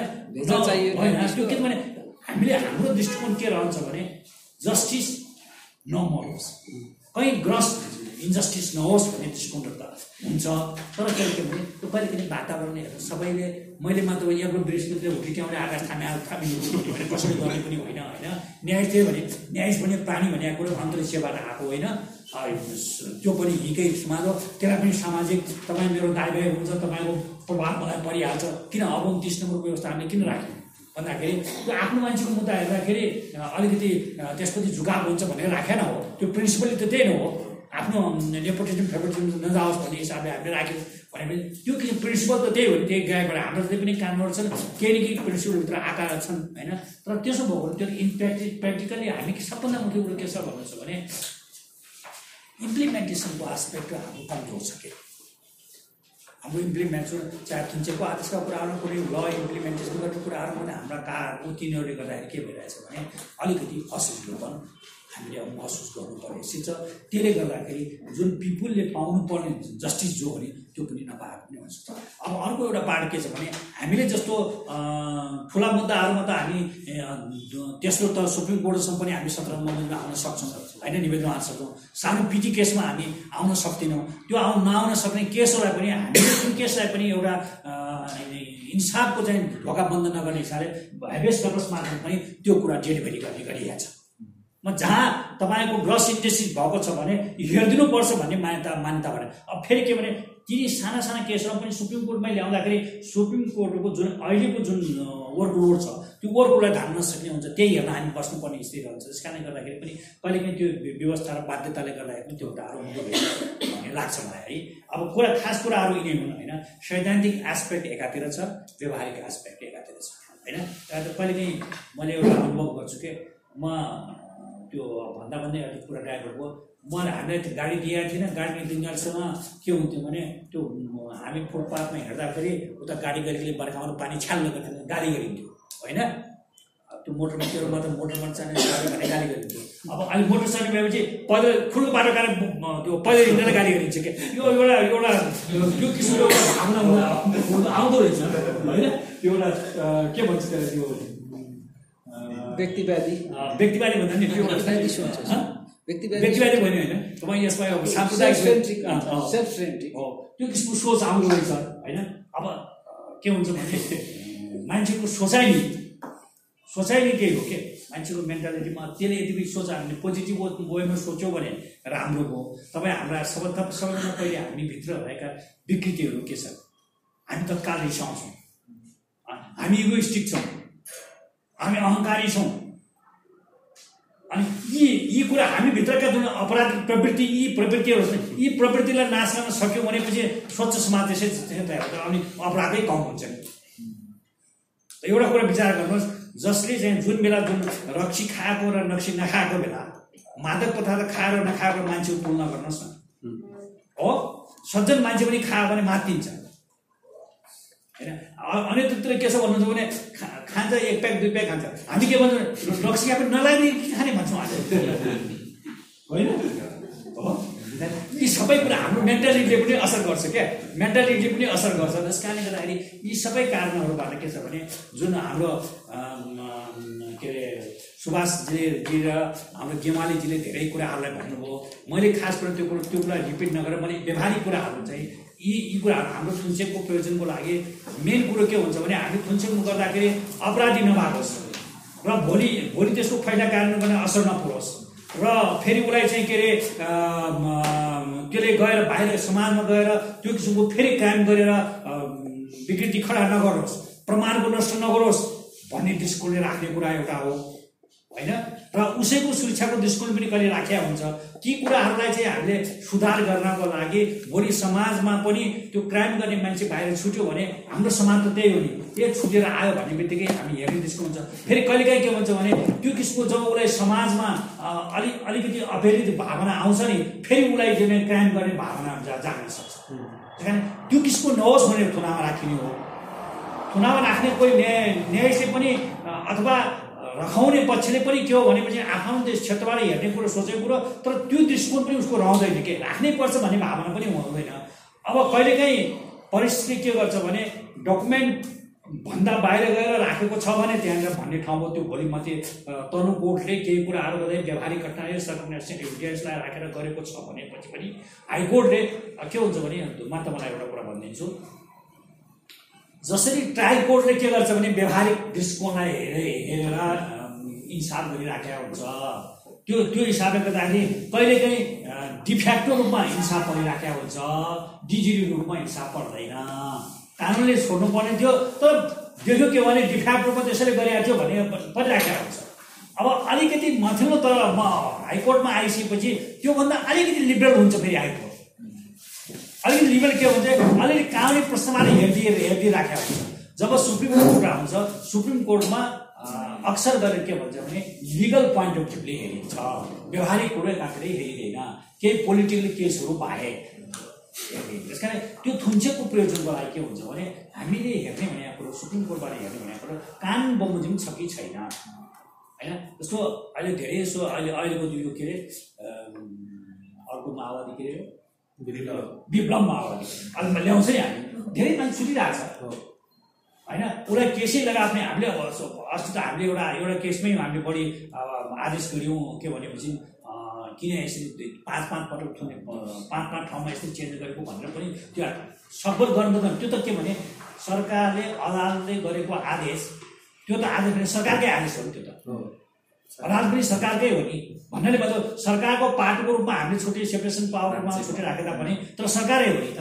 होइन राज्यको तिनवटा अङ्गमध्ये एउटै अङ्ग हो नि। एउटा अङ्गले गरेको आदेश अर्को अङ्गले पालना नगर्ने त्यो इगोइस्टिक भएर मैले गरेका काम रोकिदियो रोकिदियो भन्ने कुरो हुन्छ क्या। त्यहाँ कस्तो हुन्छ भन्नुहुन्छ भने त्यो सरकारले ल मैले गरेका काम। म सरकारी हुँदाखेरि म बर्दियामा सरकार हुँदै एउटा सिडिओले मलाई गाडी गर्यो उसले गरेको त्यो कालबजारी केस उसले हेर्न नहुने हेरेर छिन्याएको थियो। मैले अपिल गरेँ। मैले अपिल गरेँ उल्टेर। ऊ मलाई बोलाएर के तैँले मेरो विरुद्ध अपिल गरिस् भन्छ। संस्कार। त्यसकारण यो हेर- हेर्ने हाम्रो एउटा प्रवृत्ति हुन्छ त्यस्तै मलाई एउटा नेपालगञ्जमा म अञ्चल वकिल हुँदाखेरि मेरै जिल्लाको एउटा मान्य सदस्य राष्ट्रिय पञ्चायत सदस्य हुनुहुन्थ्यो उहाँ। उहाँको केस एउटा सार्वजनिक अपराध केस थियो सिडिओले उहाँलाई सजाय गरिदिएको थियो गएपछि मैले मैले त सरकारको तर्फबाट पे गर्नु पऱ्यो नि त। म सरकारी हो नि। मैले पे गरेँ उनी बेन्चमै बसिरहेको थिएँ। मैले भने अब यो फैसला त सदर हुनुपर्छ भन्नु त भन्नु पऱ्यो नि। भन्दाखेरि पछि उहाँ मुद्दा त मैले उ गरेँ। पछि त बाहिर आएर ए त त मेरो पुरै दुश्मन रहेछ मलाई त उनीहरू त्यही ठिक गरेर भने हेर्ने दृष्टिकोण भने मन भन्नु खोजेको कुरो के हो भने मान्छेमा हेर्ने दृष्टिकोण त्यसरी आउँछ। त्यस कारणले गर्दाखेरि थुन्चेक होस् अ, थुन्चेकको प्रयोजनै के हो भन्नुहुन्छ भने हामीले सम्भवत हामीले बेलको सिस्टमलाई अहिले वास्तवमा बेलेबल र नन बेलेबल भन्ने कुरा अहिले हामी कहाँ त्यस्तो किसिमको रीतिले एक्ज्याक्टली छुट्याएको छैन थिएन होइन। र अहिले अलिकति केही कुराहरू हामी यसमा सुधार गर्दैछौँ। र कोर्टले पनि सकभर मान्छेलाई थुनामै राख्ने एटिच्युड राख्या पनि हुँदैन। त्यो नराखी नराउने कानुनले नै राख्नुपर्ने पार्लियामेन्टले कानुन बनाइदिएर parliament intention of the legislation के हो? त्यो कुरा त हेर्नु पऱ्यो नि त। हामीले का इम्प्लिमेन्ट हामी पनि कामभन्दा बाहिर गएर गऱ्यौँ भनेपछि पनि हामीलाई पनि एउटा अन्तर आत्माले भोलि कारवाही हुने कुरो छुट्टै हो। तर अन्तर आत्माले पनि तपाईँको के हुन्छ भने जानेर गल्ती हुन्छ नि। कानुनलाई तोडिया हुन्छ अनि हामीलाई के हुन्छ भने आत्मसन्तुष्टि हुँदैन। किन भन्नु नि भने वास्तवमा ओहो यहाँनिर मैले गल्ती गरेँ गल्ती फिल फिल हुन्छ नि। कहाँ कहीँ गल्ती गरेँ कि भन्ने हुन्छ। कारण त्यो चाहिँ इम्प्लिमेन्टेसन त गर्नुपर्ने कानुनको पालना गर्नुपर्ने त्यस कारण त्यस कारण पार्लियामेन्ट नि त्यस्तो किसिमको कानुन बनाएर केही यस्तो बाध्यकारी अवस्था व्यवस्था गरिदिया हुन्छ जहाँ कि हामीले राख्नै पर्ने स्थिति रहन्छ। जहाँ डिस्क्रिसनरी पावर हुन्छ कोर्टले लिबरली हेरिदिएर म्याक्सिमम् सजाय धेरै कम रियल न्याय सडक गर्छ त्यो थुनामै राख्ने भनेको कुरो के हुनुहुन्छ भने एकदमै नराखी रा नराख्नु पर्ने स्थिति पऱ्यो भने मात्र राख्न ज्यान के छ नराख्नु भएन होइन? तर के भने पहिले के थियो भन्नुहुन्छ भने दुई हजार त्रिचालिस सालभन्दा अगाडि यो ऐनमा जो जस्तो त्यसको त्यो सर्जिमिन बग्ने मान्छेहरूको त्यो सङ्ख्याको आधारमा त्यहाँ गरियो जो तपाईँको यो अपराधी हो भन्ने कुरा भन्ने भन्दा अपराधी होइन भन्ने धेरै भयो भने त्यसको आधारमा थुन्छ भन्ने व्यवस्था थियो पहिले। त्रिचालिस सालभन्दा अगाडि त्रिचालिस सालमा यो मुलुक ऐनमा सं एक सय अठारमा त संशोधन आइसकेपछि अनि त्यसपछि अनि बल्ल तत्काल प्राप्त प्रभाव वसुदार देखिने वा अ, वसुदार हो भन्ने मनासिब आधार भन्ने कुरा त्यसपछि त्रिचालिस सालदेखिमा चाहिँ थपियो होइन त्यो के भयो भने यो पार्लियामेन्टले त्यो ऐन ल्याउनुको मतलब त्यो गलत रहेछ। अब यो हिसाबले गर्दाखेरि अलिकति सहिलो हुन्छ भन्ने हिसाबले केही कुरा डिस्क्रिप्सन पावर कोर्टलाई पनि दिएर जजहरूलाई दिए दिइराखेको अब त्यसलाई कसरी इम्प्लिमेन्टेसन गर्ने भन्ने कुरा भन्ने कुरा त जजको माइन्डमा डिपेन्ड गर्ने भयो। हामीले जजलाई by coercion by undue influence हामी त्यो गर्न सक्दैनौँ। है? जस्तो मैले मैले जिल्ला न्यायालय मैले भन्दिनँ। सुप्रिम कोर्टको जजले जिल्ला न्यायालय प्रधान न्यायालय भन्नुहुन्न। होइन भने यो भन्ने कुरो पनि होइन। किनभने उसको फ्री अफ माइन्डले उसले काम गर्न पाउने। र मलाई एउटा अर्को एउटा पार्ट पनि के भन्न मन लागिरहेको छ भने जस्तो भाइहरूलाई जहाँनिर तपाईँको फ्री अफ माइन्डले काम गरिरहेको हुन्छ हिजो तपाईँको चाहिँ के अरे सिनारी बरु त के थियो भने हिजो बरु अलिकति सजिलो थियो जस्तो लाग्छ मलाई काम गर्नु। जजहरूले पब्लिक प्रोसिक्युटरहरूले को काम हामी बिना हस्तक्षेप हामी काम गर्थ्यौँ। तर अहिले के भने पोलिटिकल इन्फ्लुएन्स माने मलाई लाग्छ के फौजदारी केसमा धेरै हुन्छ। के भन्छ कस्तो छ भन्नुहुन्छ भने मेरो मान्छे पऱ्यो भने म के भन्छु भने छोडिदियो भन्छु। अर्को पऱ्यो अर्को मान्छे पऱ्यो भने त थुन्ने अब मित मितको टाउको बेल यसरी भन्छ क्या। बेल फुटेर फुट्ने त बेल हो नि त। भन्ने किसिमको एउटा सोच जुन मानसिकता जुन छ नि त्यसले गर्दाखेरि त्यसले काम गरिरहेको छ। त्यसलाई सबैभन्दा पहिले के हुन्छ भने हाम्रो मेन्टालिटीमा चेन्ज आउनु पऱ्यो सुधार हुनु पऱ्यो हामीले उम्, वास्तवमा न्युट्रल भएर कमसेकम पनि आग्रह पूर्वाग्रहबाट अभिप्रेत नभएर काम गर्ने वातावरण सृजना गर्न सक्यौँ भने जुनसुकै सेक्टरमा राज्यका अङ्गहरूले जुनसुकै सेक्टरमा पनि काम गर्न सक्छन्। अथवा हामी तपाईँ हामी नै यो उसमा काम गर्ने मान्छेहरू त्यसमा त्यसमा इन्भल्भमेन्ट भएर हामी गऱ्यौँ भने निश्चित त्यसबाट जतिसुकै तपाईँले राम्रो रिजल्ट खोज्न पाउनुहुन्न मेरो भनाइको मतलब यही हो। ल यू तपाईँहरूले कमसेकम यहाँ मलाई बोलाउनु भयो। तपाईँहरूले जस्तो हामीले अहिले पनि यही भने नि एउटा कुरा छुट्यो जस्तो अहिले सुप्रिम कोर्टले के व्यवस्था गरेको छ र प्रतिभाले कसो गर्दाको अवस्थामा परिस्थिति वार्ताको निजको भूमिका कसोबाट त्यसलाई हुन सक् गएको वा प्राप्त भएको फाइदा पीड पजारोलाई पर्नको क्षति सबै प्रतिवादीको आर्थिक हैसियत समेत ध्यानमा राखेर कामको आधारमा मेल खाने गरी अभियुक्तलाई पूर्वचिरा थुना राख्ने वा विवेक सम्मत हो कि मान्ने कुरा गरे। हामीले अदालतले यसै कुरा गरेको छ। सबै कुरालाई हेरिन्छ। उसको चाहिँ आर्थिक हैसियत अब एउटा एउटा कुरो मापदण्ड के छ? हुन त त्यो हामी बयानमा बनाउँछौँ मापदण्ड बनाउँछौँ नि। तिम्रो सम्पत्ति कति छ कतिजना छौ कति चाहिँ पाउँछौ भने त्यही त्यही आधारमा खोल्या हो है? तर नेपालहरूसँग त मिल्दैन। किन मिल्दैन भन्नुहुन्छ भने प्रशस्त जग्गा धनी छ बाबु चाहिँ छोरो चाहिँ त्यो सुकुम्बासी भएर सुकुम्बासी बसिरहेको किन त्यो सुकुम्बासीको जग्गा पाउनु अब त्यसले पनि हामी हामी कहाँ एउटा हाम्रो त्यो एउटा सिस्टम जो जो एउटा प्रोपर्टीको सिस्टमलाई हामीले एउटै उसभित्र डालोभित्र ल्याउन सकिरहेको छ। भने यी कुराहरू पनि कतिपय कुराहरूले हाम्रो परिस्थितिले पनि मेल खान नसक्ने हुन्छ। तर कोर्टले जहाँसम्म लाग्छ मलाई नेपाल नेप्लिस कोर्टले चाहिँ धेरै कुराहरूमा बोल्या छ। त्यो चाहिँ मात्र इम्प्लिमेन्टेसन मात्र भइदियो भनेपछि पनि अहिले भन्नुहोस् न हामीले अस्ति बाटो बनाउने भन्छ पै पैसा नदिएर अर्काउँछ लिने होइन? त्यो अवस्थामा पनि जस्तो तपाईँको जग्गा त होला प्रशस्त पछाडि जग्गा भएकोलाई त केही असर नपर्ला। त्यही एउटा मात्र घरलाई त अब असर गर्छ नानो हो नि त। त्यसलाई के दिनु पऱ्यो नि। अथवा राज्यले के गर्नु पऱ्यो भने अगाडि अब यो यो जग्गा मेरो थियो अब यो जग्गा मेरो बाटोमा गइसक्यो यो जग्गा त भाउ बढ्यो नि त।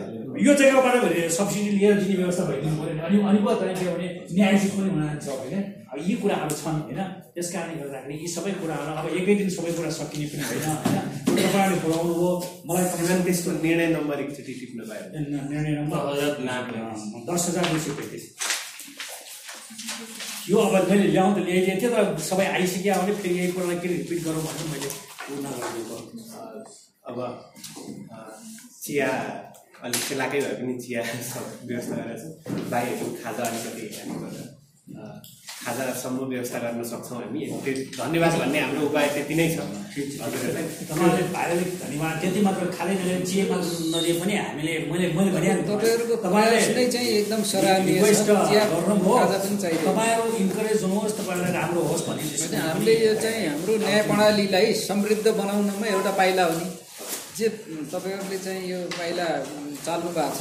त्यो नै आफैमा अब सराहनीय खै हाम्रो पालामा हामी यही यहीँ पढ्यौँ केही यस्तो हुँदैन थियो। है कमसेकम तपाईँहरू त उ गर्न पाउनु भएको छ नि अब यस्तो हामी यस्तो अहिले म म चाहिँ किसानको छोरो भएर मैले पढेँ। होइन म त्यो मेरो फर्स्ट प्लेस जाजरकोट हो। जहाँ कि अहिलेसम्म पनि म त्यो जिल्लाको फर्स्ट ग्याजेट अफिसर हो। दुई हजार अडतिस सालमा मैले होइन त्यो ठाउँबाट दुर्गमबाट आयो यहाँसम्म पुग्यो हामीलाई यहाँ अब यही हो होइन? तर के तपाईँले त अपर्च्युनिटी पाउनु भएको छ अब मेरो छोरोले अब म किसानको छोरो भएर पढेँ मेरो छोरो न्यायको छोरो भएर पढ्यो होइन? फरक त्यो हो नि त होइन? त्यस कारणले अब त्यही अनुसारको त्यो वृद्धि हुनु पऱ्यो क्या। किसानको छोरोले पढेको र न्यायको छोरोले पढेकोमा त्यो स्तर वृद्धि त हुनु पऱ्यो नि। श्रीमान यो चिया खाजा हुँदै गर्दा एक दुईवटा प्रश्नहरू मैले टिपिएको थिएँ मैले आएकाहरू त्यो मलाई धेरै त श्रीमान र सरहरूले भन्दैखेरि आइसकेको छ। तैपनि एक दुईवटा कुराहरू छ। एउटा कुरा चाहिँ जस्तो अ, थुन्चेकको बहस हुँदै गर्दा के कुरा नजिर हुने त त्रिहत्तर नम्बर सत्र नम्बरको रोमा सर्वोच्चले बोलेको कुरा मात्रै नजिर हुने कि अन्तिम फैसलाका चिजहरू पनि नजिर लिने किनकि त्यहाँ त प्रमाणको मूल्याङ्कन त अलग तरिकाले भइसकेको हुन्छ। होइन त्यो एउटा कुरा। अर्को यो तत्काल प्राप्त प्रमाणको कुरा त आइसक्यो। हाम्रोमा त जाहेरी जोसुकैले जुनैसुकै उनाउ नाममा दिए भयो। उनाउ व्यक्तिको नाममा जाहेरी दिए भयो अनि सुनि जान्ने मात्रै हुन्छ हाम्रा साक्षी मौका बुझेका सबै। त्यतिका आधारमा भइरहेको हुन्छ अनि अर्को मैले एउटा थाहा पाएको कुरो यो अदालती प्रक्रिया हेर्दै जाँदा जस्तो एउटा अभियुक्तको पक्षबाट चाहिँ सत्र नम्बर त्रिहत्तर नम्बरमा गएमा चाहिँ सरकारलाई बोलाएर सुनवाई भएर आदेश हुने। सरकार अभियोजन पक्ष जाँदाखेरि चाहिँ उता जानकारी नै नहुने ऊ मान्छे पहिला धरोटी बुझाएर घरमा बसिरहेको छ अनि उच्चमा त्रिहत्तर नम्बरको निवेदनको सुनवाई भयो। उच्चले थुन्नुपर्ने भन्दै विपक्षलाई थुनामा पठाउने भयो। ऊ घरमै थियो गएर पुलिसले जाउँ तेरो त सुनवाई भइसक्यो घर त जेल त्यो त्यो कतिको होइन फेरि ट्रायल भयो कि भएन भन्ने कुरा। अनि अर्को कुरा अघि नै आइसक्यो प्रतिपक्षलाई थुनामा पठाएको व्यक्ति पछि निर्देश हुँदा के हुने भन्ने कुरा थियो। अनि त्यस्तो सरकारी अभियोजन पक्षले चाहिँ त्रिहत्तर नम्बरमा पहिला त बाटै बन्द थियो अहिले त पक्ष भनेपछि बाटो त खुलो होइन। तर बाटो खुलेपछि पनि के केमा जाने भन्ने कुरा। जस्तो साधारण तारिकमा छोडेका कुरामा जानु कतिको उचित हो? होइन लिबर्टीको कुरा गऱ्यौँ नि त हामीले त अघि होइन। अदालतले साधारण तारिकमा हुन्छ सबै कुरामा त त्यो हेर्न नसकिएला।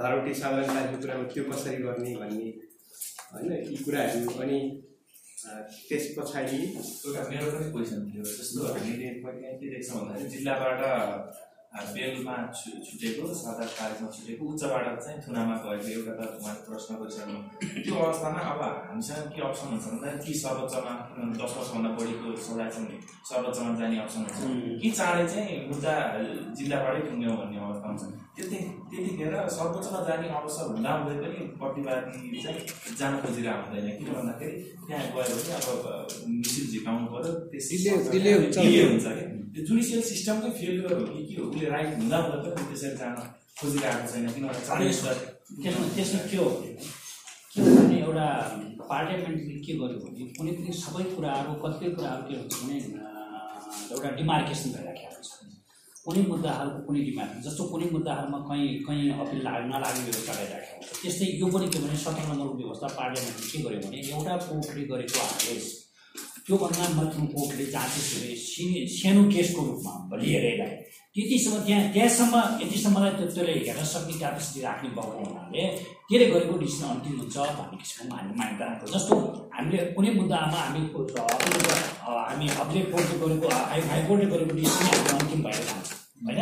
अन्तिम भएर जाने भएको अलिकति सुप्रिम कोर्टले आउनु कुरो निसाको रूपमा मात्र आउँछ त्यो ऊ अपिलेट राइटले राख्दैन। भनेपछि त्यस्तै ती त्यहाँसम्म आउने केसहरू केसहरूमा त्यही त्यही अदालतले त्यो अदालतसम्म आएर उसले उसको चाहिँ आदेश जाँच भइसकेको छ भने त्योभन्दा माथि जान नपाउने भन्ने व्यवस्था गरे हो। है तर पनि तर पनि त्यसमा ग्रस इन्जस्टिस पऱ्यो कि भनेर पनि हामीले अर्को बाटो अल्टरनेट वेको रूपमा हामी यता रिटको रूपमा पनि हामी हेरिराखेका छौँ। त्यसलाई वास्तवमा अन्यथा भन्न सक्ने स्थिति रहँदैन। किनभने एउटा कानुनले व्यवस्था गरेका कुरा हामी चल्ने भनेको कुरा एकाडेमिक ल जस्टिस एकाडेमिक ल होइन? त्यहाँदेखि कानुनले केही तोक्यो भनेपछि अब त्योभन्दा कि त कानुन संशोधन अन्याय भयो भने पिपुललाई अन्याय भयो भने पिपुलको प्रतिनिधित्व गर्ने मान्छेहरूले पार्लियामेन्टमा ऐन बनाएर दिनु पऱ्यो अधिकार त्यो पनि त्यो हेर्ने कुरो भयो। तर हामीले पनि के भने नभए नपुग्ने छपाउँला होइन? तर के भने जब अहिले नै त्यो रेस्ट्रिक्सन लगाइरहेछ भने त्यो सिद्धि कुरो अब उहाँले एउटा जायज कुरो हामीले पनि उठाएको प्रश्न हो यो हामीले धेरै ठाउँमा पुनः नियुक्ति भएर गइसकेपछि यो कुरा हामीले उठाएका थियौँ। जस्तो सरकारी पक्षले के अरे विपक्षीले दियो भने सरकारी वकिललाई हामी झिकाउँछौँ र सरकारी पक्षले दिएकोमा हामी उसलाई नझिकाएर पनि गर्छौँ भन्ने कुरा अ, के भने एभाइलेबल त्यो अब जब हामी सत्र नम्बरको निवेदनमा पनि फेरि म्याच जारी गरेर फेरि थमाउने म्याच दिन थाल्यो भने त फेरि लेन्डी प्रोसेस जाने भयो। हो?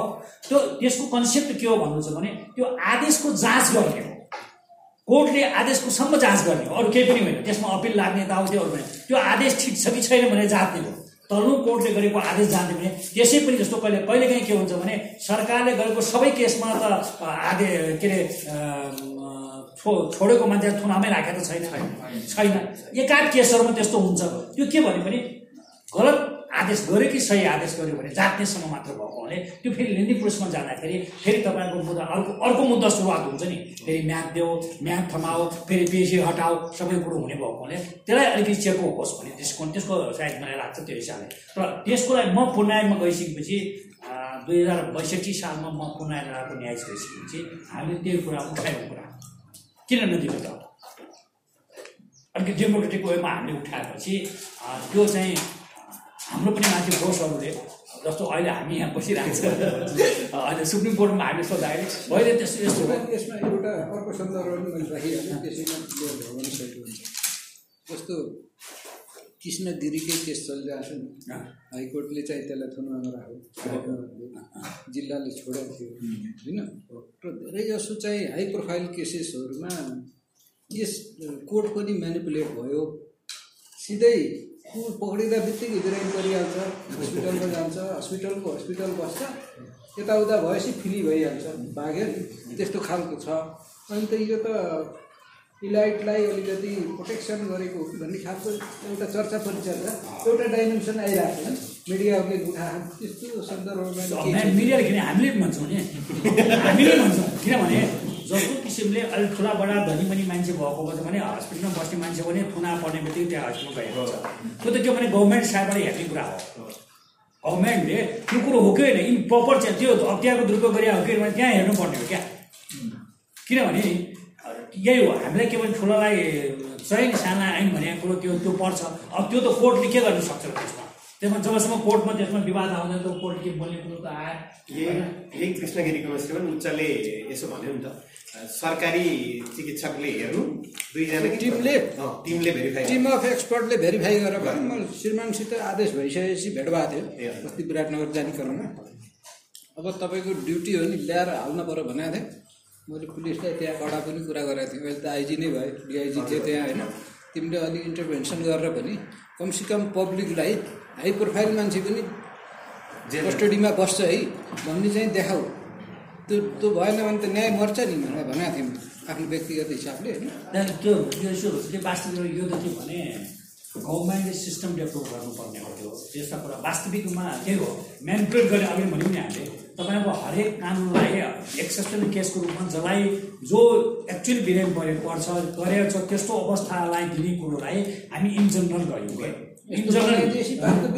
बिरामीले भोलि भोलि नपाउनु सक्ने स्थिति हुन्छ त्यस कारण यो कुरो के भने यो त के इम्प्लिमेन्टेसन कुरो के जो जहाँ त्यो कार्यान्वयन गर्ने सेक्टरमा बस्ने मान्छेहरूले ओगेरेको कुरो कारण यो यसमा चाहिँ फास्ट एन्ड कोर्टले पनि त्यसमा केही भन्ने कुरो भएन। कोर्टले के भने तिमीले यसो किन गरेको उसको नजरमा जब कुनै किसिमको ऊ आउँदैन अब हाम्रो जस्तो इन्डियाको जस्तो कुनै एउटा चिठीमा एउटा लेखिदिया भरमा हाम्रो कोर्टले ओपन गर्ने सिस्टम त हामीले डेभलप गर्न सकिरहेको छैन। सुरुवात त भयो नि ना, एउटा- एउटा- त्यो जनकपुरको डक्टरले त्यो गलत रिपोर्ट दिएको हुनाले दुई ठाउँमा जाँदा फरक आएपछि त्यहाँ आदेश त भयो नि। आदेश भयो। दुई ठाउँ गर्दा फरक फरक भयो त्यो त आदेश भयो। त्यो आउँदाखेरि त्यो त आउनु सुरुवात भयो अब गर्नुपर्छ सिधै त्यो गर्नलाई पनि के भने न्याय न्यायले पनि गर्दाखेरि त्यो किसिमको वातावरण भोलि गएर यसो गऱ्यो भनेर भोलि प्रोपोगान्डा भएर जस्तो तपाईँलाई भन्नुहोस् न तपाईँले गरिदिनुहुन्छ एउटा कुरा गर्नु तपाईँ मलाई कुनै किसिमको आक्षेप लगाएर कसरी प्रोटेक्ट गर्दैन। जस्तो अहिले भन्नुहोस् न र अहिले एउटा बिन्दु आइरहेको छ नि अब म यहाँ सब्सिट्युटहरू नबोल्नु त्यसमा। तर कुरो के भने नि कतिपय कुराहरू के छन् भन्नुहुन्छ भने जुन कुराहरू हामीले इम्प्लिमेन्टेसन गर्न कुरा आलोचना गर्ने कुराहरू पनि त्यसलाई मिडियाहरू पब्लिक समाजले एउटा एटिच्युड राखेर एउटा आग्रह पूर्वाग्रह प्रवृत्त भावना राखेर त्यसलाई एउटा एउटा प्रोपोगान्डामा राखिदिन्छ के? अनि त्यसले गर्दाखेरि के भन्छ भने कसैले गर्ने राम्रो किसिमको कामको सुरुवात गर्नेलाई पनि ब्याक हुनुपर्ने स्थिति आउँछ। क्रान्तिकीमा लेखिहाल्छ कसरी लेख्छ भन्ने ठेका हुँदैन के अब जब जस्तो लेख्यो भने के हुन्छ कसै कसैले लेखिदियो भने के हुन्छ भन्नुहुन्छ भने गाउँघरमा घरमा पढ्छ नि पत्रिकाहरू पढ्छ नि बाबु आफ्नो परिवार सन्तानले अरू केही छोड्नु अरू परिवारले ए मेरो मान्छेले त यस्तो पो गरेछ अरे। उसले माइन्ड माइन्ड त्यसरी सेटअप गरेर बसिरहेको हुन्छ। होइन? त्यसले हाम्रो प्रवृत्ति त्यो छ नि। त्यस कारण त्यसले पनि असर गराएको हुन्छ। गर्न त अब किनभने नेपाली संस्कृतिले चाहिँ प्रोएक्टिभ रोल नखेल्या पनि होइन खेल्या पनि छ। अब त्यो खेलेर मात्र भएन कागजमा खेलेर भएन। अब त्यो त्यसलाई चाहिँ इम्प्लिमेन्टेसनको एक्टमा सबभन्दा पहिलो म त के भन्छु भने गभर्मेन्टले नि त्यो स्कुलको गर्नुपर्छ। गभर्मेन्ट मलाई एउटा बिटर अनुभव भन्छु मैले नि गरेको आदेश हो। त्यो खड्का आइनको अब उसले हटाएको चाहिँ के भन्नुहुन्छ भने कानुन व्याख्या सम्बन्धी दुई हजार दसको दुई हजार दसको दफा दस अनुसार तर अर्को हेर्नुहोस् है। इन्टेन्सन के हो? मेरो मेरो आफ्नो बुझाइ। इन्टेन्सन के हो भने यो गलत तरिकाले दियो अदालतले थामिदिन्छ आउँछ ठिक छ फेरि भने हामीले त दिएको थियौँ अदालत थामिदिन्छ थाहा अदालत पनि दोस्रो थाहा भयो कुरो अहिले यहाँ कुरो के छ भने जति पनि लिगल पोइन्ट भ्यूबाट टेक्निकल्ली डिस्प्युट सेटलमेन्ट हुनु पर्थ्यो त्यो पोलिटिकली सेटलमेन्ट हुन जान्छ। जति पोलिटिकली सेटलमेन्ट हुने केसहरू हुने कोर्टमा कोर्टको फिल्डमा आउँछ। त्यसले गर्दा के भने यो दुष्कृति यसरी फैलिरहेको छ कि कुरो त्यो हो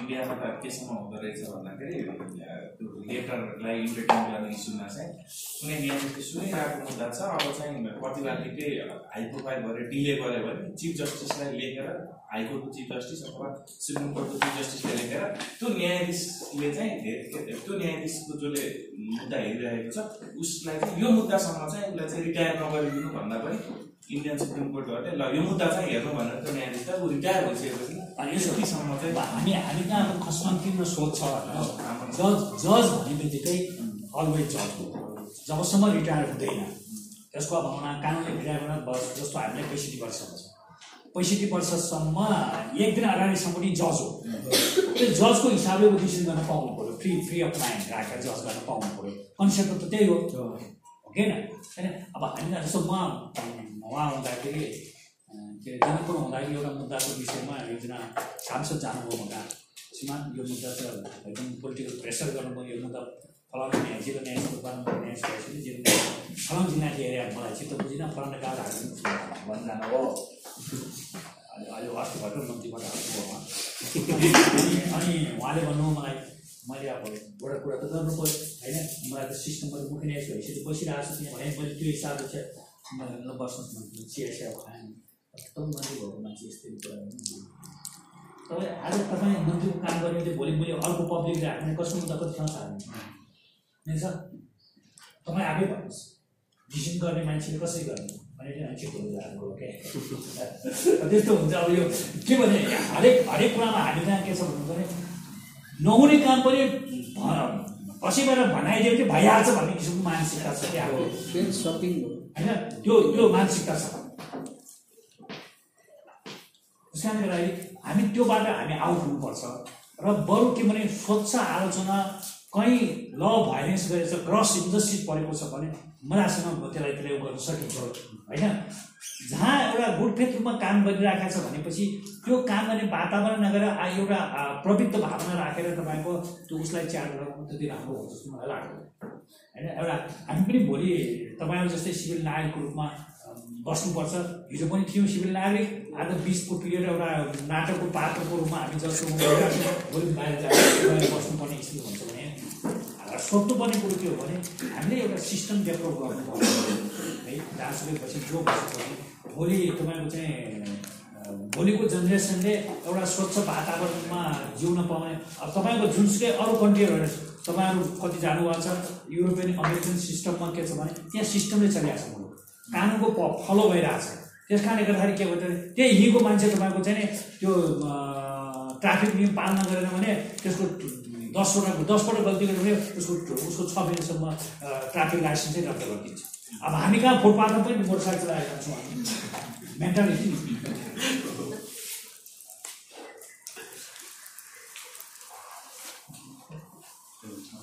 अनि के अरू त केही छ?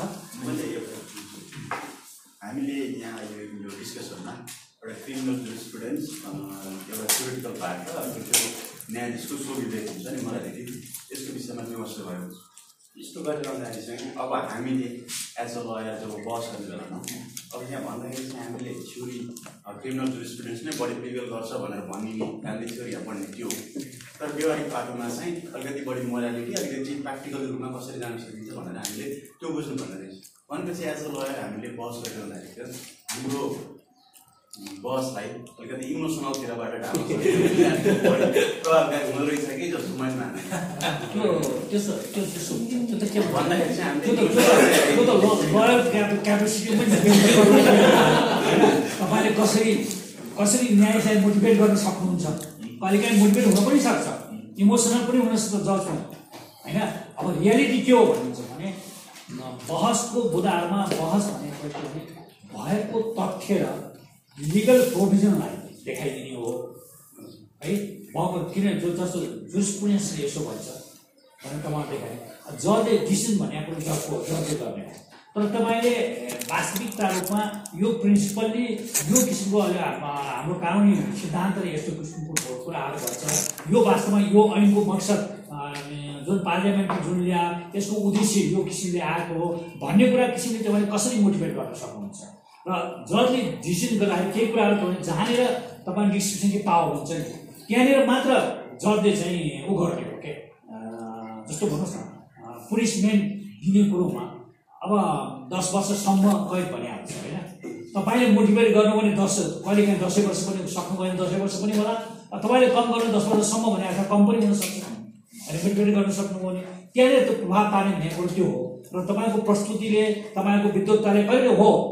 जस्तो जुन एडभोकेटले आफ्नो प्ली टक्क गरेर दि पोइन्ट राख्यो भने त्यहाँनिर जज पनि प्रभावित हुन सक्छ।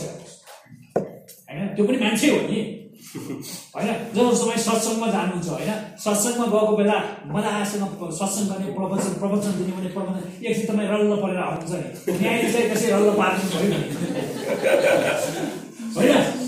त्यो धेरै प्रभाव पर्छ तर तर के भने त्यही मात्र तपाईँले अरू कुरा त्यो तथ्य र कामको भन्दा बाहिर गएर रल्ल पार्नु भने त्यो काम लागेन हेर्नुहोस्।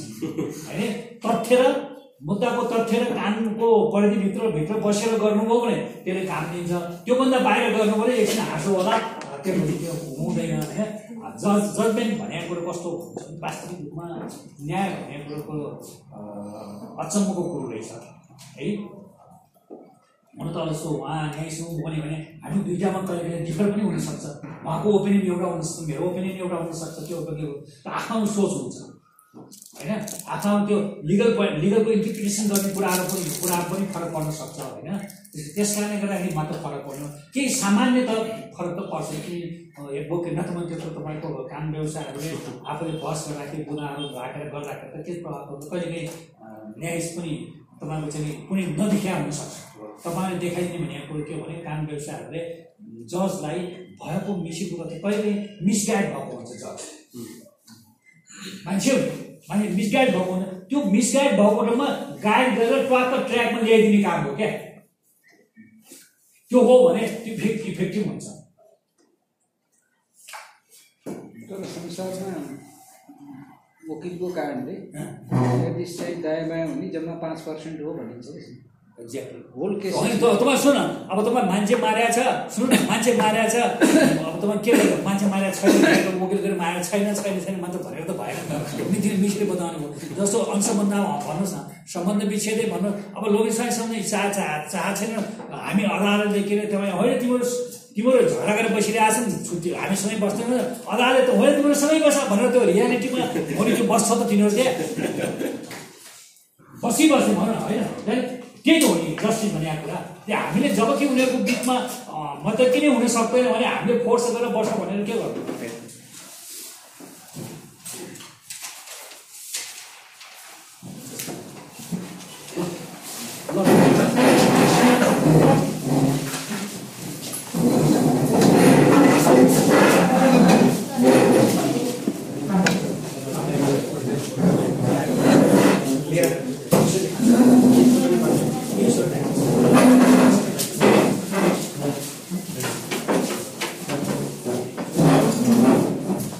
सर श्रीमानलाई हामीले श्रीमान हामीले बिदा गऱ्यौँ हजुर एकछिन पाँच दस मिनट अब हजुरको अमूल्य समयलाई विचार गर्नु